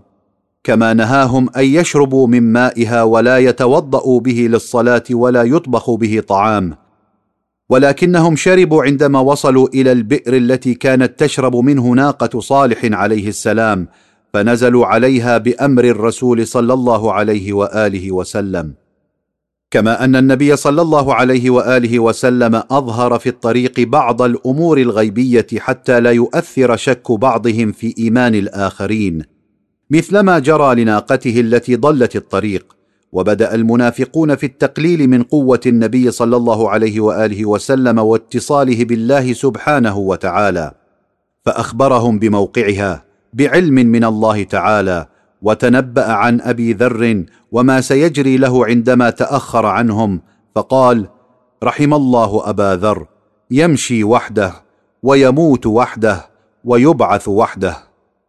على كل حال وصل الجيش في مطلع شهر شعبان إلى أرض تبوك دون أن يجدوا اثرا لجيش الروم الذي كان قد انسحب إلى داخل بلاده مفضلا عدم مواجهة المسلمين. ومؤكدين حيادهم تجاه الحوادث والوقائع التي تجري في الجزيرة العربية. فجمع النبي صلى الله عليه وآله وسلم القادة وشاورهم في أمر التقدم في أرض العدو أو العودة إلى العاصمة.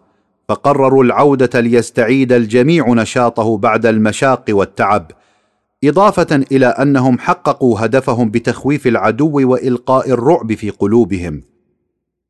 فقالوا للنبي صلى الله عليه وآله وسلم إن كنت أمرت بالسير فسر. فقال صلى الله عليه وآله وسلم لو أمرت به ما استشرتكم فيه. فاحترم الرسول صلى الله عليه وآله وسلم آراء هؤلاء وقرر العودة إلى المدينة. ورأى النبي صلى الله عليه وآله وسلم أن الوقت مناسب للاتصال ببعض حكام ورؤساء المناطق الحدودية. ليعقد معهم معاهدات أمن وعدم اعتداء. ليأمن جانبهم فاتصل شخصيا بزعماء أيلة واذرح والجرباء. وعندما قدم يوحنا بن رؤبة زعيم أيلة إلى النبي صلى الله عليه وآله وسلم قدم له فرسا أبيض وأعلن عن طاعته له صلى الله عليه وآله وسلم. فاحترمه صلى الله عليه وآله وسلم وصالحه وكساه بردا يمانيا. وقبل أن يدفع جزية قدرها ثلاثمائة دينار سنويا على أن يبقى على دينه المسيحي ووقع الطرفان على كتاب أمان فضمن بذلك أمن المنطقة الإسلامية شمالا. وفي طريق تبوك تقع منطقة دومة الجندل ذات الخضرة والماء وتبعد عن الشام خمسين فرسخا وعن المدينة عشرة أميال. حكمها رجل مسيحي هو اكيدر بن عبد الملك فأرسل النبي صلى الله عليه وآله وسلم قوة بقيادة خالد بن الوليد لإخضاعه. فتمكن من السيطرة عليهم وإحضار أكيدر إلى الرسول صلى الله عليه وآله وسلم. فأعلن خضوعه وقبل دفع الجزية والبقاء على دينه وكتب عهدا وصالحه وأهداه ثم أوصله إلى بلده بحراسة خاصة. فانتهت بذلك الأعمال العسكرية في تبوك ويمكن تقييم نتائج تلك العمليات العسكرية كما يأتي. واحد إبراز مكانة وسمعة الجيش الإسلامي في المناطق الخارجية مما أثر في القبائل هناك فتسارعوا بالقدوم والوفود على الرسول صلى الله عليه وآله وسلم بعد عودته من تبوك لتعلن خضوعها وطاعتها حتى سمي ذلك العام بعام الوفود. اثنان ضمان أمن الحدود بعد توقيع المعاهدات والاتفاقيات مع حكام تلك المناطق.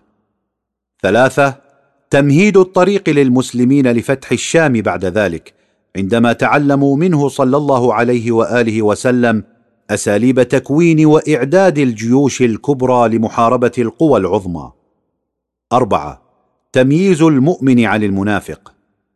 وبعد أن مكث صلى الله عليه وآله وسلم عشرين يوما في تبوك توجه إلى المدينة إلا أن اثني عشر منافقا تآمروا لاغتيال النبي صلى الله عليه وآله وسلم قبل أن يصل إلى عاصمته.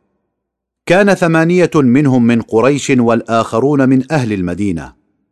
وذلك بتنفير ناقته في العقبة بين المدينة والشام ليطرحوه في الوادي غير أنه صلى الله عليه وآله وسلم علم بمؤامرتهم فأرعبهم بصياحه فيهم.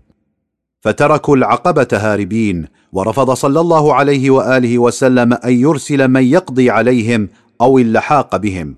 ثم وصل الجيش إلى المدينة فرحين مسرورين معتزين بما حققوه من انتصار على الأعداء وإلقاء الرعب في قلب دولة كبيرة. ولما أرادوا التفاخر والتباهي على الذين تخلفوا بعذر وقلوبهم مع جنود الإسلام فإن النبي صلى الله عليه وآله وسلم منعهم من ذلك لأن النية الصالحة والفكر الطيب يقوم مقام العمل الصالح الطيب. ثم أقدم صلى الله عليه وآله وسلم على معاقبة الثلاثة الذين تخلفوا عن الجيش بأعذار واهية وهم هلال بن أمية كعب بن مالك ومرارة بن الربيع. فقد أعرض بوجهه الكريم عنهم ولم يكترث بهم حينما قدموا التهنئة بعودتهم مظفرين. وقال فيهم لا تكلموا أحدا من هؤلاء الثلاثة مما أثر في التعامل معهم تجاريا فكسدت بضاعتهم وانقطعت روابطهم مع أقاربهم فأثر ذلك في نفسياتهم حتى إذا ضاقت عليهم الأرض بما رحبت وضاقت عليهم أنفسهم. فقاموا بالتوبة إلى الله فأعلن النبي صلى الله عليه وآله وسلم عفوه عنهم ورفع المقاطعة عنهم. وكانت هذه آخر معركة اشترك فيها الرسول صلى الله عليه وآله وسلم إذ لم يشارك بعدها في أي قتال. أربعة مسجد ضرار. أصبح أبو عامر والد حنظلة غسيل الملائكة الذي استشهد في أحد من المتعاونين مع المنافقين الذين خططوا دائما للتخريب وإفساد أعمال الإسلام. ولذا قرر النبي صلى الله عليه وآله وسلم اعتقاله فهرب إلى مكة ومنها إلى الطائف ثم إلى الشام. فقاد منها شبكة تجسسية لصالح المنافقين وكتب في إحدى رسائله إلى جماعته يطلب منهم أن يبنوا مسجدا في قباء في مقابل مسجد المسلمين ليتخذوه مركزا لتخطيط وتنفيذ مؤامراتهم. وكان النبي صلى الله عليه وآله وسلم قد رفض من قبل طلبهم هذا قبل مسيره إلى تبوك فاستغلوا غيابه فأقاموه. ولما عاد النبي صلى الله عليه وآله وسلم طلبوا منه أن يؤدي ركعتين فيه ليسبغوا عليه الصفة الشرعية. إلا أن جبرائيل عليه السلام أوحى إليه صلى الله عليه وآله وسلم بحقيقة الأمر والنية وسماه مسجد ضرار ووصفه بأنه مركز لإيجاد الفرقة والتآمر بين المسلمين والذين اتخذوا مسجدا ضرارا وكفرا وتفريقا بين المؤمنين وإرصادا لمن حارب الله ورسوله من قبل وليحلفن إن أردنا إلا الحسنى والله يشهد إنهم لكاذبون. لا تقم فيه ابدا لمسجد أسس على التقوى من أول يوم أحق أن تقوم فيه فيه رجال يحبون أن يتطهروا والله يحب المطهرين. مما دعا الرسول صلى الله عليه وآله وسلم أن يأمر فورا بتدميره وإحراقه وتسويته بالأرض فتحول مكانه إلى مزبلة فيما بعد. وكان ذلك ضربة قوية للمنافقين إذ انتهى حزبهم الخبيث وهلك حاميهما الوحيد عبد الله بن أبي بعد شهرين من غزوة تبوك.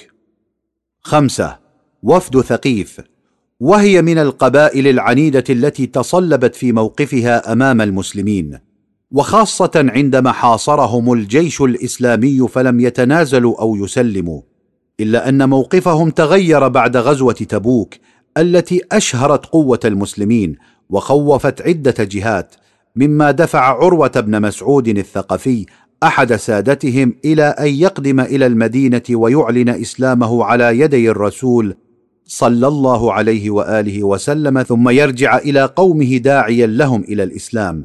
فرشقوه بالنبال والسهام حتى استشهد. إلا أن موقفهم المتصلب تغير بعد فترة حينما علموا أن مصالحهم التجارية وغيرها معرضة للخطر إذا لم يحسنوا علاقاتهم بالمسلمين.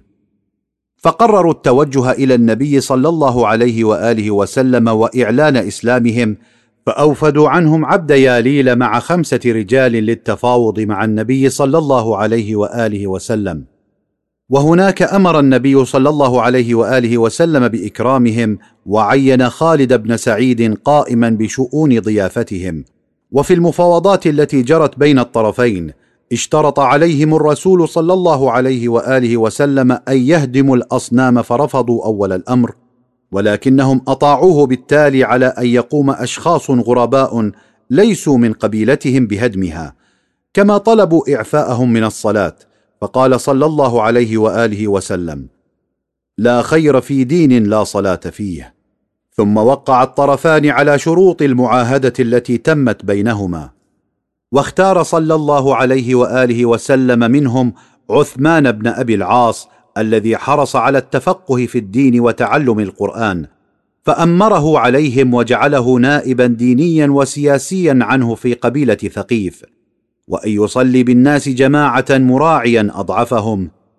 يا عثمان تجاوز في الصلاة أي خفف الصلاة وأسرع فيها وأقدر الناس بأضعفهم فإن فيهم الكبير والصغير والضعيف وذا الحاجة. ثم كلف صلى الله عليه وآله وسلم أبا سفيان والمغيرة بن شعبة للتوجه معهم لهدم الأصنام هناك. ستة. إعلان البراءة من المشركين في منى في أواخر هذا العام. التاسع من الهجرة. نزل جبرائيل عليه السلام على النبي صلى الله عليه وآله وسلم مع عدة آيات من سورة البراءة. يطلب أن يتلوها رجل يختاره الرسول صلى الله عليه وآله وسلم في موسم الحج.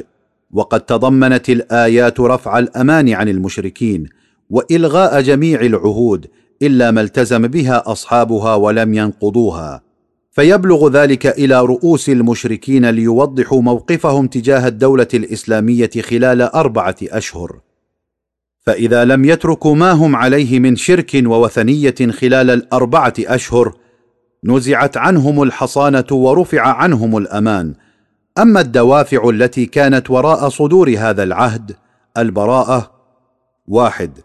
كان التقليد السائد عند العرب جاهليا أن يعطي الزائر الكعبة ثوبه الذي يدخل به مكة إلى فقير ويطوف بثوب آخر. وإذا لم يكن له ثوب آخر فإنه يستعيره ليطوف به حول البيت. وإن لم يجد طاف عريانا بادي السوءه حتى لو كانت امرأة فإنها تطوف عارية بالبيت على مرأ من الناس وهو الأمر الذي انطوى على نتائج سيئة.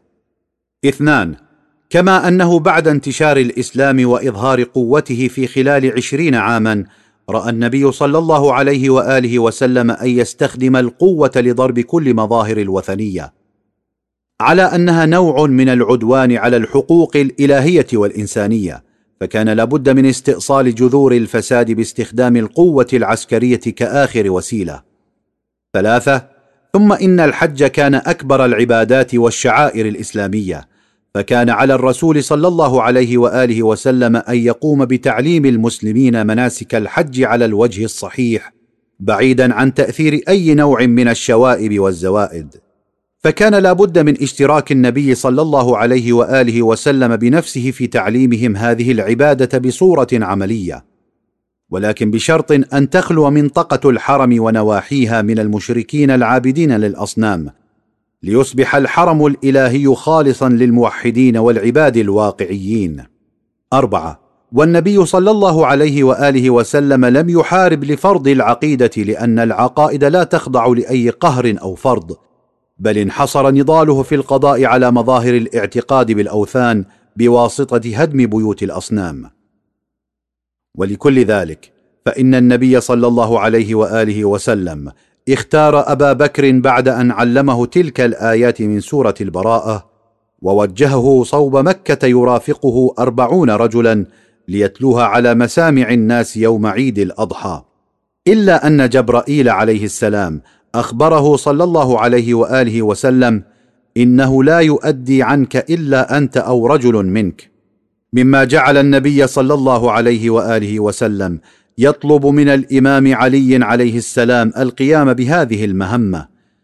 الحق أبا بكر فخذ براءة من يده وامض بها إلى مكة وانبذ بها عهد المشركين إليهم أي اقرأ على الناس الوافدين إلى منى من شتى أنحاء الجزيرة العربية براءة بما فيها النقاط الأربع التالية. واحد لا يدخل المسجد مشرك. اثنان لا يطوف بالبيت عريان. ثلاثة لا يحج بعد هذا العام مشرك. أربعة من كان له عهد عند الرسول صلى الله عليه وآله وسلم فهو له إلى مدته. أن يحترم ميثاقه وماله ونفسه إلى يوم انقضاء العهد. ومن لم يكن له عهد ومدة من المشركين فإلى أربعة أشهر. فإن أخذناه بعد أربعة أشهر قتلناه. ويسري هذا ابتداء من اليوم العاشر من ذي الحجة. ويعني هذا أن هذا الفريق من المشركين عليه أن يحدد موقفه من الدولة الإسلامية.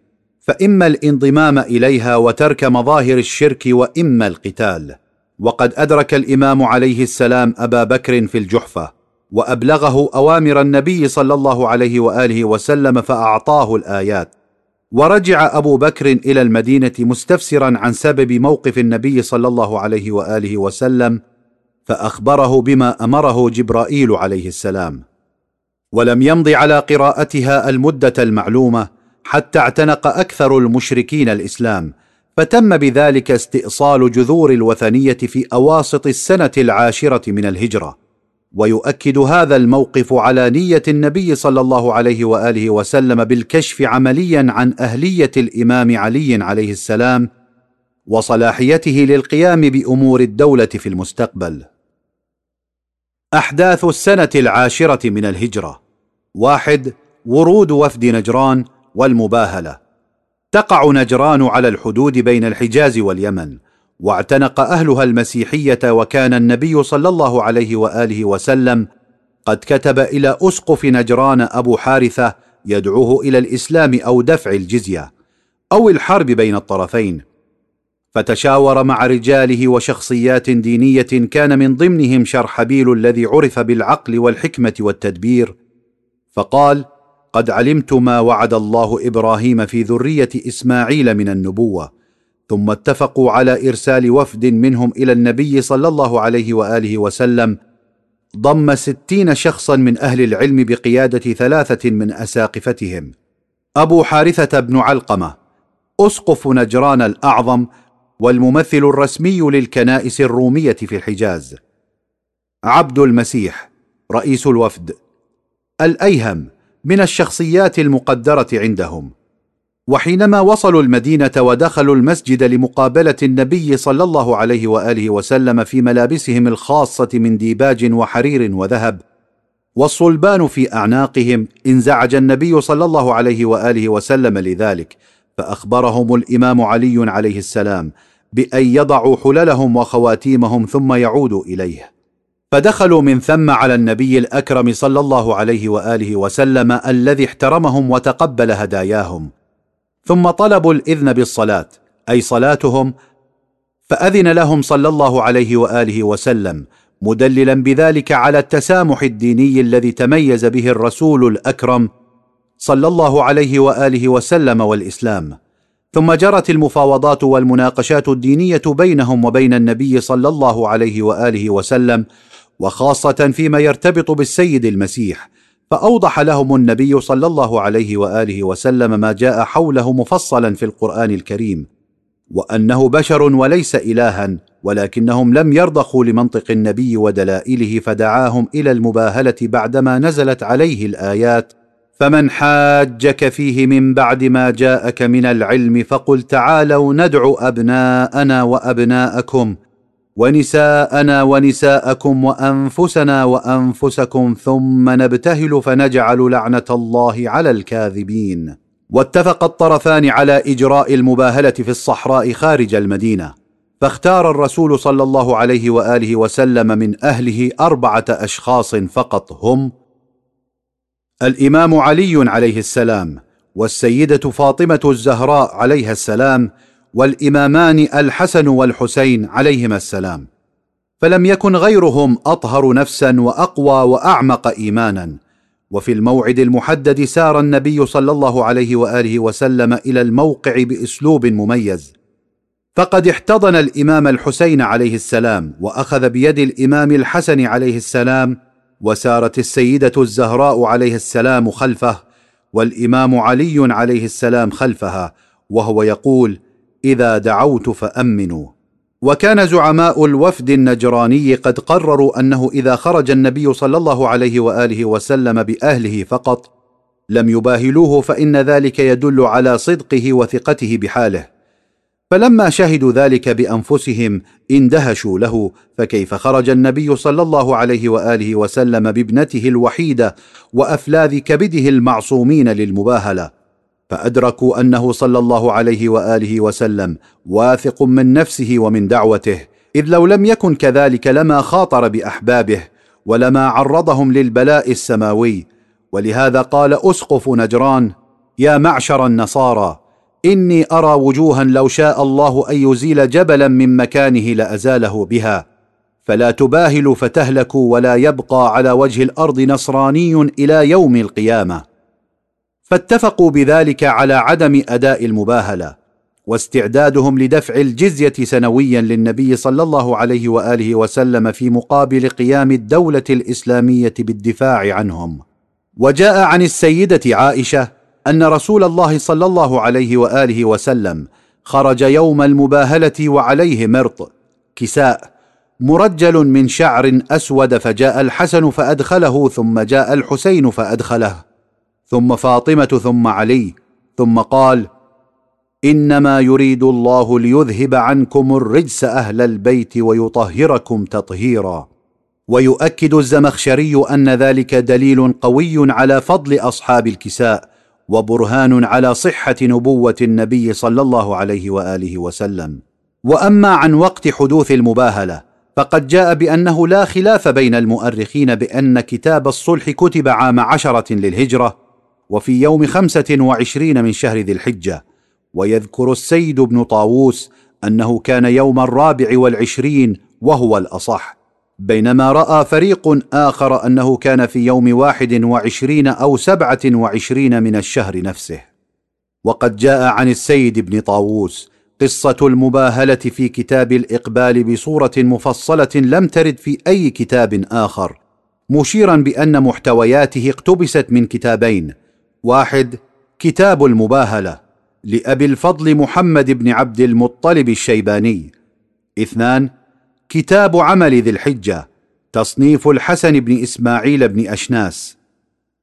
أما رأينا حول توقيت المباهلة فإن الدراسة العلمية تثبت أن الواقعة لم تحدث في شهر ذي الحجة عام عشرة للهجرة. إن الرسول صلى الله عليه وآله وسلم كان قد توجه إلى مكة لتعليم مناسك الحج في هذه السنة وفي اليوم الثامن عشر من هذا الشهر وهو يوم الغدير نصب عليا عليه السلام في غدير خم خليفة على المسلمين من بعده. ولم تكن حادثة الغدير بالأمر الهين حتى يتابع النبي صلى الله عليه وآله وسلم سفره فورا إلى المدينة. إذ أنه نصب خيمة جلس فيها الإمام علي عليه السلام ليدخل عليه المهنئون واستمر ذلك حتى ليلة تسعة عشر من ذي الحجة حيث بدأت أمهات المؤمنين في التهنئة عند نهاية المراسيم فلا يمكن لذلك أن يغادر الرسول صلى الله عليه وآله وسلم غدير خم في يوم تسعة عشر.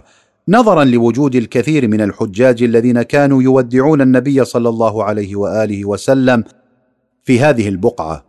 والشواهد التاريخية تؤكد أن النظرية المذكورة في توقيت المباهلة لا تحظى بالاعتبار الكافي فلا بد لمعرفة زمن الحادثة التي هي من مسلمات القرآن والتفسير والحديث.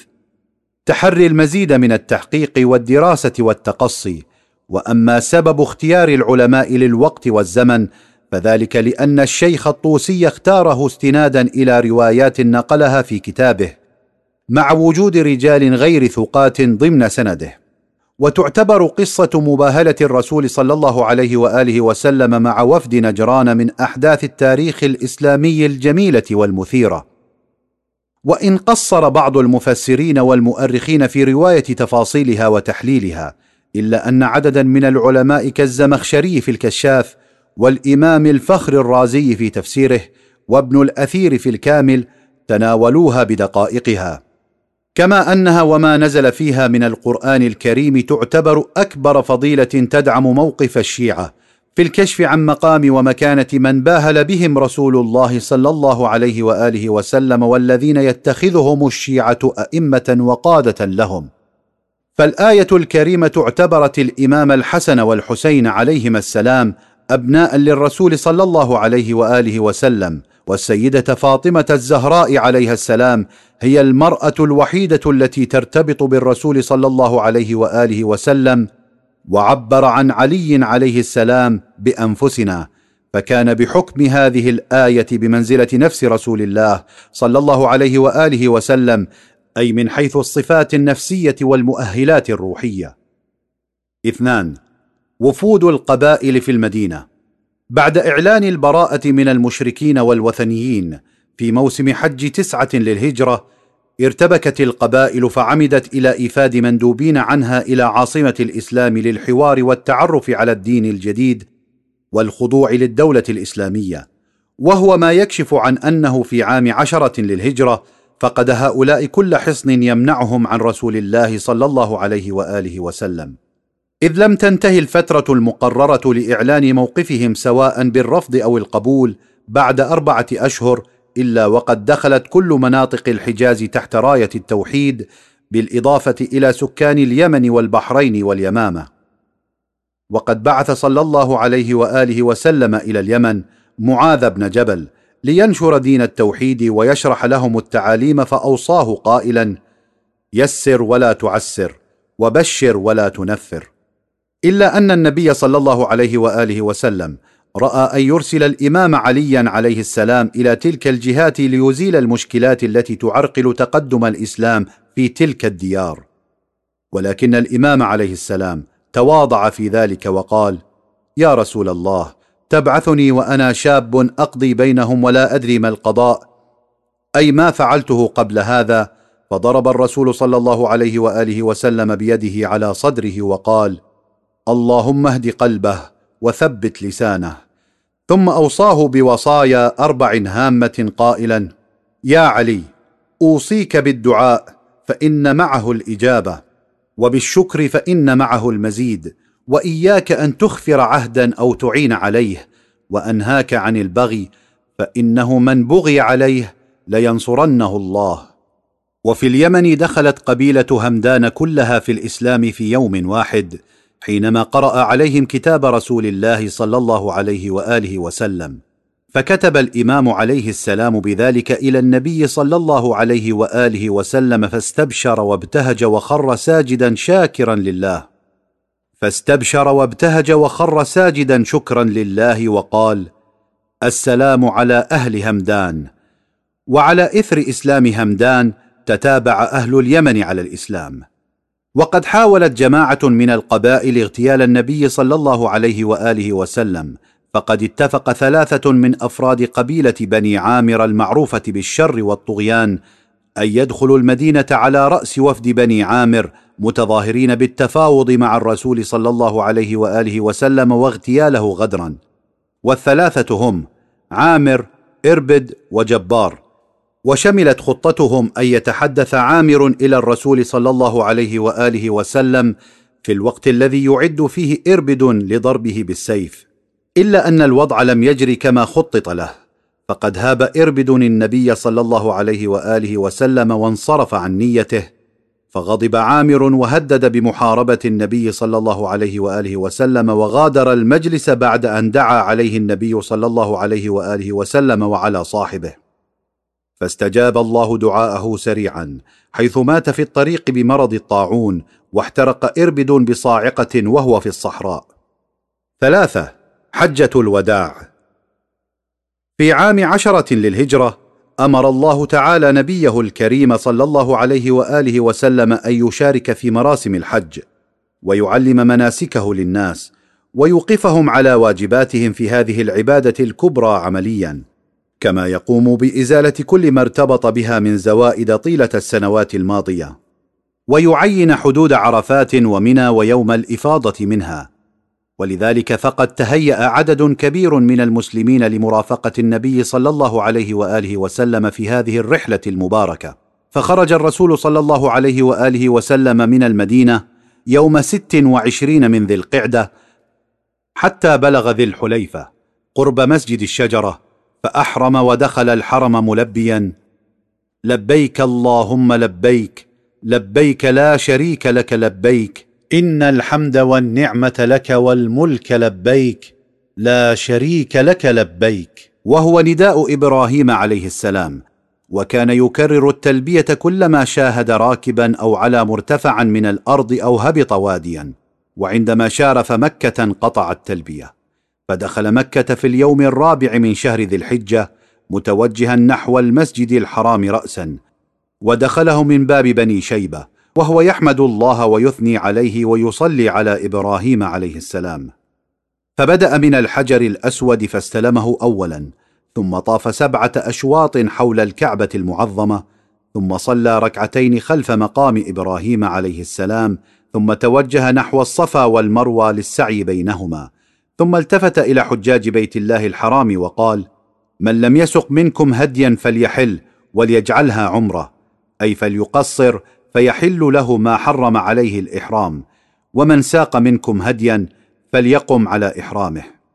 إلا أن البعض منهم كره أن يحل إحرامه والنبي محرم فأمرهم بتنفيذ ما قال لو كنت استقبلت من أمري ما استدبرت لفعلت كما أمرتكم أي أنني لو كنت أعلم بالمستقبل وعرفت موقف الناس المتردد وخلافهم هذا من قبل لما سقت الهدي وفعلت ما فعلتموه ولكن ما العمل وقد سقت الهدي فلا يمكنني الإحلال من الإحرام حتى يبلغ الهدي محله.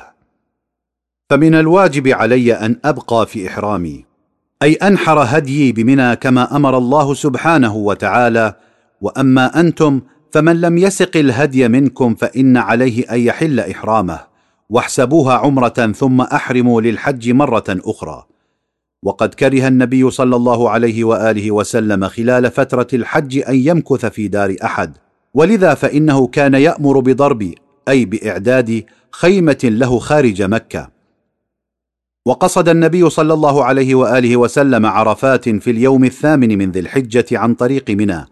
التي توقف فيها إلى طلوع الشمس من اليوم التاسع فركب بعيره نحو عرفات ونزل في خيمة أعدت له في نمرة وألقى هناك خطابا تاريخيا هاما وهو على ناقته.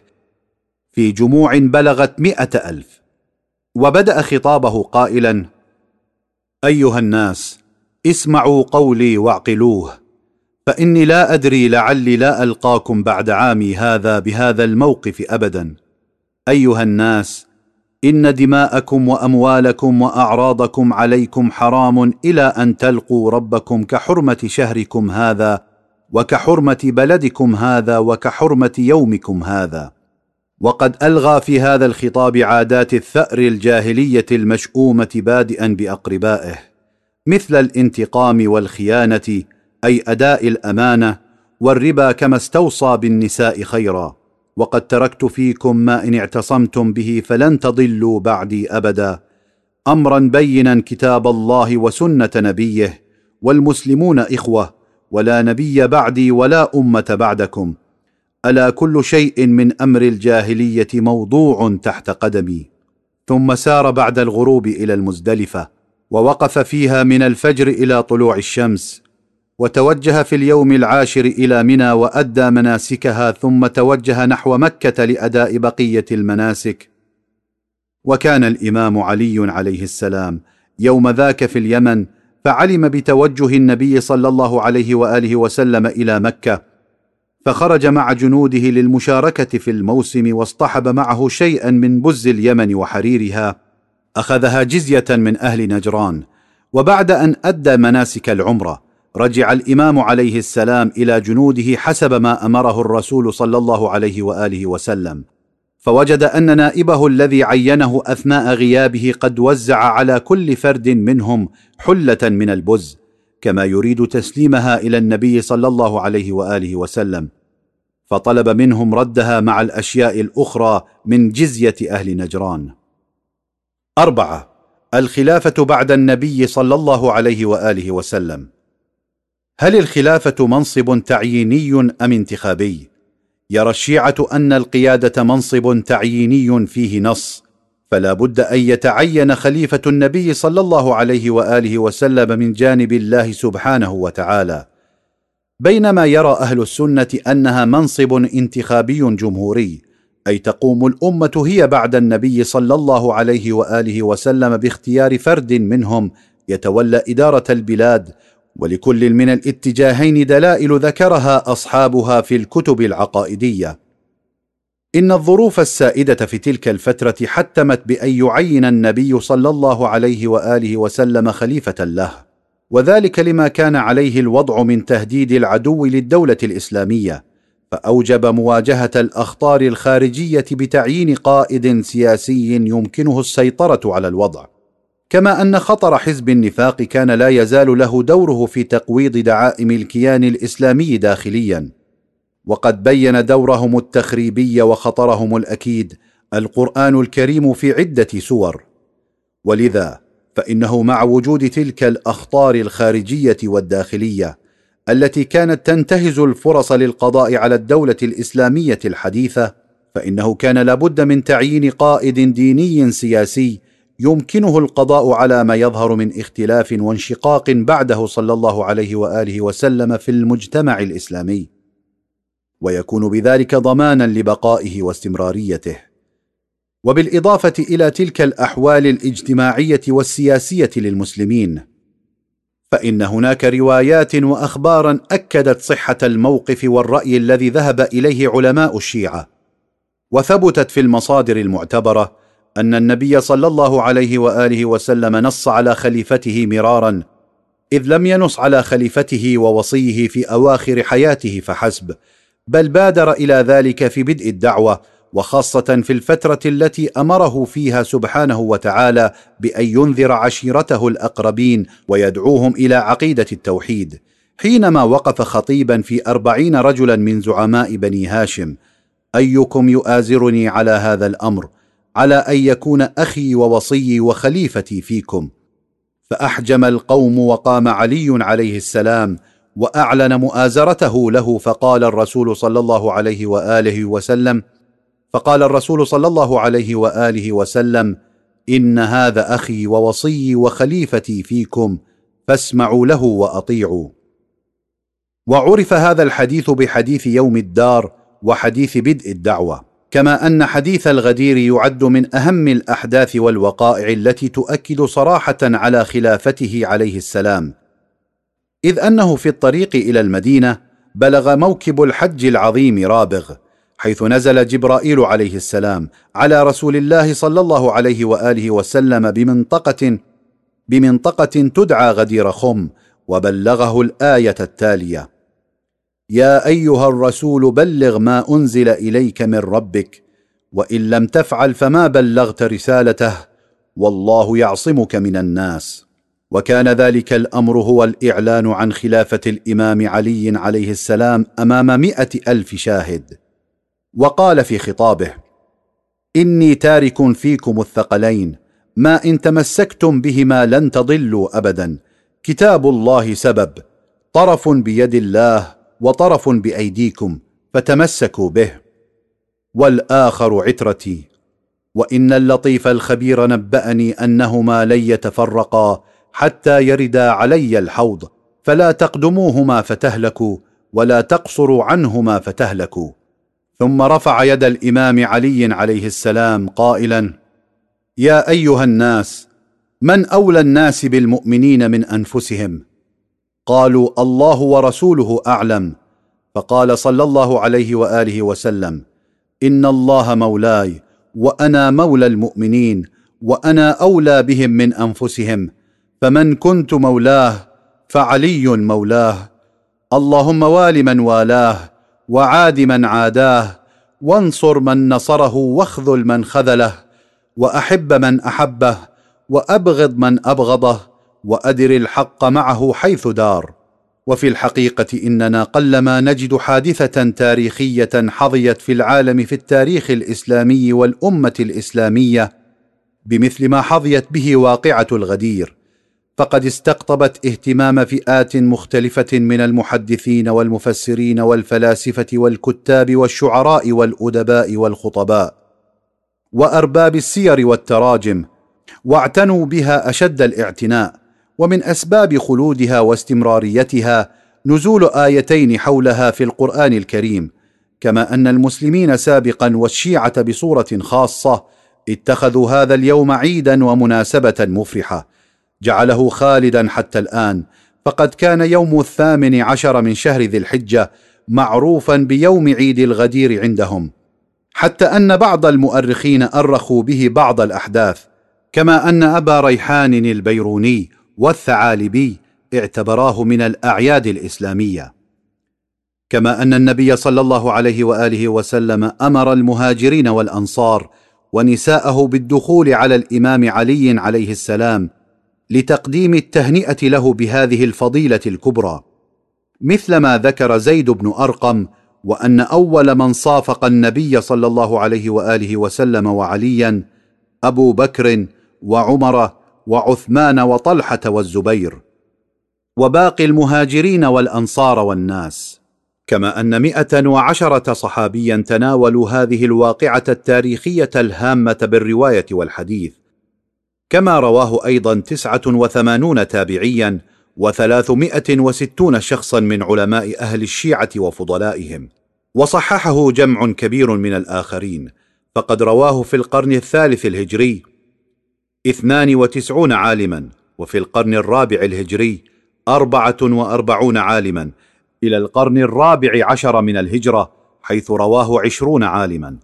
وألف الطبري في ذلك كتابا أسماه الولاية في طرق حديث الغدير روى فيه الحديث عن النبي صلى الله عليه وآله وسلم بسبعة وخمسين سندا كما رواه عدد من علماء الحديث أمثال ابن حجر العسقلاني وأبو سعيد السجستاني والنسائي وأبو العلاء الهمداني وبلغ عدد من ألف رسالة خاصة أو كتابا مستقلا حول الواقعة وتفاصيلها ستة وعشرون شخصا. أما علماء الشيعة فقد تناولوا فيها كتبا ومؤلفات قيمة. أشملها الغدير الذي كتبه العلامة القدير آية الله الشيخ الأميني. وبعد نزول الآية السابقة والإجراءات التي أقدم عليها النبي صلى الله عليه وآله وسلم نزلت الآية اليوم أكملت لكم دينكم وأتممت عليكم نعمتي ورضيت لكم الإسلام دينا.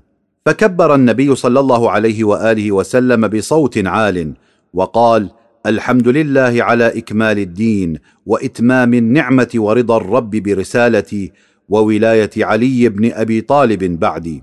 ثم قام حسان بن ثابت الأنصاري واستأذن النبي صلى الله عليه وآله وسلم في أن ينشد اشعارا بهذه المناسبة. خمسة المرتدون من المتنبئين.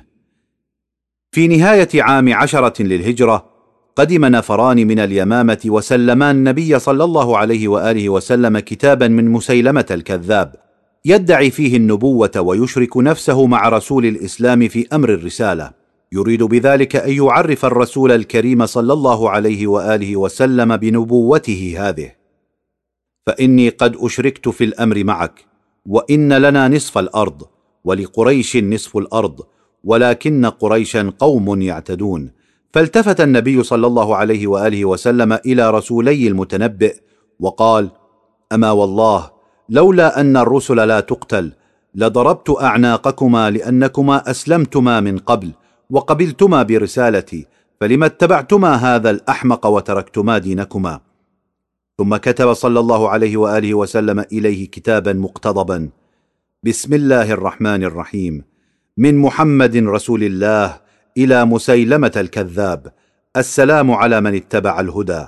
أما بعد فإن الأرض لله يورثها من يشاء من عباده والعاقبة للمتقين. كما ادعى النبوة في نفس الوقت الأسود بن كعب العنسي في اليمن إلا أن الخلفاء من بعد الرسول صلى الله عليه وآله وسلم تمكنوا من القضاء على تلك الحركات المرتدة إذ أنها كانت أول أعمال الخلفاء. ستة الأخطار الخارجية. وكان خطر الروم أشد الأخطار الخارجية. فاعتبره النبي صلى الله عليه وآله وسلم أمرا جديا لا يمكن التقليل من شأنه. ولذا فإنه أعد جيشا كبيرا في السنة الثامنة للهجرة لمحاربتهم كما سار إلى تبوك في السنة التاسعة للهجرة لإظهار قوة المسلمين أمامهم. ثم رأى بعد حجة الوداع أن يعد جيشا من المهاجرين والأنصار واشترك فيه أشخاص بارزون في الدولة أمثال أبي بكر وعمر وأبي عبيدة وسعد بن أبي وقاص. وكل من هاجر إلى المدينة خاصة وأمر بقيادته أسامة بن زيد وقال له سر إلى موضع قتل أبيك فأوطئهم الخيل فقد وليتك هذا الجيش فاغزو صباحا وشن الغارة على أهل أنبا. وقد أراد النبي صلى الله عليه وآله وسلم بتعيين قائد صغير السن على هذا الجيش الكبير أن يؤكد أساس الكفاءة الشخصية في تولي المناصب والمسؤوليات. فهي لا ترتبط بالسن والعمر بل بالكفاءة والمؤهلات المطلوبة. ولذا فإنه لم يكن هناك مبرر لاعتراض البعض على تولي قيادته من حيث السن وعمر الشباب. ذلك أن هؤلاء غفلوا عن المصالح والأهداف التي توخاها الرسول صلى الله عليه وآله وسلم من هذا الإجراء. فقدروا كل عمل بعقولهم المحدودة وقايسوها بمقاييسهم الشخصية مما أثر ذلك في تأخير تحرك الجيش من معسكر الجرف الذي استقر به أسامة منتظرا من سيلحق به من المسلمين. سبعة مرض النبي صلى الله عليه وآله وسلم.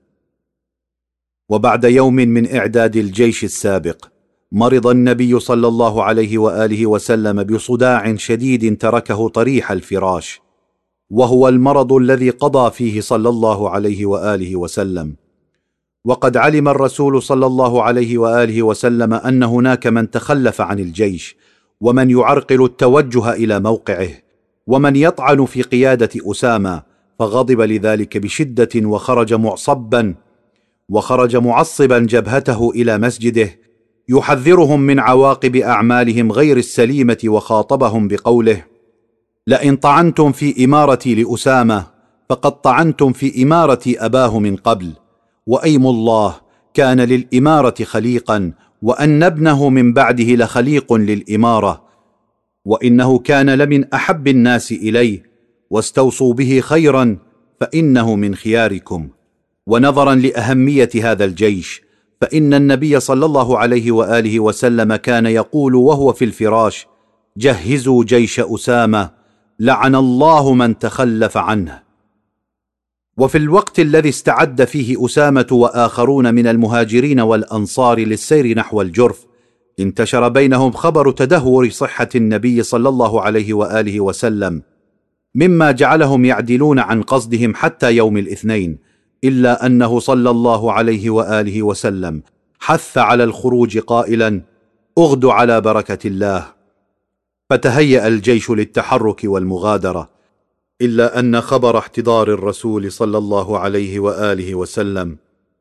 جعلهم يعودون إلى المدينة متجاهلين أوامر النبي صلى الله عليه وآله وسلم.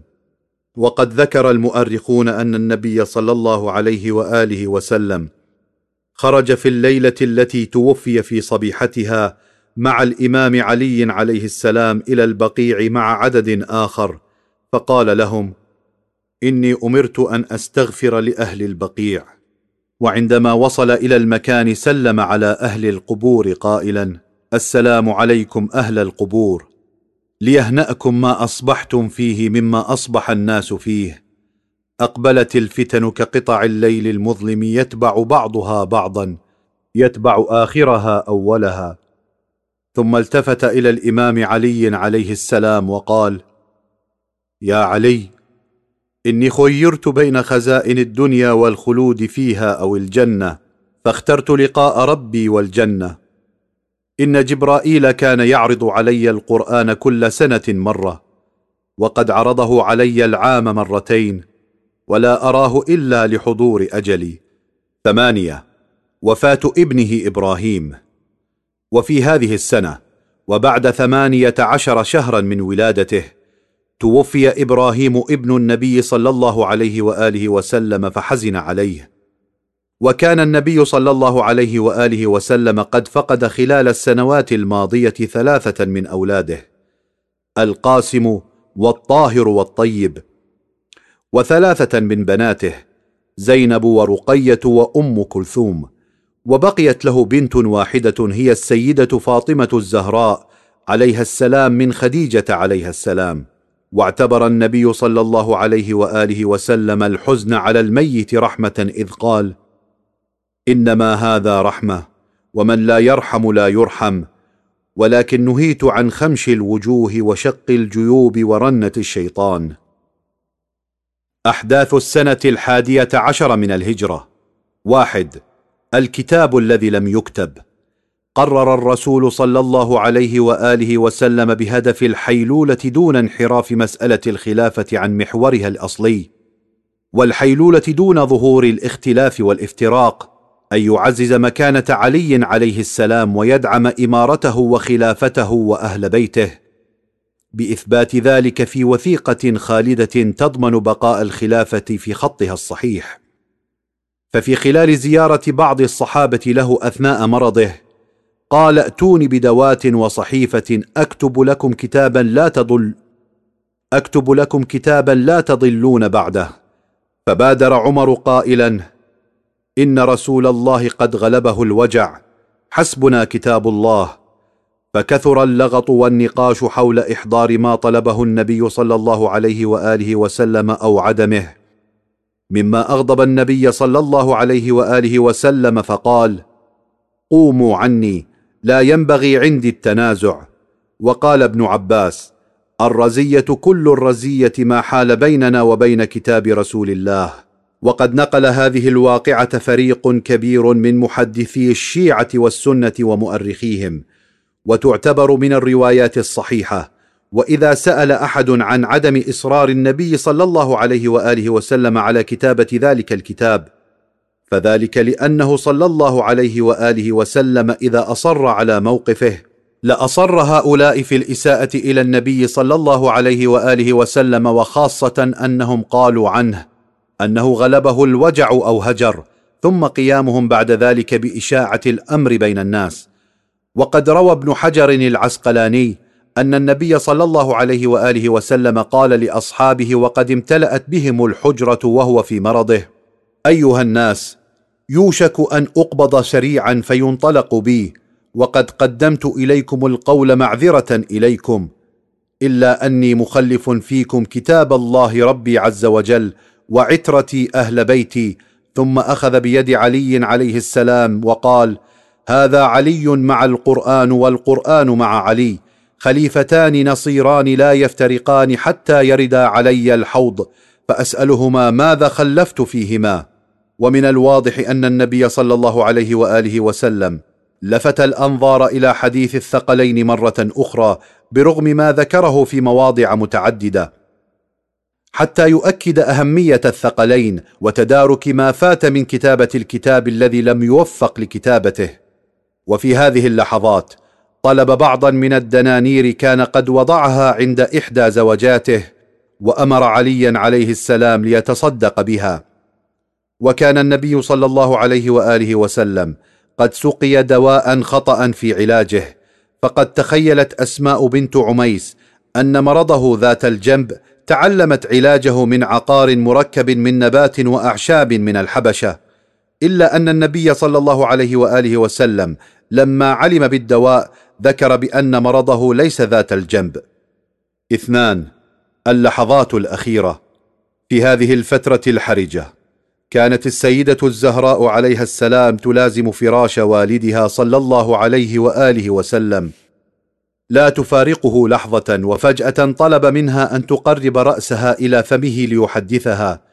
فراح يكلمها بصوت خفيف لم يعرف ولكن الزهراء عليها السلام بكت بشدة إلا أن النبي صلى الله عليه وآله وسلم أشار إليها مرة أخرى فحدثها بشيء آخر فرحت به وتبسمت مستبشرة ولم تكشف عن ذلك إلا بعد وفاة النبي صلى الله عليه وآله وسلم بناء على إصرار عائشة. أخبرني رسول الله صلى الله عليه وآله وسلم أنه قد حضر أجله وأنه يقبض في وجعه فبكيت ثم أخبرني أني أول أهله لحوقا به فضحكت. وفي آخر لحظة من حياته الشريفة طلب الإمام عليا عليه السلام قائلا ادعوا لي أخي. فعرف الجميع بأنه يريد عليا عليه السلام فدعوا له عليا. فقال له أدن مني. فدنا منه فاستند إليه فلم يزل مستندا إليه يكلمه.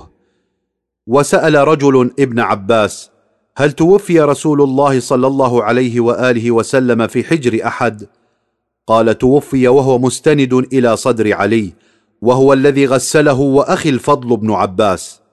وقيل إن آخر جملة نطق بها الرسول صلى الله عليه وآله وسلم هي لا إلى الرفيق الأعلى فكأن ملك الموت خيره عند قبض روحه الشريفة في أن يصح من مرضه أو يلبي دعوة ربه فاختار اللحاق بربه. وسأل كعب الأحبار عن آخر كلمة قالها الرسول صلى الله عليه وآله وسلم. فقال الإمام علي عليه السلام أنه قال الصلاة الصلاة وقد ترك الدنيا صلى الله عليه وآله وسلم. يوم الاثنين الثامن والعشرين من صفر فسجي ببرد يماني ووضع في حجرته بعض الوقت وارتفعت صرخات العيال وعلى بكاء الأقارب وانتشر نبأ وفاته في كل أنحاء المدينة التي تحولت إلى مأتم كبير. وقام الإمام علي عليه السلام بغسل جسده الشريف وكفنه إذ أنه كان قد ذكر يغسلني أقرب الناس إليه وصلى عليه مع المسلمين وتقرر دفنه في حجرته المباركة وحفر قبره أبو عبيدة بن الجراح وزيد بن سهل ودفنه الإمام علي عليه السلام يساعده الفضل بن العباس. ولما فرغ الإمام عليه السلام من غسله صلى الله عليه وآله وسلم كشف الإزار عن وجهه صلى الله عليه وآله وسلم وقال والدموع تنهمر من عينيه. بأبي أنت وأمي طبت حيا وطبت ميتا انقطع بموتك ما لم ينقطع بموت أحد ممن سواك من النبوة والأنباء. ولولا أنك أمرت بالصبر ونهيت عن الجزع لأنفدنا عليك ماء الشؤون ولكان الداء مماطلا والكمد محالفا وقلى لك ولكنه ما لا يملك رده ولا يستطاع دفعه. بأبي أنت وأمي اذكرنا عند ربك واجعلنا من بالك. وهكذا غربت شمس أعظم شخصية غيرت مسار التاريخ البشري بتضحياته الكبرى وجهوده المضنية. وأعظم رسول إلهي فتح أمام الإنسانية صفحات جديدة ومشرقة من الحضارة والمدنية. ومن هنا فإننا نختم حديثنا هذا بالشكر لله تعالى على هذه النعمة الكبرى. والحمد لله رب العالمين. جعفر السبحاني قم المقدسة الحوزة العلمية شعبان المعظم عام ألف وثلاثمائة وتسعين من الهجرة. الفصل العاشر. حكايات وروايات مؤثرة جاء ذكرها في الكتاب. العادات والتقاليد في جزيرة العرب قبل الإسلام. وأد البنات. متى بدأت عادة وأد البنات؟ وقد تأكد أن بني تميم هي أول قبيلة أقدمت على هذه الجريمة النكراء حينما امتنعوا عن دفع الضرائب لملك الحيرة النعمان بن المنذر فحاربهم واستولى على أموالهم ونسائهم. فكلموه في إرجاع نسائهم فقرر أن تختار المرأة نفسها العودة أو البقاء. فاختار بعضهن البقاء وعدم العودة إلى أهاليهن وخاصة بنت قيس بن عاصم الذي نذر أن يدس كل بنت تولد له منذ ذلك الوقت فسن بذلك لقومه وأد البنات وأخذتها بقية القبائل. وقد سأل النبي صلى الله عليه وآله وسلم قيسا عن عدد البنات اللائي وأدهن في الجاهلية فقال اثنتا عشرة بنتا له بل قيل أكثر من ذلك. وروي عن ابن عباس أن الحامل إذا قربت ولادتها حفرت حفرة فمخضت رأسها فإذا ولدت بنتا رمت بها في الحفرة وإذا كان ولدا حبسته. موقف النبي صلى الله عليه وآله وسلم من الخرافات التي سادت الجزيرة العربية.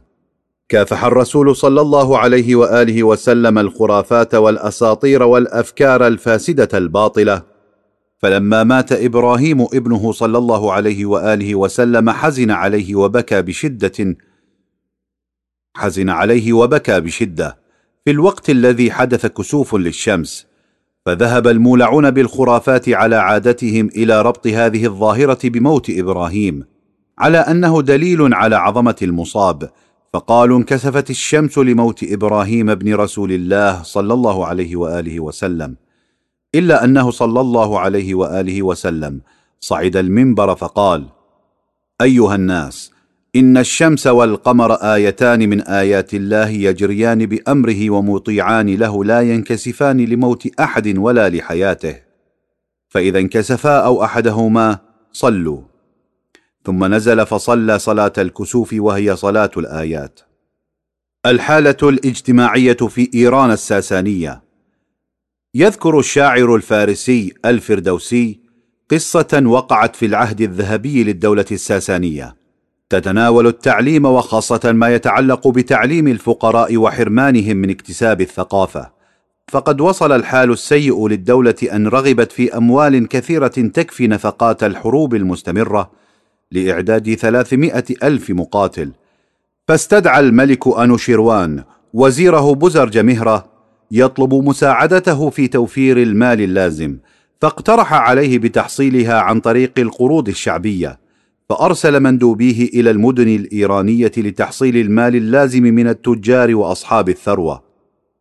وظهر من بينهم رجل حذاء أبدى استعداده لتحمل نفقات الجيش بمفرده بشرط السماح لولده بتحصيل العلم إلا أن الملك غضب على الوزير ونهره قائلا دع هذا! ما أسوأ ما تطلبه. إن هذا لا يكون لأن ابن الحذاء بخروجه من وضعه الطبقي يهدم التقليد الطبقي المتبع فينفرط عقد الدولة ويكون ضرر هذا المال علينا أكثر من نفعه وشره أكثر من خيره. ويستمر الفردوسي في شرحه لهذا الوضع عن لسان انوشروان إذ أصبح ابن الحذاء عالما وكاتبا. فإنه عندما يجلس ولدنا في الحكم واحتاج إلى كاتب فإنه سيضطر إلى تعيين ذلك الولد وهو من عامة الشعب ومن أبناء الطبقه الدنيا في حين جرت العادة أن نستعين بأبناء الأشراف والنبلاء. وإذا حصل هذا الحذاء على العلم والمعرفة حصل على عيون بصيرة وآذان سميعة فيرى ما يجب أن لا يراه ويسمع ما يجب أن لا يسمعه فتحدث الحسرة والأسف لأبناء الملوك بعد إذن. وبذا فإن الملك رفض طلبه وأعاد ماله إليه. وهذا الملك هو ما يصفه البعض بالعدل انوشروان العادل مع أنه لم يحل المشكلة الثقافية في مجتمعه. كما ذكر عنه أنه دفن في القبور أحياء ما يقرب من ثمانين الفا ومائة ألف فرد. خلال فتنة مزدك التي اندلعت بسبب الظلم الاجتماعي والتمايز الطبقي واحتكار الثروات والمناصب وحرمان أكثرية الشعب من حقوقها الأولية. ومن هنا يظهر بطلان الحديث المروي عن النبي صلى الله عليه وآله وسلم ولدت في زمن الملك العادل انوشروان وقد ذكر الكثير عن البذخ والترف في البلاط الساساني من كثرة المجوهرات والأشياء الثمينة والرسوم سحرت العيون وخلبت الألباب ومما اشتهر منها سجادة بيضاء كبيرة فرشت في إحدى الصالات واسمها بهرستان كسرى. إذا جلسوا عليها وقت الشراب وتعاطي الخمر فكأنهم كانوا جالسين في حدائق ورياض صنعت أرضيتها من الذهب ووشيها بفصوص وجواهر وحرير. وكانت ستين في ستين ذراعا وقيل مئة وخمسون في سبعين ذراعا ومنسوجة من خيوط الذهب والمجوهرات الغالية. ومما قيل عن كسرى خسر برويز أنه جمع الأموال ما لم يجمع مثله من الملوك. إذ كان أرغب الناس في اقتناء الجواهر واللآلئ والأواني. حفر زمزم. نزلت عندها قبيلة جرهم التي رأست مكة لسنين طويلة. وتستفيد من مياه العين إلا أنه بعد تفشي المفاسد والشهوات فقد جفت العين وعندما هددت خزاعة جرهم أمر زعيمهم بإلقاء الغزالين الذهبيين والسيوف الغالية المهداة إلى الكعبة في مقر زمزم وملئها بالتراب حتى لا يستولي عليها خصومه ومتى عاد إلى مكة استخرج الكنز واستفاد منه.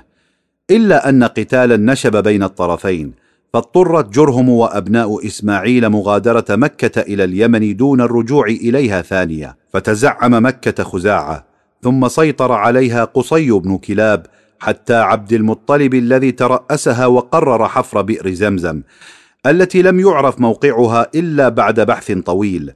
كما أن الآخرين رفضوا انفراده بالحفر طالبين الاشتراك معه في ذلك ليحصلوا على الفخر مثله فقالوا إنها بئر أبينا إسماعيل وإن لنا فيها حقا فأشركنا معك إلا أن عبد المطلب أصر على أن ينفرد في ذلك حتى يمكنه بعد ذلك أن يسبل ماءها فيسقي منها جميع الحجاج دون أن يتاجر بها.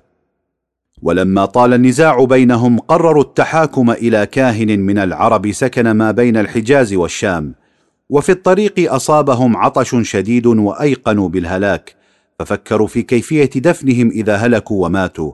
فاقترح عبد المطلب أن يحفر كل واحد حفيرته فإذا مات دفنه الآخرون فلا تبقى أجسادهم طعمة للوحوش والطيور.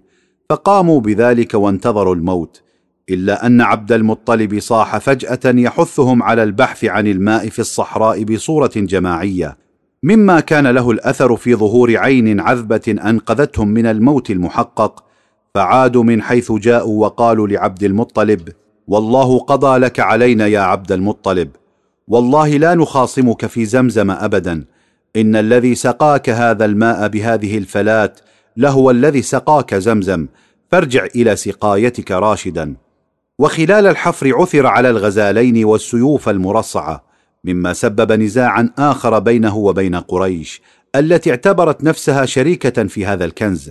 فتقرر اللجوء إلى القرعة لحل المشكلة فخرجت القرعة باسم عبد المطلب فأصبحت الأشياء إليه فصنع من السيوف بابا للكعبة وعلق الغزالين فيها. الوفاء بالعهد والنذر. نذر عبد المطلب إذا رزقه الله عشرة أولاد أن يقدم أحدهم قربانا للكعبة دون أن يخبر احدا بذلك وقد حصل ما أراد فكان لابد من الوفاء بالنذر. فشاور أبناءه بالأمر فوافقوا على أن يختار أحدهم للذبح عن طريق القرعة وتمت القرعة فأصابت عبد الله والد الرسول الأكرم صلى الله عليه وآله وسلم فأخذه إلى مكان الذبح وحينما علمت قريش بذلك حزنوا وبكوا وخاصة الشباب منهم فاقترحوا أن يفدي عبد الله وأظهروا استعدادهم لدفع الفدية إذا جاز ذلك. وبعد أن تحير في هذا الموقف الصعب اقترح عليه أحدهم لا تفعل وانطلق إلى أحد كهنة العرب عسى أن يجد لك حلا. فوافقوا على ذلك فتوجهوا نحو يثرب لملاقاة الكاهن الذي سألهم كم دية المرء عندكم؟ قالوا عشرة من الإبل. فقال ارجعوا إلى بلادكم وقربوا عشرا من الإبل واضربوا عليها وعلى صاحبكم أي عبد الله القداح. فإذا خرجت القرعة على صاحبكم فزيدوا عشرا حتى يرضى ربكم. وإن خرجت على الإبل فانحروها فقد رضي ربكم ونجا صاحبكم وكانت عنه فداء. فأجروا القرعة في مكة في جماعة من الناس. وزادوا عشرا عشرا حتى إذا بلغ عدد الإبل ماءه خرجت القداح على الإبل ونجا عبد الله من الذبح ففرحوا ونحرت الإبل. قضايا عجيبة في فترة طفولة النبي صلى الله عليه وآله وسلم. أرادت حليمة السعدية أن ترضع النبي صلى الله عليه وآله وسلم في حضور أمه.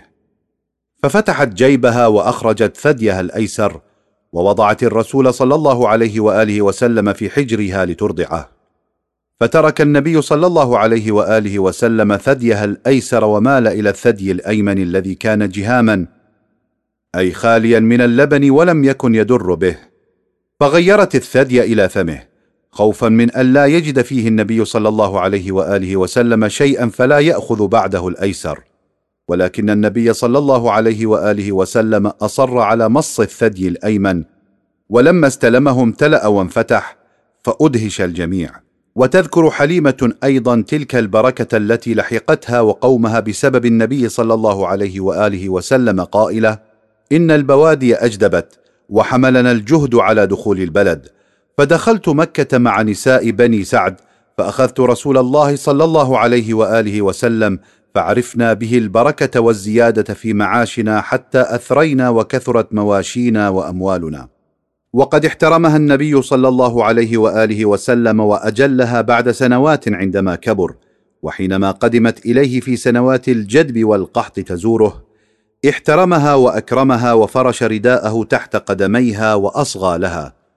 ولما شكت حالها وهلاك مواشيها طلب صلى الله عليه وآله وسلم من السيدة خديجة عليها السلام أن تعطيها بعيرا وأربعين شاة فانصرفت مسرورة.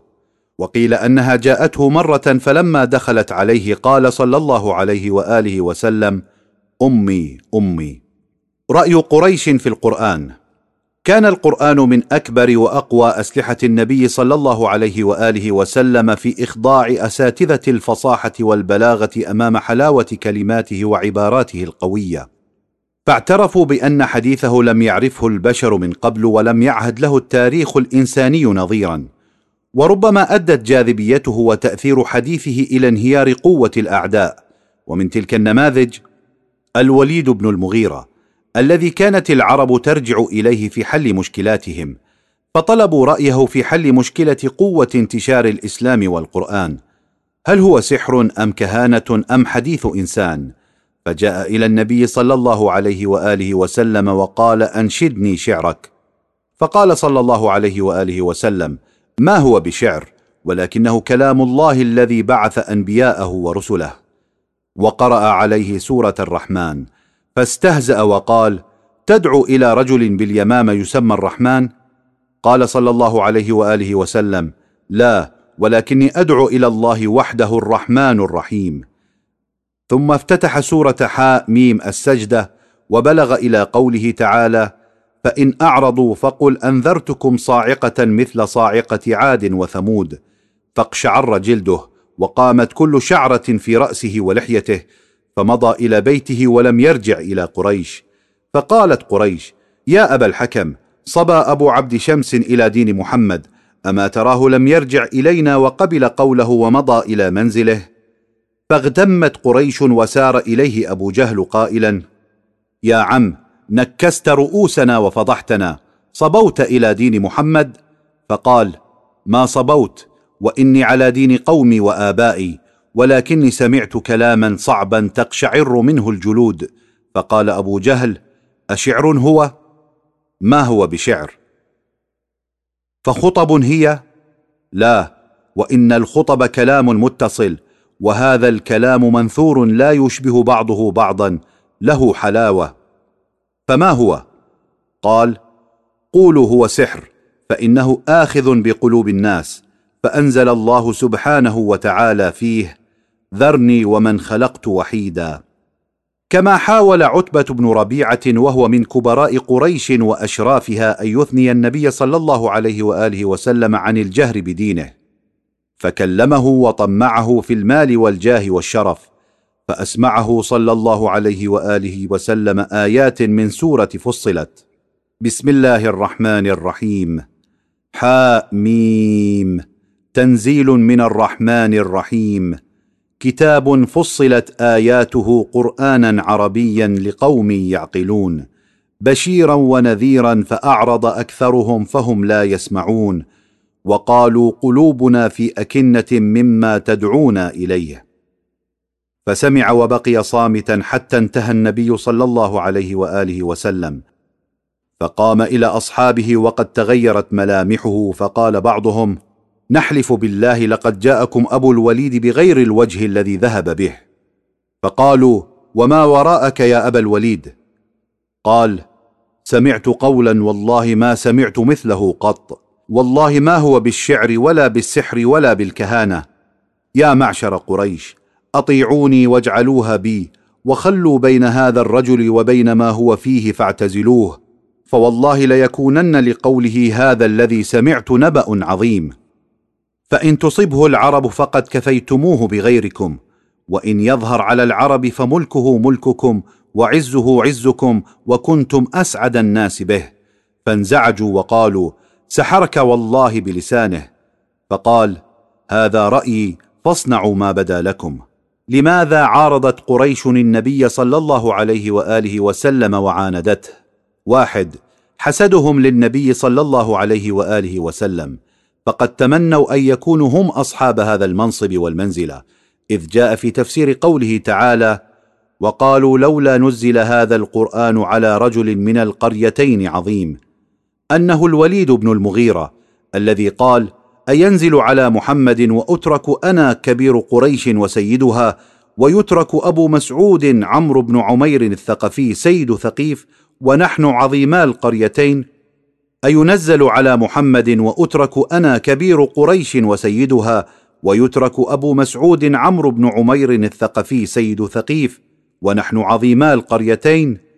وكذلك أمية بن أبي الصلت. قال نفس الشيء وتمنى أن ينال هذا المقام فلم يتبع النبي صلى الله عليه وآله وسلم إلى آخر حياته. اثنان انغماسهم وحبهم للشهوات.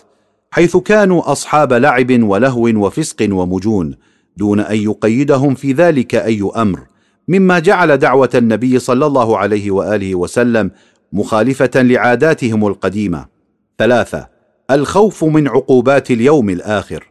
إذ كانت تحدث ضجة كبرى في أوساطهم فيهدم مجالس لهوهم وأنسهم فحاربوه حتى لا يسمعوا تهديده ووعيده كالآيات فإذا جاءت الصاخة يوم يفر المرء من أخيه وأمه وأبيه وصاحبته وبنيه لكل امرئ منهم يومئذ شأن يغنيه. أربعة الخوف من القبائل المشركة. فقد ذكر الحارث بن نوفل بن عبد مناف للرسول صلى الله عليه وآله وسلم إنا لنعلم أن قولك حق ولكن يمنعنا أن نتبع الهدى ونؤمن بك مخافة أن يتخطفنا العرب من أرضنا إن تركنا الوثنية التي تدين بها ويعتبروننا سدنه لأوثانها ولا طاقة لنا بها. عبس وتولى. رأى النبي صلى الله عليه وآله وسلم أن إسلام أحد الزعماء وكبار القوم يحل الكثير من المشاكل. مما جعله يصر على أن يجر الوليد بن المغيرة والد خالد إلى الإسلام إذ كان أكبر سنا في قريش وأكثرهم نفوذا وشخصية. حيث دعي حكيم العرب فكلمه النبي صلى الله عليه وآله وسلم ذات يوم طامعا في إسلامه. وفي الأثناء جاء ابن أم مكتوم وهو رجل من المسلمين وكان أعمى يكلم الرسول صلى الله عليه وآله وسلم ويستقرئه القرآن.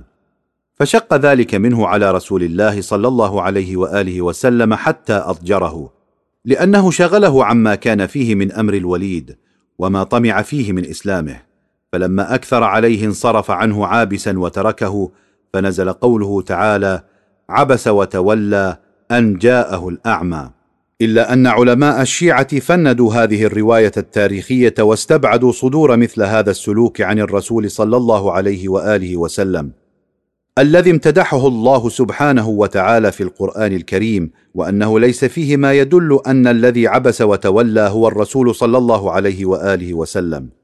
وقد روى الإمام الصادق عليه السلام أن المراد به رجل من بني أمية عبس وتولى عندما حضر ابن أم مكتوم الأعمى عند النبي صلى الله عليه وآله وسلم فنزلت الآيات توبيخا له. أسطورة الغرانيق. قيل إن الأسود بن المطلب والوليد بن المغيرة وأمية بن خلف والعاص بن وائل قالوا للرسول صلى الله عليه وآله وسلم يا محمد هلم فلنعبد ما تعبد وتعبد ما نعبد فنشترك نحن وأنت في الأمر فأنزل الله تعالى لا أعبد ما تعبدون ولا أنتم عابدون ما أعبد. ومع ذلك فإن النبي صلى الله عليه وآله وسلم رغب في أن يساوم قريشا ويجاريهم فقال في نفسه ليت نزل في ذلك أمر يقربنا من قريش. وبينما كان صلى الله عليه وآله وسلم يتلو القرآن في الكعبة فبلغ قوله تعالى من سورة النجم أفرأيتم اللات والعزى ومناة الثالثة الأخرى؟ اجرى الشيطان على لسانه الجملتين الآتيتين تلك الغرانيق العلا منها الشفاعة ترتجى. فقرأهما من دون اختيار ثم قرأ بعدها من الآيات. ولما بلغ آية السجدة سجد هو ومن حضر من المسلمين والمشركين أمام الأصنام. إلا الوليد الذي عاقه كبر سنه عن السجود ففرح المشركون وارتفعت صيحاتهم. لقد ذكر محمد آلهتنا بخير فانتشر الخبر بالتقارب والمصالحة بين الرسول صلى الله عليه وآله وسلم والمشركين. ولكنهم عرفوا بأن الأمر تغير ثانية حيث نزل ملك الوحي على النبي صلى الله عليه وآله وسلم وأمره بمخالفة الأصنام ومجاهدة الكفار. وأن الشيطان هو الذي أجرى تلك الكلمات على لسانه فهي ليس من الوحي في شيء ابدا فنزلت الآيات في ذلك من سورة الحج. وما أرسلنا من قبلك من رسول ولا نبي إلا إذا تمنى ألقى الشيطان في أمنيته فينسخ الله ما يلقي الشيطان ثم يحكم الله آياته والله عليم حكيم. هذه الأسطورة نقلها الطبري في تاريخه. ورددها المستشرقون وهي باطلة تماما فالعقل يحكم بأن المرشدين الذين يبعثهم الله تعالى إلى البشرية مصونون من أي خطأ وزلل حتى لا تزول ثقة الناس بهم وبأفكارهم. والقرآن شهد ببطلانها أيضا فكيف تمكن الشيطان من الانتصار على النبي صلى الله عليه وآله وسلم وسرب إلى القرآن شيئا باطلا؟ فيصبح القرآن الذي يعادي الوثنية ويحاربها داعيا إلى عبادتها. والقرآن يؤكد إن عبادي ليس لك عليهم سلطان. إنه ليس له سلطان على الذين آمنوا وعلى ربهم يتوكلون. ولذا فإن الحديث باطل لم ينطق به النبي صلى الله عليه وآله وسلم. لمحات من تضحيات وحب أبي طالب للنبي صلى الله عليه وآله وسلم. اجتمع أسياد قريش وأشرافها في بيت أبي طالب للتحدث عن رسول الله صلى الله عليه وآله وسلم الذي كان متواجدا معهم.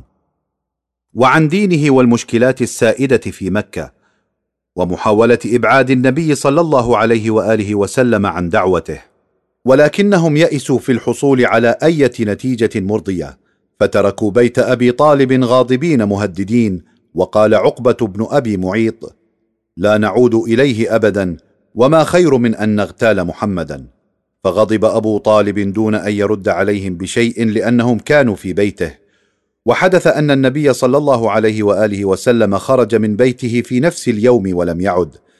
فجمع أبو طالب الفتيان من بني هاشم وبني عبد المطلب وطلب منهم أن يتبعوه إلى المسجد ويجلس كل واحد منهم إلى عظيم من عظمائهم.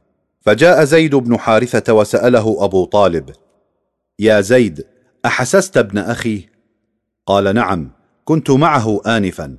فقال أبو طالب لا أدخل بيتي ابدا حتى أراه.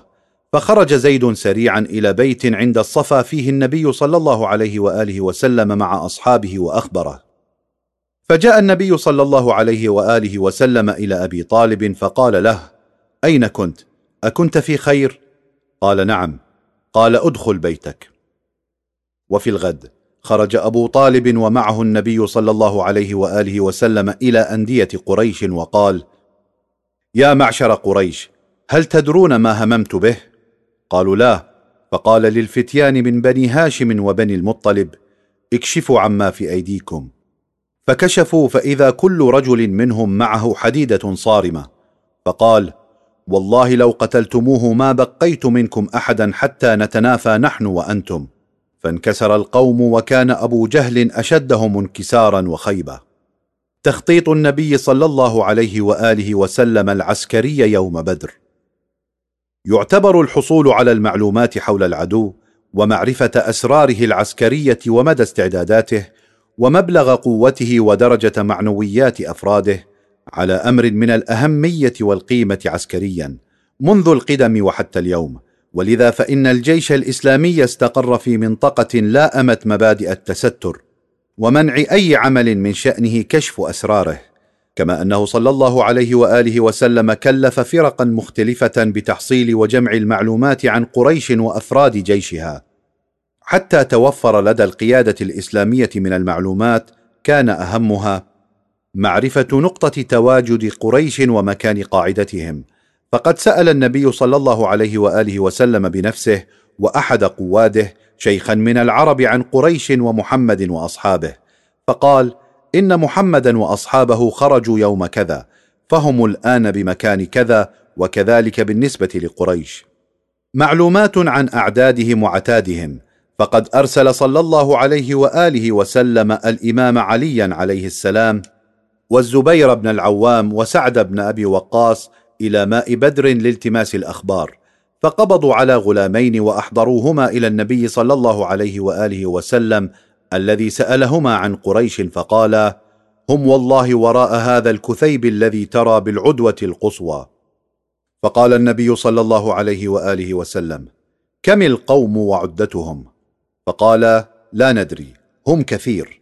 فقال صلى الله عليه وآله وسلم كم ينحرون كل يوم من الإبل؟ قالا يوما تسعا ويوما عشرا. فقال صلى الله عليه وآله وسلم القوم فيما بين التسعمائه والألف فمن فيهم من أشراف قريش؟ قالا عتبة بن ربيعة وأبو البختري بن هشام وحكيم بن حزام وشيبة بن ربيعة وأبو جهل بن هشام وأمية بن خلف. فقال صلى الله عليه وآله وسلم لأصحابه هذه مكة قد ألقت إليكم افلاذ كبدها معلومات حول القافلة حيث كلف صلى الله عليه وآله وسلم شخصين بالتوجه إلى قرية بدر لتقصي الحقائق عن قافلة قريش. فسمع عند الماء جاريتين تقول إحداهما للأخرى إنما تأتي القافلة غدا أو بعد غد. فأعمل لهم ثم اقيضك الذي لك. فقال لها مجدي بن عمرو الجهني صدقت. ثم خلص بينهما. فعاد الاثنان إلى النبي صلى الله عليه وآله وسلم وأخبراه بما سمعا. فعرف صلى الله عليه وآله وسلم بذلك وقت ورود القافلة ومكان تواجدهم مما مكنه من الإعداد والترتيب لملاقاتهم. وعندما وصل أبو سفيان إلى بدر وسأل مجدي بن عمرو عن محمد ورجاله أجابه ما رأيت أحدا أنكره إلا أني قد رأيت راكبين قد أناخا إلى هذا التل ثم استقيا ثم انطلقا. فأخذ أبو سفيان من أبعار بعيرهما ففتته فإذا فيه النوى فقال هذه والله علائف يثرب. هذه عيون محمد وأصحابه ما أرى القوم إلا قريبا. فرجع إلى أصحابه واتخذ جهة ساحل البحر الأحمر مبتعدا عن بدر. من أحداث معركة أحد واحد نفقات الحرب.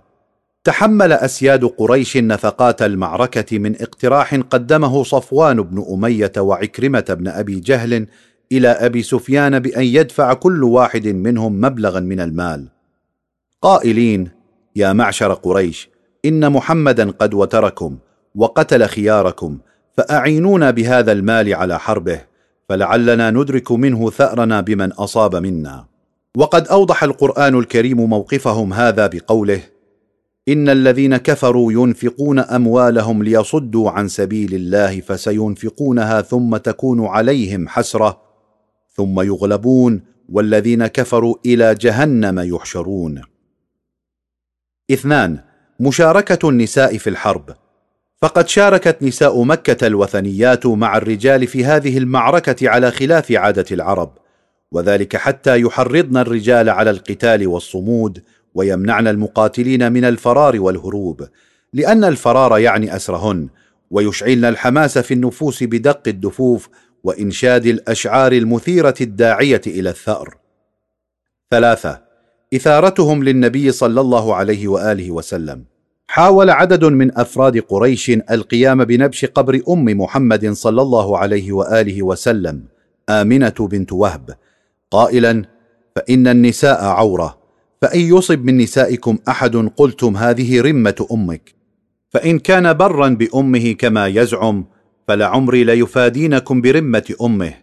وإن لم يظفر بأحد من نسائكم فلعمري فليفدين رمة أمه بمال كثير إن كان بها برا. إلا أن أهل الرأي منهم رفض الاقتراح وقالوا لو فعلنا ذلك نبشت بنو بكر وخزاعة وهم أعداء قريش موتانا. أربعة إطلاق الشعارات. تصبح مسألة بث الدعاية السيئة وزرعها في النفوس واستثمارها سهلة ومؤثرة في الإنسان عند الهزائم وإصابة النكبات فتصبح أكثر تقبلا وأيسر تاثيرا. ولذلك فإن أبا سفيان أمر برفع الأصنام والمنادات بأعلى الأصوات بعد معركة أحد اعل هبل اعل هبل. فأدرك النبي صلى الله عليه وآله وسلم عمق الخطورة من هذا الأسلوب المؤثر في النفوس فأمر المسلمين بالإجابة على ذلك بشعار مضاد قوي فقال قولوا الله أعلى وأجل الله أعلى وأجل. فاستمر أبو سفيان في إطلاق شعاراته المزيفة نحن لنا العزى ولا عزى لكم فرد النبي صلى الله عليه وآله وسلم عليهم الله مولانا ولا مولى لكم. فنادى المشركون يوم بيوم بدر. فأجاب المسلمون لا سواء قتلانا في الجنة وقتلاكم في النار. خمسة عن أمية النبي صلى الله عليه وآله وسلم روى العلامة المجلسي عن الإمام الصادق عليه السلام أنه قال كان مما من الله عز وجل على رسوله صلى الله عليه وآله وسلم أنه كان لا يقرأ ولا يكتب إلا أنه عندما توجه أبو سفيان إلى أحد كتب العباس بن عبد المطلب إلى النبي صلى الله عليه وآله وسلم يخبره بذلك. فوصله الكتاب وهو في بعض حيطان المدينة فقرأه ولم يخبر أصحابه وأمرهم أن يدخلوا المدينة فأخبرهم عندئذ. ستة التضحية والفداء في سبيل الله. وخير من مثلها في معركة أحد عمرو بن الجموح كان شيخا اعرجا أصيب في رجله وله من الأولاد أربعة يشهدون المشاهد مع النبي صلى الله عليه وآله وسلم فأراد الاشتراك في أحد ولكنهم منعوه فأتى الرسول صلى الله عليه وآله وسلم وقال له إن بني يريدون أن يحبسوني عن هذا الوجه والخروج معك فيه فوالله إني لأرجو أن أطأ بعرجتي هذه في الجنة. فقال النبي صلى الله عليه وآله وسلم أما أنت فقد عذرك الله ولا جهاد عليك. ثم توجه إلى أبنائه وقومه لا عليكم ألا تمنعوه لعل الله يرزقه الشهادة.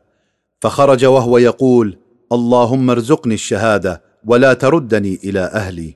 وقد حمل على الأعداء وهو يقول أنا والله مشتاق إلى الجنة فاستشهد في المعركة. الشاب حنظل بن أبي عامر. كان له من العمر أربعة وعشرون عاما واشترك أبوه في أحد إلى جانب قريش حيث كان عدوا للنبي صلى الله عليه وآله وسلم يحرض على قتاله. ومعاداة الإسلام. فهو السبب لما حدث في مسجد ضرار فكان على الباطل إلا أن ابنه حنظلة اتخذ جانب الحق مع النبي صلى الله عليه وآله وسلم.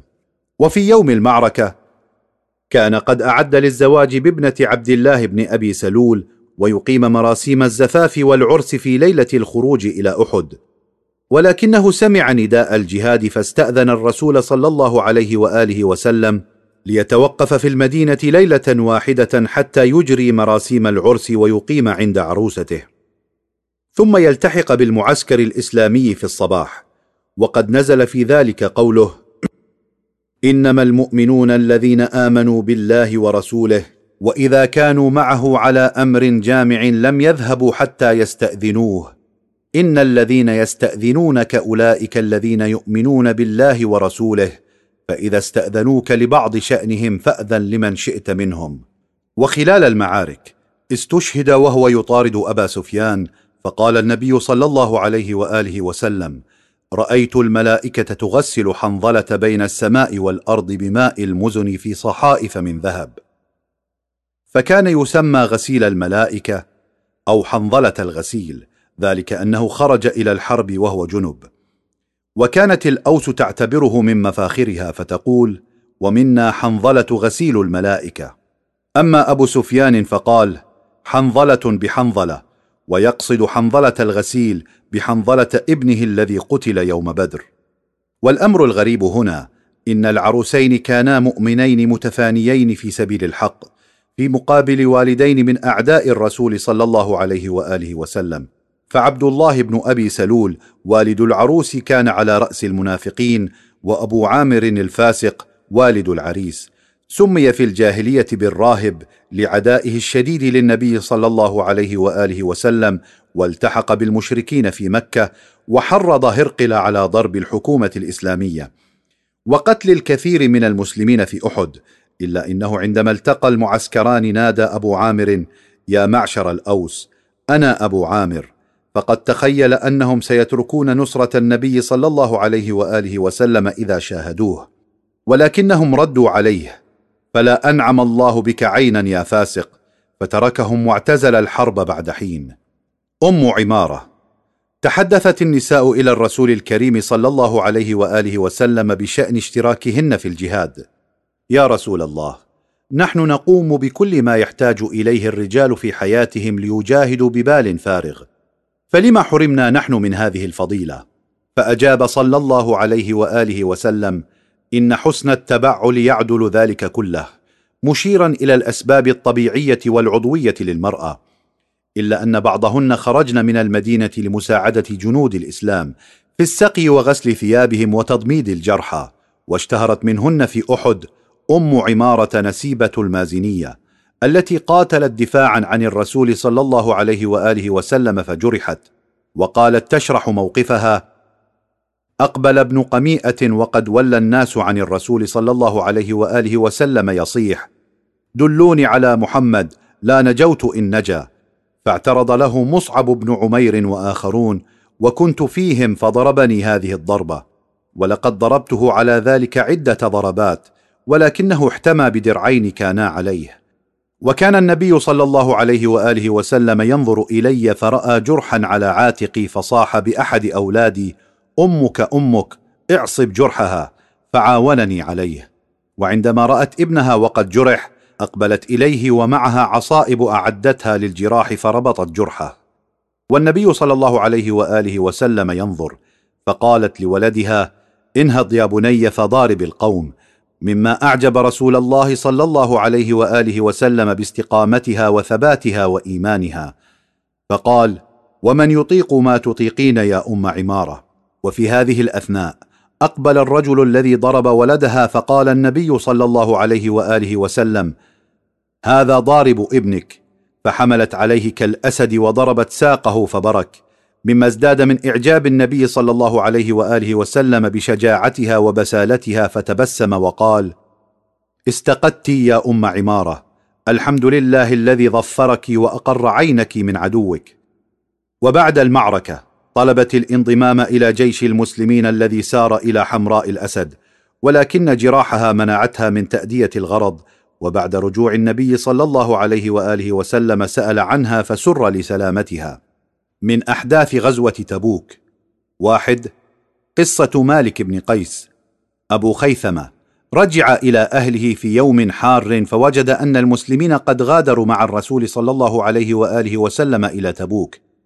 فدخل عريشا له وجد أن زوجتيه قد جهزتا كل ما يحتاج إليه من طعام وماء فنظر إليهما وفكر في وفكر ما فيه الرسول صلى الله عليه وآله وسلم وأصحابه من حال سيء. في أشد الحرارة وهم قاصدون جهاد العدو فقال رسول الله صلى الله عليه وآله وسلم في الشمس والحر والريح وأبو خيثمة في ظل بارد وطعام مهيا وامرأة حسناء في ماله مقيم ما هذا بالنصف؟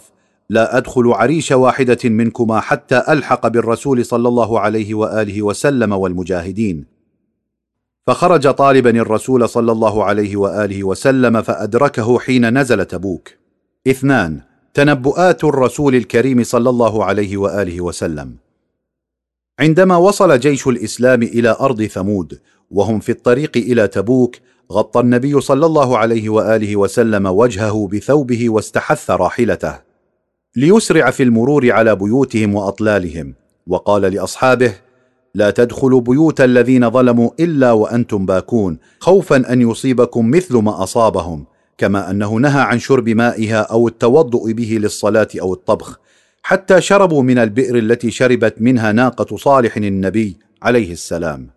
وفي تلك الليلة أمر النبي صلى الله عليه وآله وسلم أصحابه بأن يعقلوا آبالهم ولا يخرج منهم أحد لوحده بل يخرج مع صاحبه وذلك لمعرفة النبي صلى الله عليه وآله وسلم بأسرار الجو في تلك البقاع. ولما خرج أحدهم فريدا فاختنق لشدة الرياح واحتملت رجلا آخر فضربت به الجبل انزعج صلى الله عليه وآله وسلم وقال ألم أنهكم ألا يخرج منكم أحد إلا ومعه صاحبه؟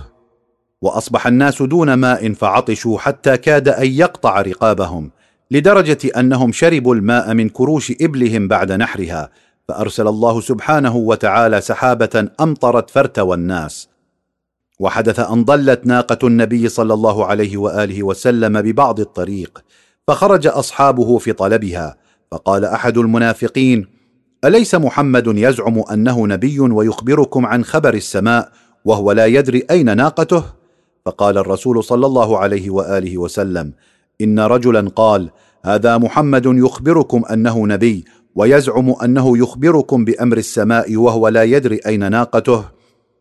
وإني والله ما أعلم إلا ما علمني الله وقد دلني الله عليها وهي في هذا الوادي في شعب كذا وقد حبستها شجرة بزمامها فانطلقوا حتى تأتوني بها فذهب بعض الصحابة وأحضروها.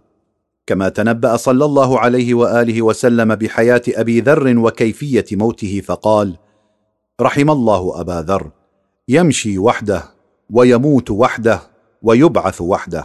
وقد تحققت نبوءته صلى الله عليه وآله وسلم بعد ثلاثة وعشرين عاما حينما نفي إلى الربذة في الشام.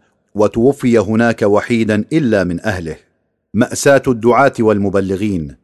كان النبي صلى الله عليه وآله وسلم يبعث بمجموعات من المبلغين والدعاة إلى القبائل داعيا لهم إلى التوحيد وإلى الدين الإسلامي. وقد تألف هؤلاء من قراء القرآن الكريم والعارفين بالأحكام الإسلامية والتعاليم النبوية. أبدوا استعدادا تاما لأداء مهامهم الصعبة حتى لو كلفت حياتهم. ومن القبائل التي تقدمت إلى النبي صلى الله عليه وآله وسلم تطلب إرسال عدد من هؤلاء الدعاة قبيلتا عضل والقارة. إن فينا إسلاما فاشيا فابعث معنا نفرا من أصحابنا يقرؤوننا القرآن ويفقهوننا في الإسلام. فتكونت جماعة منهم بقيادة مرثد ابن أبي مرثد الغنوي.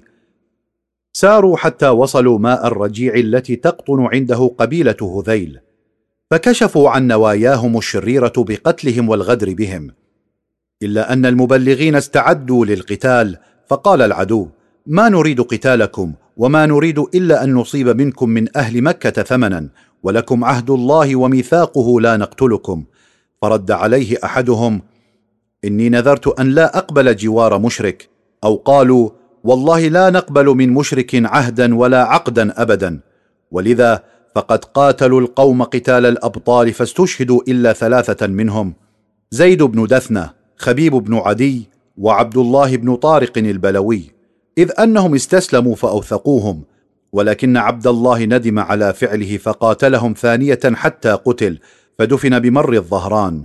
أما الآخران فباعوهما في مكة حيث اشترى صفوان بن أمية زيد بن دثنة وقتله ثأرا لأبيه فقام أول شيء بحبسه في الحديد وكان يتهجد بالليل ويصوم بالنهار ثم أخرجه إلى التنعيم ليصلبه على مرء من الناس فطلب أن يصلي ركعتين ثم حملوه على الخشبة وقالوا له يا زيد ارجع عن دينك المحدث واتبع ديننا ونرسلك. فيقول والله لا أفارق ديني ابدا. فقال له أبو سفيان أنشدك بالله يا زيد أيسرك أن محمدا في أيدينا مكانك وأنت في بيتك؟ فقال زيد بشجاعة ما يسرني أن محمدا أشيك بشوكة وإني في بيتي وجالس في أهلي؟ فأثرت كلماته في نفس أبي سفيان فقال ما رأينا أصحاب رجل قط أشد حبا في أصحاب محمد بمحمد؟ فصلبوه شهيدا دفاعا عن العقيدة وحياض الدين.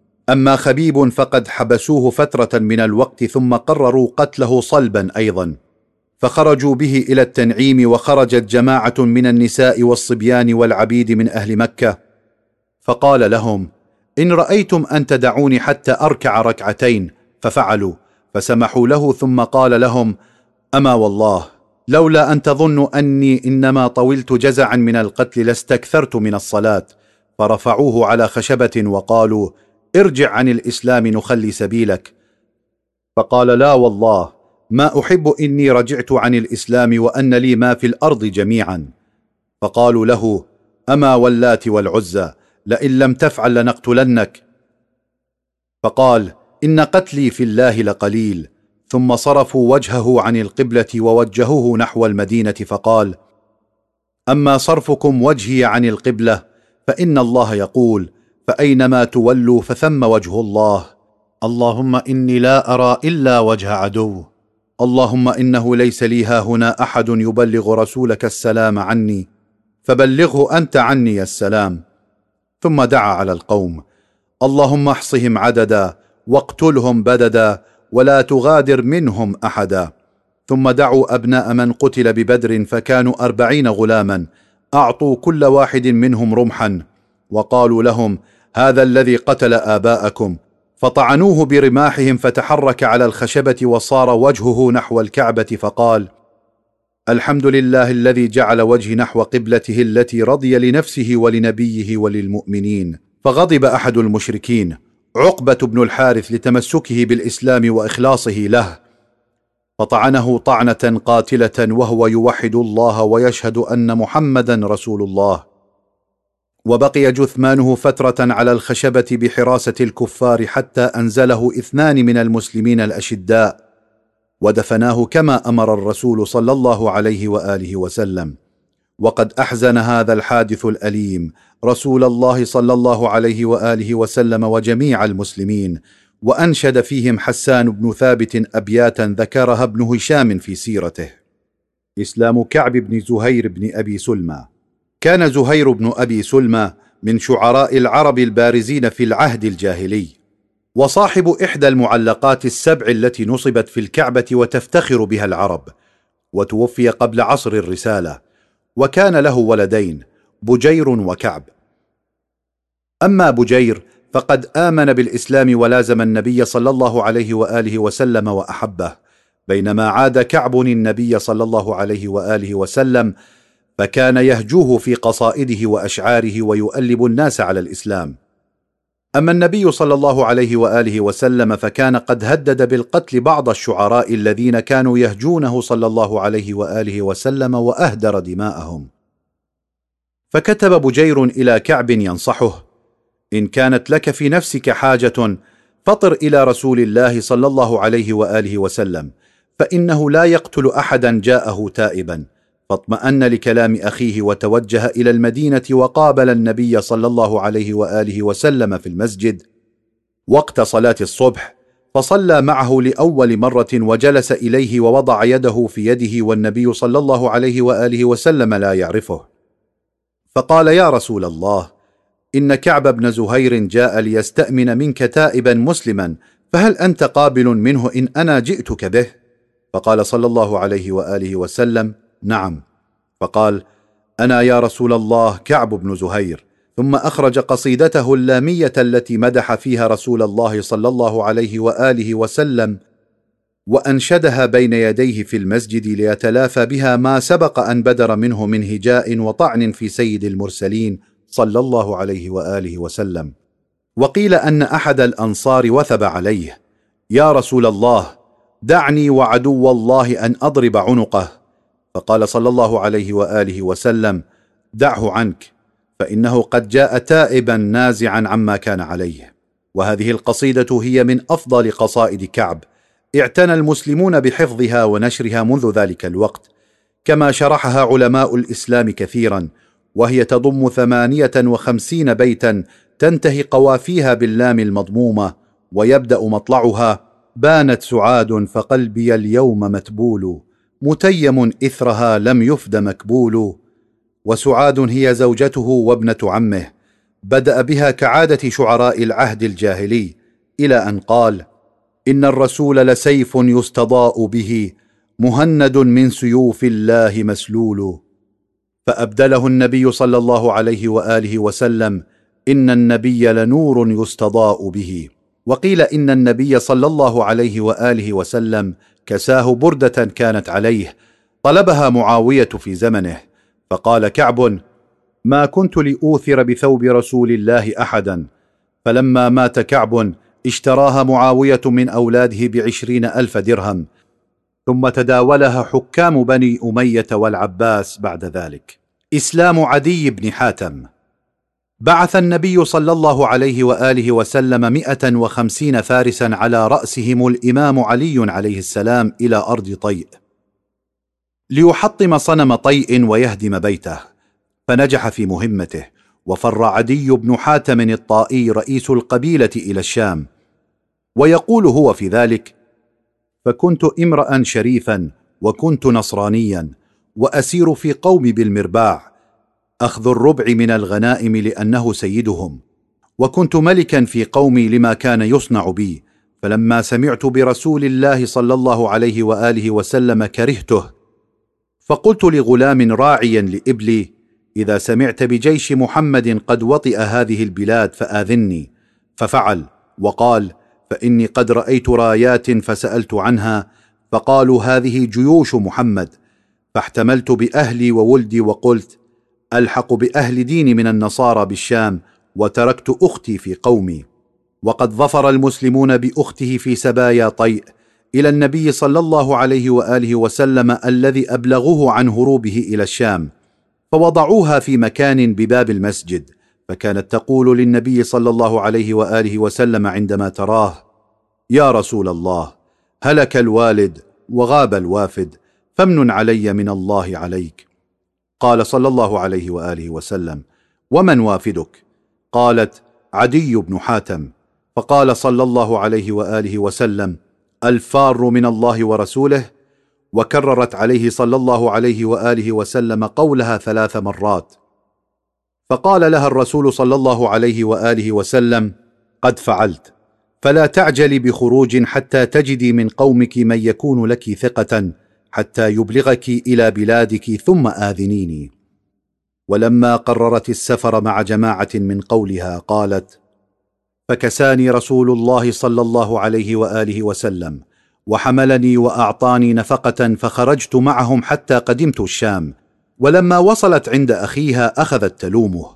القاطع الظالم احتملت أهلك وولدك وتركت بقية والدك عورتك.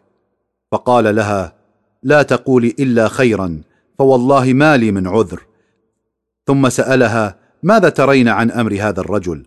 أي النبي صلى الله عليه وآله وسلم.